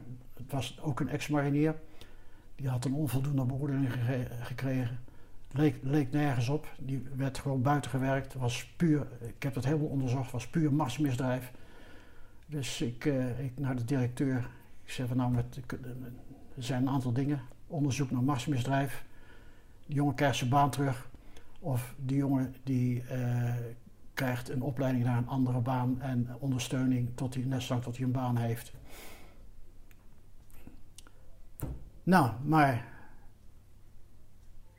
toen mocht die vent van het middenkader, die mocht blijven. Dus er Ja, was niks, niks gebeurd met dat ambtsmisdrijf waarschijnlijk, dat weet ik niet. Ik, Nou ik ja, ik heb- dat zijn het. Ja, dat, Ja, want- is dat de druppel die dan de emmer doet overlopen bij jou? Ja, toen heb ik gezegd, eh Ans is daar nog getuige van geweest. Eh, de directeur belde hem op, want ik was, ik was bij hem in Den Dolder geweest. Want dat hoofdkwartier zat in Den Dolder. En, eh, en ik had dat aangekondigd. Ik had dan een voorgesprek met hem gehad. En hij zat daar op zijn bureau en ik legde dat neer. Ik zei van, nou, ik heb dat rapport. eh, u, weet eh, globaal wat er aan de hand is. Misschien kun je... het- Nou, hij had geen tijd. sch- Schoof dat zo aan de, aan de zijkant. Terwijl er al meerdere signalen waren geweest. En ik kom thuis, toen had hij het waarschijnlijk wel gelezen. Ik ging met de trein. En dan. eh Ken je Den Dolder? Ja, ja, het is dicht bij Zeist. Dan dronk, ik nog even een biertje bij, eh bij Hiens. Ja. Bij- Daar bij het station. Ja. En dan stapte ik op de trein. En ik kom, ik kom thuis. En eh dat was best wel een heftige dag geweest. Ook, ik vond het ook eh, vervelend hoe dat allemaal ging en zo. Dus ik zei tegen haar, ik ga in bad. En toen komt Ans met de telefoon. Toen woonden we nog eh, ergens anders. Dus ik zat boven in bad. Toen kwam Ans met de telefoon. Eh, Jos, directeur, puntje, puntje. Ik, ik, lag in bad. Ik zeg, hallo eh, meneer, want ik, ik, noemde hem niet bij zijn voornaam. Oh, meneer, eh, ja meneer Hesp, laat u me nu ook al in de steek.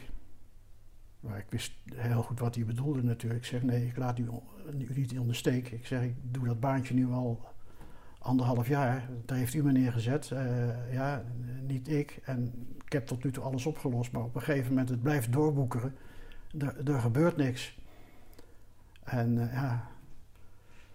En hij was zeer, zeer teleurgesteld. Ik zeg weer ja, ik, ik maak nog netjes even mijn steunverlening aan de opleiding af. En dan is het uh, sloes, want ik ga hier niet, uh, want ik deed nog wel wat dingen voor de opleidingen. Die wil je dan ook niet, want dat zijn je Nee. maten, die wil je ook niet in de steek laten. Ik zei, we stoppen ermee. Ja, ja. En, uh, en dat, dat was het, ja, dat was het. Ja, ja. En, en uh, de boel is daarna is, uh, ook uh, ontbonden. Hij is dus weggehaald. Toen zijn er uit de loyaliteit, zijn er, en daar heb ik ook respect voor, zijn er vier mensen van de staf zijn met hem meegegaan. Maar het is een beetje elkaar. Ja, het, het, het schiet het, het doel voorbij dan Ja, op een gegeven moment. ja, of ja. op een gegeven moment, op dat moment natuurlijk, als dat de eindconclusie is. En ik moet hem van de andere kant beschermen, want ik- heb dat eh, uitgezocht toen ik zelf aan het schrijven ben geweest. Dat er ook eh, vanuit, eh, vanuit de staf van justitie, vanuit de wetenschappelijke ondersteuning van justitie, die hebben dat onderzocht en die kwamen met allerlei aanbevelingen waarvan ik zeg: shit, je probeert hem nu onderuit te halen, maar je hebt zelf laten schieten. En dan zal ik eh, twee voorbeeldjes aanhouden. Het ene was van dat ze vonden, want hij had een proefschrift geschreven en dat er gesjoemeld was met cijfers. Dat kan ik niet, dat weet ik niet. Dat, maar oké. Maar wat ik wel weet, dat, dat eh, je moet voor, voor, een, eh, voor een proefschrift, voor een wetenschappelijk proefschrift, moet je natuurlijk eh, een A-selectie hebben. Hè? Random, je moet, je- dus je moet op een gegeven moment mag je geen mensen gaan selecteren van wij nemen nou allerlei mensen bij ons in opleiding en we gaan dat voorselecteren. Dat werkt dus niet. Dan Nee. weet je niet of die opleiding aansluit. nee. Maar dat is niet helemaal waar, want als je de strategie, maar dan wordt, het verhaal wordt, wordt, wordt te lang, dan kun je een jongen die verslaafd is, die kun je niet in een groepssituatie plaatsen met jongens die niet verslaafd zijn. Je kunt ook een jongen van 23 jaar, kun je niet bij een jongen van 12 jaar zetten. Nou, daar, had, daar had dus, kun je nagaan dat die, dat, dat, dat, die, dat, die, dat zo'n wetenschappelijk instituut, die hadden gewoon ook de hele theorie niet door. Want de theorie had een professor achter gezeten. Want dat werkt dus niet. Met groepswerk moet je met peers werken. Maar ja, heeft dat niet met geld te maken dan? Ja, ja, ja. Maar, maar d- dat en, en, en er, was, er was nog zoiets, er waren twee dingen dat ik zei van, ah, Ja. dit, is- dit is gewoon belachelijk. Ja, het is dan, dan vecht tegen de bierkaaiers. Dat, dat, Maar maar het is wel zonde dat, het- dat, dat, dat het probleem niet wordt opgelost. Ja, ja, ik denk ook wel dat je Ja. een beetje, eh, ja, zo werkt dat dan. Maar dat heeft hij niet bewust gedaan, want ik vond ergens, ergens best wel een fijne kerel. eh. Ja. Maar met dat proefschrift eh, schrijven ging het al fout, want toen had hij al te weinig aandacht voor wat er in dat middenkader gebeurde. Had hij Ja. meer, maar goed. Want de eerste drie jaar ging het hartstikke goed. Eh, Bezoek van de Tweede Kamerleden en eh, lovende cijfers. Ik ben ook op televisie geweest met, met een of ander programma. Er kwam eh, constant programma's van, nou was het ei uitgevonden Ja. om, om de jongens op het spoor te krijgen, weet je wel. Ja, zonde dan toch? Ja, ja. Ja. Ja, En dus- wat heb je daarna gedaan? Want dat is dan meer commerciële functie.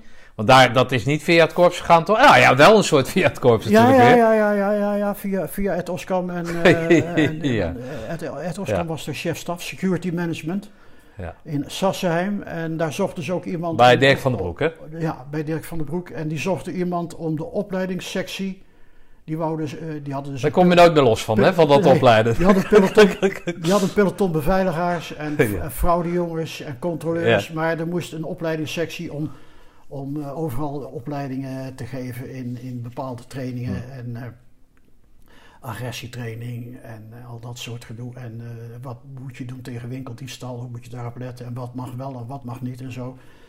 En daar moesten ook jongens voor opgeleid worden. Dus die hadden didactische begeleiding nodig en die moesten een beetje het, het vak van onderwijzen leren. Ja. En dat waren jongens die bijvoorbeeld in de beveiliging gezeten hadden. Prima kerels, wisten ook alles van de stof, maar die moesten het wel kunnen gaan overbrengen naar, in dit geval waren het allerlei de, de assistenten en de managers van de winkels, die moesten allemaal die cursussen gaan lopen. Nou, nou Ans weet het, want ik werk altijd snel, daar was ik veel te snel aan klaar. Dat werd ook behoorlijk betaald. Daar ja, kan je er be- be- beter lang over doen, toch? Of niet? ja, maar ik ben ik, dus ik zei van nou ja, luister, ik vond het hartstikke interessant, want als je ergens over gaat schrijven, moet je ergens in verdiepen. Dus ik ging met die jongens mee eh, in de beginperiode voor je gaat schrijven van ja, wat, wat doen jullie allemaal en wat gebeurt er en wat moet ik gaan schrijven en zo. Nou, toen, kon ik, toen kwam ik erachter dat ik een aantal van die dingen zelf ook wel eh, kon. Dus ik naar de baas toe, na een paar jaar. hij heet ook toevallig, hij heette Baars, heette Jan Baars. Prima vent. En om de zes maanden hadden we een gesprek van, gaan we nog door of niet? En ja, ik vond altijd wel iets. eh, ik heb bijvoorbeeld in 2010, heb ik, eh, met, eh, toen Nederland tweede werd in Zuid-Afrika, op het, op het WK. op het WK. Toen was er in Amsterdam was die huldiging. Ja, achter het, kom, heet het? Museumplein. op het Museumplein. En dan heb je het Marie Heinekenplein, dat is een winkelcentrum. En daar kwamen al die gasten van die voetbalclubs en al die kerels, die kwamen dan, ze hadden bepaalde gangen van het station gemaakt naar het Museumplein. En dat was zo'n passage, een winkelpassage. En daar zat een slijterij in, er zat ook een Dirk van der Broek in. Ja, dan moet je wel iemand eh, binnenzetten, want nou komt het, nou komt het, eh, het tiende van DOS, ik weet niet of die amateurs erop staan, DOS. Nou, Het- ja, het, het ja. tiende, Nee. van, tiende van DOS die zegt we gaan eens naar Amsterdam toe. Nou, je weet wat Ja, gebeurt. Bier in de trein, die komen daar binnen. Oh jongens, even snel de sluiterij in. Komen met tien man binnen. Ja. Zeker als ze een biertje op hebben. Dus eh, ja, dat kan ik ook hoor. Ik ga er ook wel in die winkelopening staan. Dus eh, zo ben ik een beetje met de zaak gaan vullen. Ja, eh, fraudeonderzoek. Nou ja, we hebben het al meer over introvert gehad. Introvert iemand die kan goed luisteren, maar die kan ook goed observeren. Ja. Ja. en vanuit de waarnemerverkenning. Eh, Dus geef mij maar een filmpje, een filmpje van de kassa, was er iets in de winkel gebeurd. Ik zeg, ga wel kijken wat er misgaat of zo. Nou, zo heb ik die tijd op maar op een gegeven moment, die, de laatste keer, eh, jij begon wat minder mobiel te worden. Ik vond zelf ook dat ik dat ook niet meer kon maken. En toen kwam ik bij eh, Jan Baars. Hij zei van ja, hij zei van als ik jou nog eh, zes maanden geef, dan gaat het wel ten koste van uren van, van bij, het, bij het peloton beveiligers. Ik zeg van nee, die jongens die wil ik niet. Net getrouwd, je kent dat. Ik zeg van laten we er maar mee stoppen. Ja. Maar anders had ik het misschien nog een tijdje volhouden. Nou, mooi. eh, Ik denk dat we nog één verhaal. Dat is wel een mooi verhaal. Hoe ik, eh, hoe ik eh, overste geworden ben. Ja. Begin april, ik ben 7 april jarig, 96, komt eh, mevrouw Madeleine Albright langs. Met in haar kielzog de commandant van de Navy SEALs. Echt de grote baas van al die SEALs-eenheden. Hm. En mevrouw Albright die ging naar het legerkorps, werd daar gebriefd. En de Rear Admiral Rodriguez die kwam bij ons. Dus die moest onthaald worden. Maar goed, dat is, was dus een kwestie van mij, dat soort dingen. Om die, eh, Hm. ging allemaal prima. En dan had ik Paul de Koning nog een beetje als, om eventueel dingen op te vangen. En toen wisten wij al van, er gaat wat aankomen. In die tijd eh, kwamen er heel veel berichten in Nederland dat de oorlogsmisdadigers, erkende oorlogsmisdadigers, die zaten dan met soldaten van, van SVOR, zaten ze op een terrasje of die zaten ergens. Maar die moesten opgepikt worden. Nou, die moesten opgepikt worden door de eigen politie. Dus moslims moesten moslims oppakken, Kroaten moesten Kroaten oppakken. En dan, die werden dan wel gesteund door de UNIPTF. Dat waren de, de jongens van de, van de UN die dan zouden dat dan ondersteunen. Maar dan praat je tegen eh, pistolen tegen Klasnikovs. Ja. Dus wij zeiden tegen elkaar, ja hoor, we gaan eindelijk eh, die schurken oppakken. Dat bleek dus ook eh, waar te zijn. Maar dat kwam Albright, dat moest natuurlijk toch wel een doctrine doorbroken worden. Want in Daytona, bij dat vredesakkoord, was afgesproken... Daar waren de Fransen hadden nogal daar gelegen. Nee, we gaan ons niet bemoeien, dat moet de eigen politie maar doen. Dus, wat gebeurt? De luitenant-kolonel Raffin, dat was de, de chef-staf en plaatsvervanger. Die riep mij bij. Ze kon het goed met hem vinden, want ik had een Franse chauffeur bij mij in de staf. En ik sprak een beetje Frans. was toevallig ook een rugbyer. Dus ik had en die had al lang in de gaten met me omhangen zo. Dat ik wel die club, eh, dat ik goed voor zijn Fransen zorgde. Dus die was heel, had wel een bepaalde aandacht voor mij. Een van die, een van die jongens die bij eh Suzanne Major, die bij de S3's, eh, het was ook een volleyballer. En ik organiseer, nog veel volleybalwedstrijdjes en zo. Voor de recreation. En die zei van ja, eh, die noemde wel bij mijn voornaam. Jos, eh, van, eh, ik ga morgen weg. Je moet me om, je moet me om kwart voor drie moet je me naar het, naar het, naar het vliegveld laten brengen. Ik zei, gaat weg. Ik zei ja, ja, ja, ja, ja. Hij zei van, ik heb bevel van, van mijn hoogste Franse baas dat ik weg moet. Ik zei, ja, hoezo? Hij zei, ja, ik kan niet te veel vertellen, maar ik heb, ik heb verzocht om in de isolatieruimtes eh, te kunnen komen. Ik zei, isolatieruimtes? Zei, ja, er staat wat op handen, eh, er staat wat te komen. Ik had er wel, toen had ik wel door van, hé, hey, ja, dat zal wel daarmee te maken hebben. Ja. Ik zeg, het is toch niet, eh, ja, hij zegt, ja, hij zegt van, ja, en daar eh, gaan wij Fransen niet mee akkoord. Oké. Ja, oké, eh, ik, zorg, ik, zorg, ik zorg voor dat u. eh ik dacht van ja. Wat ik wel jammer vond, is dat, dat, dat was typisch Frans, dat al die Franse onderofficieren en die, en die corporaal die bij mij zat, die lieten ze dan achter, weet je wel. Die werd niet weggehaald. Nu was de 6 april, 7 april is mijn verjaardag. Had ik een, een volleybaltoernooitje georganiseerd bij ons bij de, op, de, op de compound met een eh, Europese ploeg. Dus allemaal Europeanen bij elkaar, maar we hadden echt wel goede volleyballers. En een, eh, en, en, een, een Deen van bijna twee meter en een Duitse houtman van, eh, van bijna twee meter. Tegen een team van de SEALs en dan twee teams van de Forward Operating Base. Dus wij wonnen dat uh, toernooitje makkelijk in, in de sneeuw. Het sneeuwde. Het was, het was heel slecht weer. Ja, bergklimaat. Hè. We zaten vlak tegen berg Igmen. Eén helft heuvel op, tweede helft heuvel af. Het was heel, heel beperkt. En de volgende ochtend, 7 april. Wij sliepen, wij hadden, wij hadden Corimex als kantoor en daarnaast was, een, was toen hersteld, maar toen we kwamen een kapotgeschoten hotel, Hotel Herzegovina, met plastic voor de ramen en zandzakken. En ik liep het trapje af naar beneden, was hartstikke beijzeld en zo. En ik loop dat trapje naar beneden, het was tegen acht, want acht uur deed ik mijn briefing. Toen hoor ik achter me roepen, van Major, dat was de grote baas, de kolonel, de andere kolonel, eentje uit Georgië, prima vent. Dat is die vent die naderhand uh, commandant is geworden van uh, SOCUR en, en van 10th Special Forces. Pentagon heeft hij nog gezeten. Congratulations. En ging in een Frits. Nee, die, die, snapt geen, die snapt geen donder van, van de, registratienummer, dat zal het niet zijn. Boven die registratienummers, ik had, ik had die nooit aan hem verstrekt in ieder geval laten zien. Ik had wel personeelsrapporten, maar daar zaten nooit van onze registratienummers bij. eh. Dus ik, ik dacht van ja, het gaat over dat toernooitje van gisteren. Hij had zijn vrije dag, wij hadden daar één vrije dag in de week. En hij had zijn vrije dag op zondag. Achteraf bleek hij dat besteed te hebben met nadenken en allerlei andere dingen. Ik zei van nou, als het over dat volleybaltoernooitje eh, gaat... Het is voor ons Europeanen geen eh, moeite om van een aantal Amerikanen te winnen. Ik zei, als het nou basketbal was geweest, ja, dan had u me mogen, dan had u me mogen eh, feliciteren. Nee, hij zei, you're chief now. En toen wist ik in één keer van, hé, hey, dat gaat dan snel. Shit, natuurlijk, die Fransman is weg. Hij zei van, eh, ga je zaak maar even openen daar. Jouw shop, hè, winkel noemden ze dat. Ga je shop maar openen. Dus even brieven en kom dan maar naar boven. Want hij had dan Corey Max boven, trap op, boven, boven de mijnen, boven eh, opgestapeld.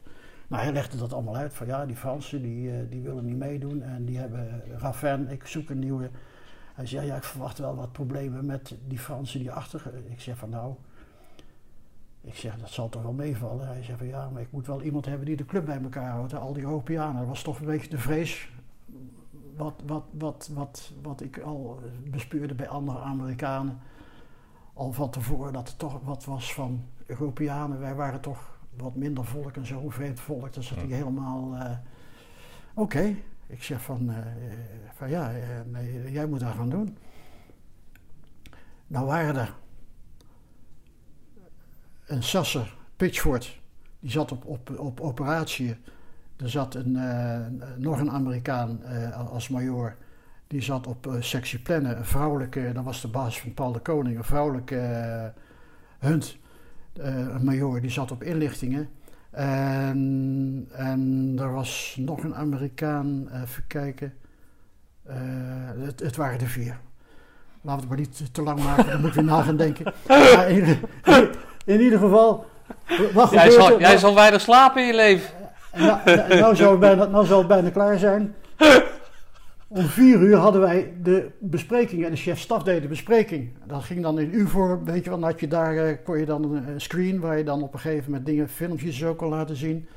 En ja, de chef-staf zat hier en daar zat, daar zat, dan, zat ik eerst aan de buitenkant eh, als, als 1-4. En hier zat dan eh, de sectie 3 en hier zaten allerlei andere gasten en de liaisons. Van alle buitenlandse landen en zo. En eh, ja, oké, ik ben chef-staf, dus eh, introversie voorbij, want die rol kan ik Ja, kennelijk. Dus, eh, en ook in redelijk Engels. Dus ik eh, tegen die gasten aan wat ik dacht te kunnen vertellen. Toen steekt op, op een gegeven moment krijg je rondvragen. Toen steekt die major Hunt, want al die, die, die, die, die, die jongen van plannen, dat was een scheidluis. Die wilde die rotzee van mij niet overnemen. Pitchford die dacht van, hé, hey, eh, we gaan nu eh Pivwix, dus oorlogsmisdadigers, dat is een mooi jobje voor een sassen. Dus die had helemaal geen zin. Maar die waren allemaal ouder in rang. Eh, want ik was pas twee maanden major of drie maanden. En, maar dat meisje was een beetje pissig, want die, die wilde ook denk ik wel chefstaf zijn. Die stak er en die begon moeilijke vragen te stellen. Ja, ik was drie, vier, drie, vier uur, eh, dus heel correct. Ik zeg van nou, major, ik, eh, ik laat u zo snel mogelijk weten. Ik zeg, ik ben net, ik, ik legde het netjes uit, maar ze wist dat natuurlijk al lang. Want daarop stelden ze die vragen van, Kwetsbaar opstellen. van nee, ik krijg het zo gauw mogelijk eh, eh, te horen, ik, ik, ik, weet het niet. Nou, het zootje ging weg en, en voelen, dat was die kolonel, die, voelde, die, die zat altijd wat achter, weet je wel. En die kwam, af en toe kwam die naar voren als hij wat spits moest vertellen of na afloop een pep talk. En ik zeg van nou, ik wil u even spreken. Eh, hij zei van nou, ik blijf wel even zitten, want het volk ging weg en zo. Ik zei maar één ding tegen me. Ik zeg, You made me chief. Zo zeggen ze dat, de chief of staff. Die eh, eh, Amerikanen houden van afkortingen. You made me chief. You gotta get this hair out of my shop. Hij zei, yes. Ik zei, I understand. Ze is niet meer moeilijk geweest. eh. ja. Ja. Nou, mooi man. ja. En daar ben je dus op dat moment ook bevorderd. Nee, nee, nee, nee, nee, nee. Of was dat een speciaal nee, moment nee, nee, dat was op een gegeven moment. eh er gebeurde maar niks. Dus ik, ik wist ook niet hoe die procedure eh liepen. Ja, ik had wel verstand onderhand van personeelszorg op de staf daar, maar hoe dat in Nederland Ja, maar hoe je dat dan zelf moet in- ingericht wordt voor jezelf, dat is wel natuurlijk weer een heel ander verhaal Ja, inderdaad. Ja, nee, maar op een gegeven moment eh, eh, eh, moest Fuller, die had een of andere dienstreis, die moest ergens naartoe. En, en die zei van, we hebben morgen legerkorpsvergadering, dus er zitten al die generaals bij elkaar, die divisiecommandanten. En dan moeten alle ondercommandanten, en wij waren natuurlijk ondercommandant van het legerkorps, moeten op, moeten op, op die legerkorpsvergadering komen. Nou, dan praat je over redelijk niveau, hè. Dan praat je over, over luitenant-generaal generaal die daar bang is. Nee, even kijken. Ja, Crouch was luitenant-generaal, geloof ik. En nou, dan zit je daar ook weer, maar dat was veel groter, zo'n Een ovaal. zo'n zo'n eh, U-vorm. En wij zaten op het tribunetje zaten we achter, achter de grote baas. Die zat dus midden voor. Die deed wel zelf het verhaal. Dat was, eh, nee, dat was ook zijn chefstaf. Dat was een, een generaal-major, een Duitse bidder. En eh, ja, die begon het een en ander. En, en die zegt op een gegeven moment zo naar achter van... ja, we hebben op, moment, op dit moment een moment met de moslimpolitie, want die schijnt, eh, die schijnt eh, wapens en munitie te smokkelen naar burgers. Maar er zaten onze inlichtingenjongens al in en wij waren er al mee bezig. Dus dat was mijn enige optreden op dat niveau. dus ik zeg van nou, we zijn er al mee bezig, eh, generaal. Oh, prima, prima, prima. Ja, de- hoe zei hij dat ook weer? This is something for you, SF, for you, SF boys. Ja, nee, we zijn er al mee bezig, generaal. Maar het ging, nou is echt het laatste. Dan gaat het over dit. De Toen, onderscheidingstekens. toen ik daar naartoe was, toen zei Voeder van hoe je het went of keert. Regel die, eh, regel die onderscheidingstekens, want je moet wel een beetje niveau hebben om daar op die tribune te gaan zitten. En ik was inderdaad de laatste hier, want het waren allemaal kolonels en zo, allemaal ondercommandanten van hè, de, de, vuursteen, eh, zus en weet ik dat. En verder de rest waren, zaten in die, in die kring van generaals zaten allemaal commandanten van de divisies. En liaisons, ja. Ik kan nog wel een dag doorgaan. maar zo maar niet doen. Je hebt, je, je, je hebt genoeg. Zoals Jos zelf aanhaalt, hij kan nog uren doorgaan met vertellen. Ik hoop dat we desondanks een representatieve dwarsdoorsnede van je leven hebben kunnen vastleggen, Jos. Prachtig, man. Ans en Jos, ik wens jullie uit het diepst van mijn hart veel gezondheid, liefde en vriendschap.